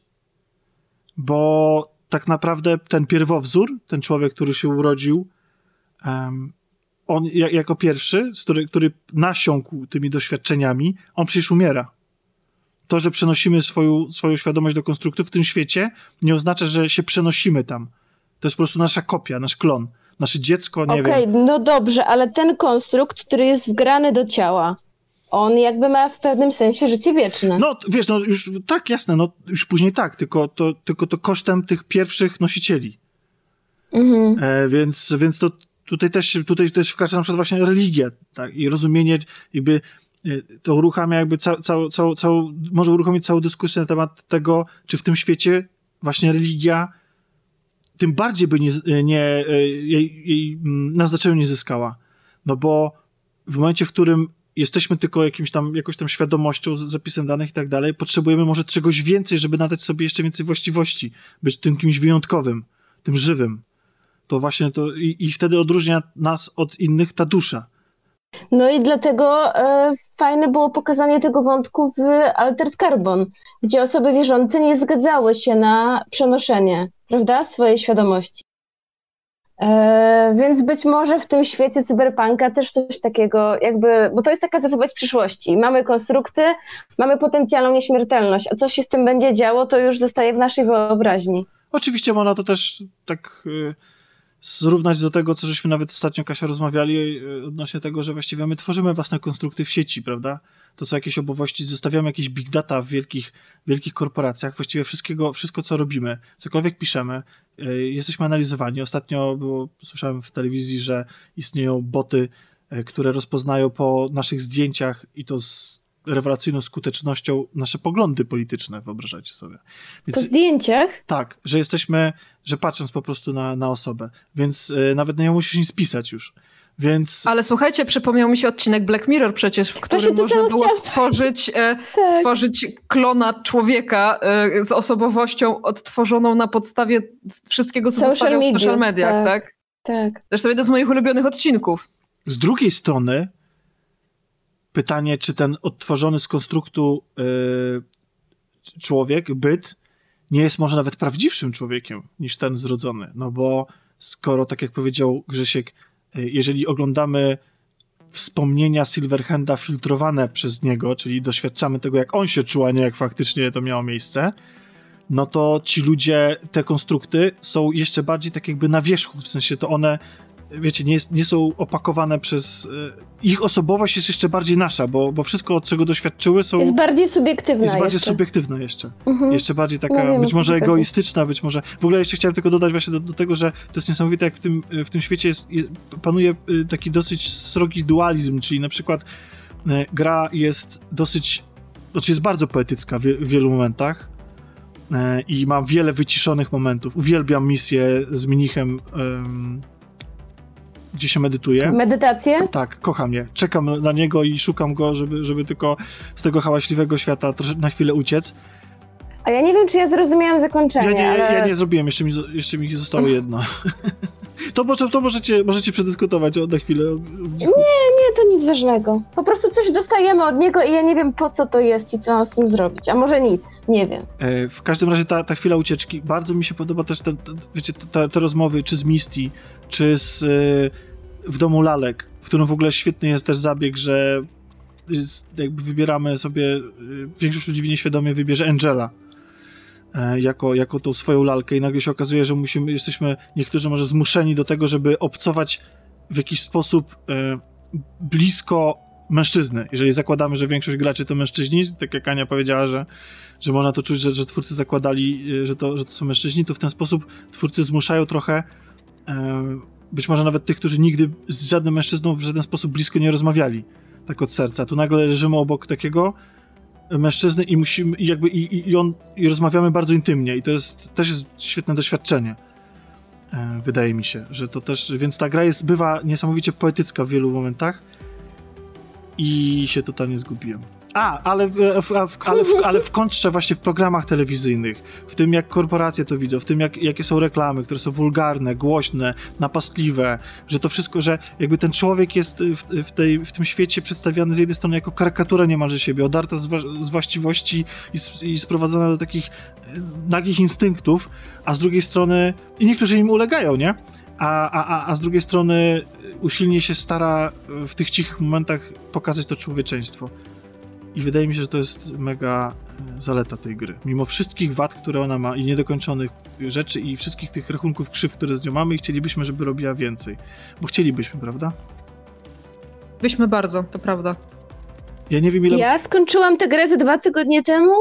Nie wiem, a jakoś nadal nie potrafię się zaangażować w żadną inną. Naprawdę. Ja skończyłam wczoraj tak i nie mogłam zasnąć, bo myślałam o niej i mimo że to była trzecia w nocy i myślałam o niej i potem mi się śniła ta gra i dzisiaj od rana też o niej myślę i już sobie myślę tak, że chyba w przyszłym tygodniu zacznę drugie przejście, bo, bo tyle mnie ominęło. A ja rzadko to robię, więc myślę, że to też bardzo dużo mówi o tym, czy, czy ta gra mi się podoba, czy nie. Tak, ja prawie nigdy nie gram w grę drugi raz, a w te oczywiście, że planuję, ale myślę, że za jakiś czas. E, jeszcze dam sobie trochę czasu odpoczynku. Grzesiek, ty brutalnie porzuciłeś po prostu, po tym jak cię zawiodła? Znaczy ja nie to, że ją brutalnie porzuciłem, tylko, tylko no, mnie ta, trochę, ta niedoróbka techniczna trochę zepsuła mi zepsuła mi zakończenie ostatnie, które, które odbierałem dość, dość emocjonalnie. Mhm. Dość emocjonalnie, ponieważ no, to całe rozważanie o śmierci zgadzam się jak najbardziej, że to wszystko, co powiedziałeś, tam jest aczkolwiek uważam, że trochę spojrzałeś przez nią, na nią przez pryzmat całego gatunku, y, a ona zdecydowanie bardziej opowiada o ludziach. I ci ludzie byli mi bardzo bliscy i dlatego ja na końcu trochę trochę ta niedoróbka techniczna, która mnie spotkała, szczególnie, że Rogue była jedną z moich ulubionych postaci w tej grze, to ta niedoróbka trochę mnie, trochę mnie zniechęciła, ale ja do tej gry na pewno wrócę, tylko poczekam, aż ją naprawią. Ona opowiada o ludziach, bo opowiada też, oprócz śmierci, opowiada też o życiu. I wydaje mi się, że ona w momencie, w którym jesteś postawiony przed, w sytuacji, w której zostało ci określone liczba dni, jakiś czas.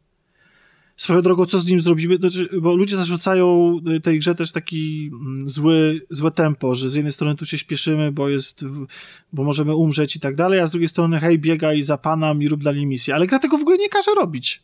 Nikt ci nie każe robić. Nie każe. To jest świetne, że właściwie to sobie sam możesz sobie tą historię, jak chcesz, to ten czas, który ci pozostał, poświęć na zbudowanie relacji z innymi. Zaangażuj się, zbuduj coś, yy, rozwiąż jakieś sprawy, yy, dokończ jakieś sprawy, z, cokolwiek, zrób z tym życiem, co chcesz. Ten czas, który ci pozostał, ten wycinek, albo biegnij prosto do celu. I to jest moim Tak. zdaniem, i to jest moim zdaniem też bardzo trafna decyzja i bardzo mi się ona podoba. Gra ci nie każe robić niczego. Po prostu możesz iść jak po sznurku 20 godzin y, tym głównym trybem, chociaż ja nie wiem, jak wtedy walka z Odą wygląda. Bo przyznam szczerze, że skurczysyn napsuł mi trochę krwi, a wydawało mi się, że jestem OP i takim podpakowanym typem, a tu typiarą. A tu się okazuje, że jednak nie. Więc tutaj y, zrobię sobie jedno przejście takie zupełnie pozbawione tych y, elementów pobocznych. Jestem ciekawy, jak mi pójdzie wtedy walka z nim. M- mnie żaden przeciwnik w tej grze mi... Jeden, którego nie mogłem pokonać, to był ten ostatni w walce na pięści, ale on był... Moim zdaniem to on jest nie do pokonania. E, A to mnie też tylko pięściarze e, na psury krwi, szczerze mówiąc, Ale- bo wszystkich innych hakowałam i nie było najmniejszego problemu. Ale jeszcze wracając do tego, czy co misje poboczne, że robić, nie robić, to ja uważam, że jak się pozna, wejdzie się w te misje poboczne, y, to ta gra bardzo dużo opowiada, rozwijając główny wątek również o samotności. Bo zauważ, że każda z czterech opcji romansowych tak naprawdę bardzo ociera się o temat porzucenia, bo River został zdradzony przez partnera, ta jego żona jest w jakimś takim dziwnym stanie, on jest sam zostawiony z jakimiś takimi rzeczami. Kerry mieszka sam w domu na wzgórzu, w ogóle nie wie, co się dzieje wokół niego. Judy też, e, no Evelyn ginie, też trafia do bardzo ciemnego miejsca. Ta gra jest, bardzo dużo czasu poświęca takim, takim złym odejściu. emocjom. Odejściu. Od- Odejściu, Czyli tak. samotność I- jako śmierć za życia. Dokładnie. I że właśnie ta śmierć jest jednym, jednym z. Ojejku, z jednym z narzędzi, ale że ona opowiada też o tym, jak sobie radzimy z samotnością bardzo, jak ci ludzie sobie różnie radzili. I także jak z tą samotnością radzi sobie Johnny. Tak, tak, tak, to jest, to też jest, świetnie się to wpisuje. Wydaje mi się, że to jest to jakby niemalże zostawia to- tożsame właśnie tą śmierć i samotność. I dlatego właśnie ona jest też o, o, o, życiu, o, ży- o, o relacjach, o, o żywych. O tym, co zrobimy, y, kogo poznamy i jak zbudujemy własną historię. I czy y, zabłyśniemy jasno, ale krótko, czy będziemy się tlili na spokojnie. Bardzo ładna klamra. Dziękuję wam bardzo. Ruszyłam się. E, przepraszam, nie, niektóre rzeczy... Nie, no to dobrze, ja jeszcze, się lubię wzruszać, wiesz? Się lubię wzruszać. Jeszcze niektóre rzeczy... y, myślę, że ta gra też trafiła w taki y, mój osobisty, y, dosyć trudny czas, więc y, też ją odbieram trochę może bardziej emocjonalnie niż niektórzy. E, ale wydaje mi się, że mimo tych wszystkich niedoróbek y, i rzeczy, które i sk- absolutnie skandalicznego wydania jej w takiej formie, znaleźliśmy w niej tak dużo rzeczy, które nas poruszyły, y, że warto było. Zdecydowanie warto było. Tak. Tak. I obyśmy sobie y, zawsze mogli to powiedzieć na koniec, y, na koniec po prostu. Mam nadzieję, że warto było słuchać tego odcinka kolaudacji. E, dziękuję Aniu, Dziękuję bardzo. dziękuję Kasiu, Dzięki. dzięki Grzegorzu Również dziękuję. e, i dzięki Dominiku, gdziekolwiek jesteś i co teraz robisz. Oczywiście Dominik jest- został konstruktem z- tylko w tym nagraniu. Został konstruktem, jesteśmy przez niego opuszczeni i osam, e, osamotnieni, ale myślę, że jakoś dowieźliśmy do końca. E, Dzięki raz jeszcze, e, trzymajcie się i do usłyszenia niebawem.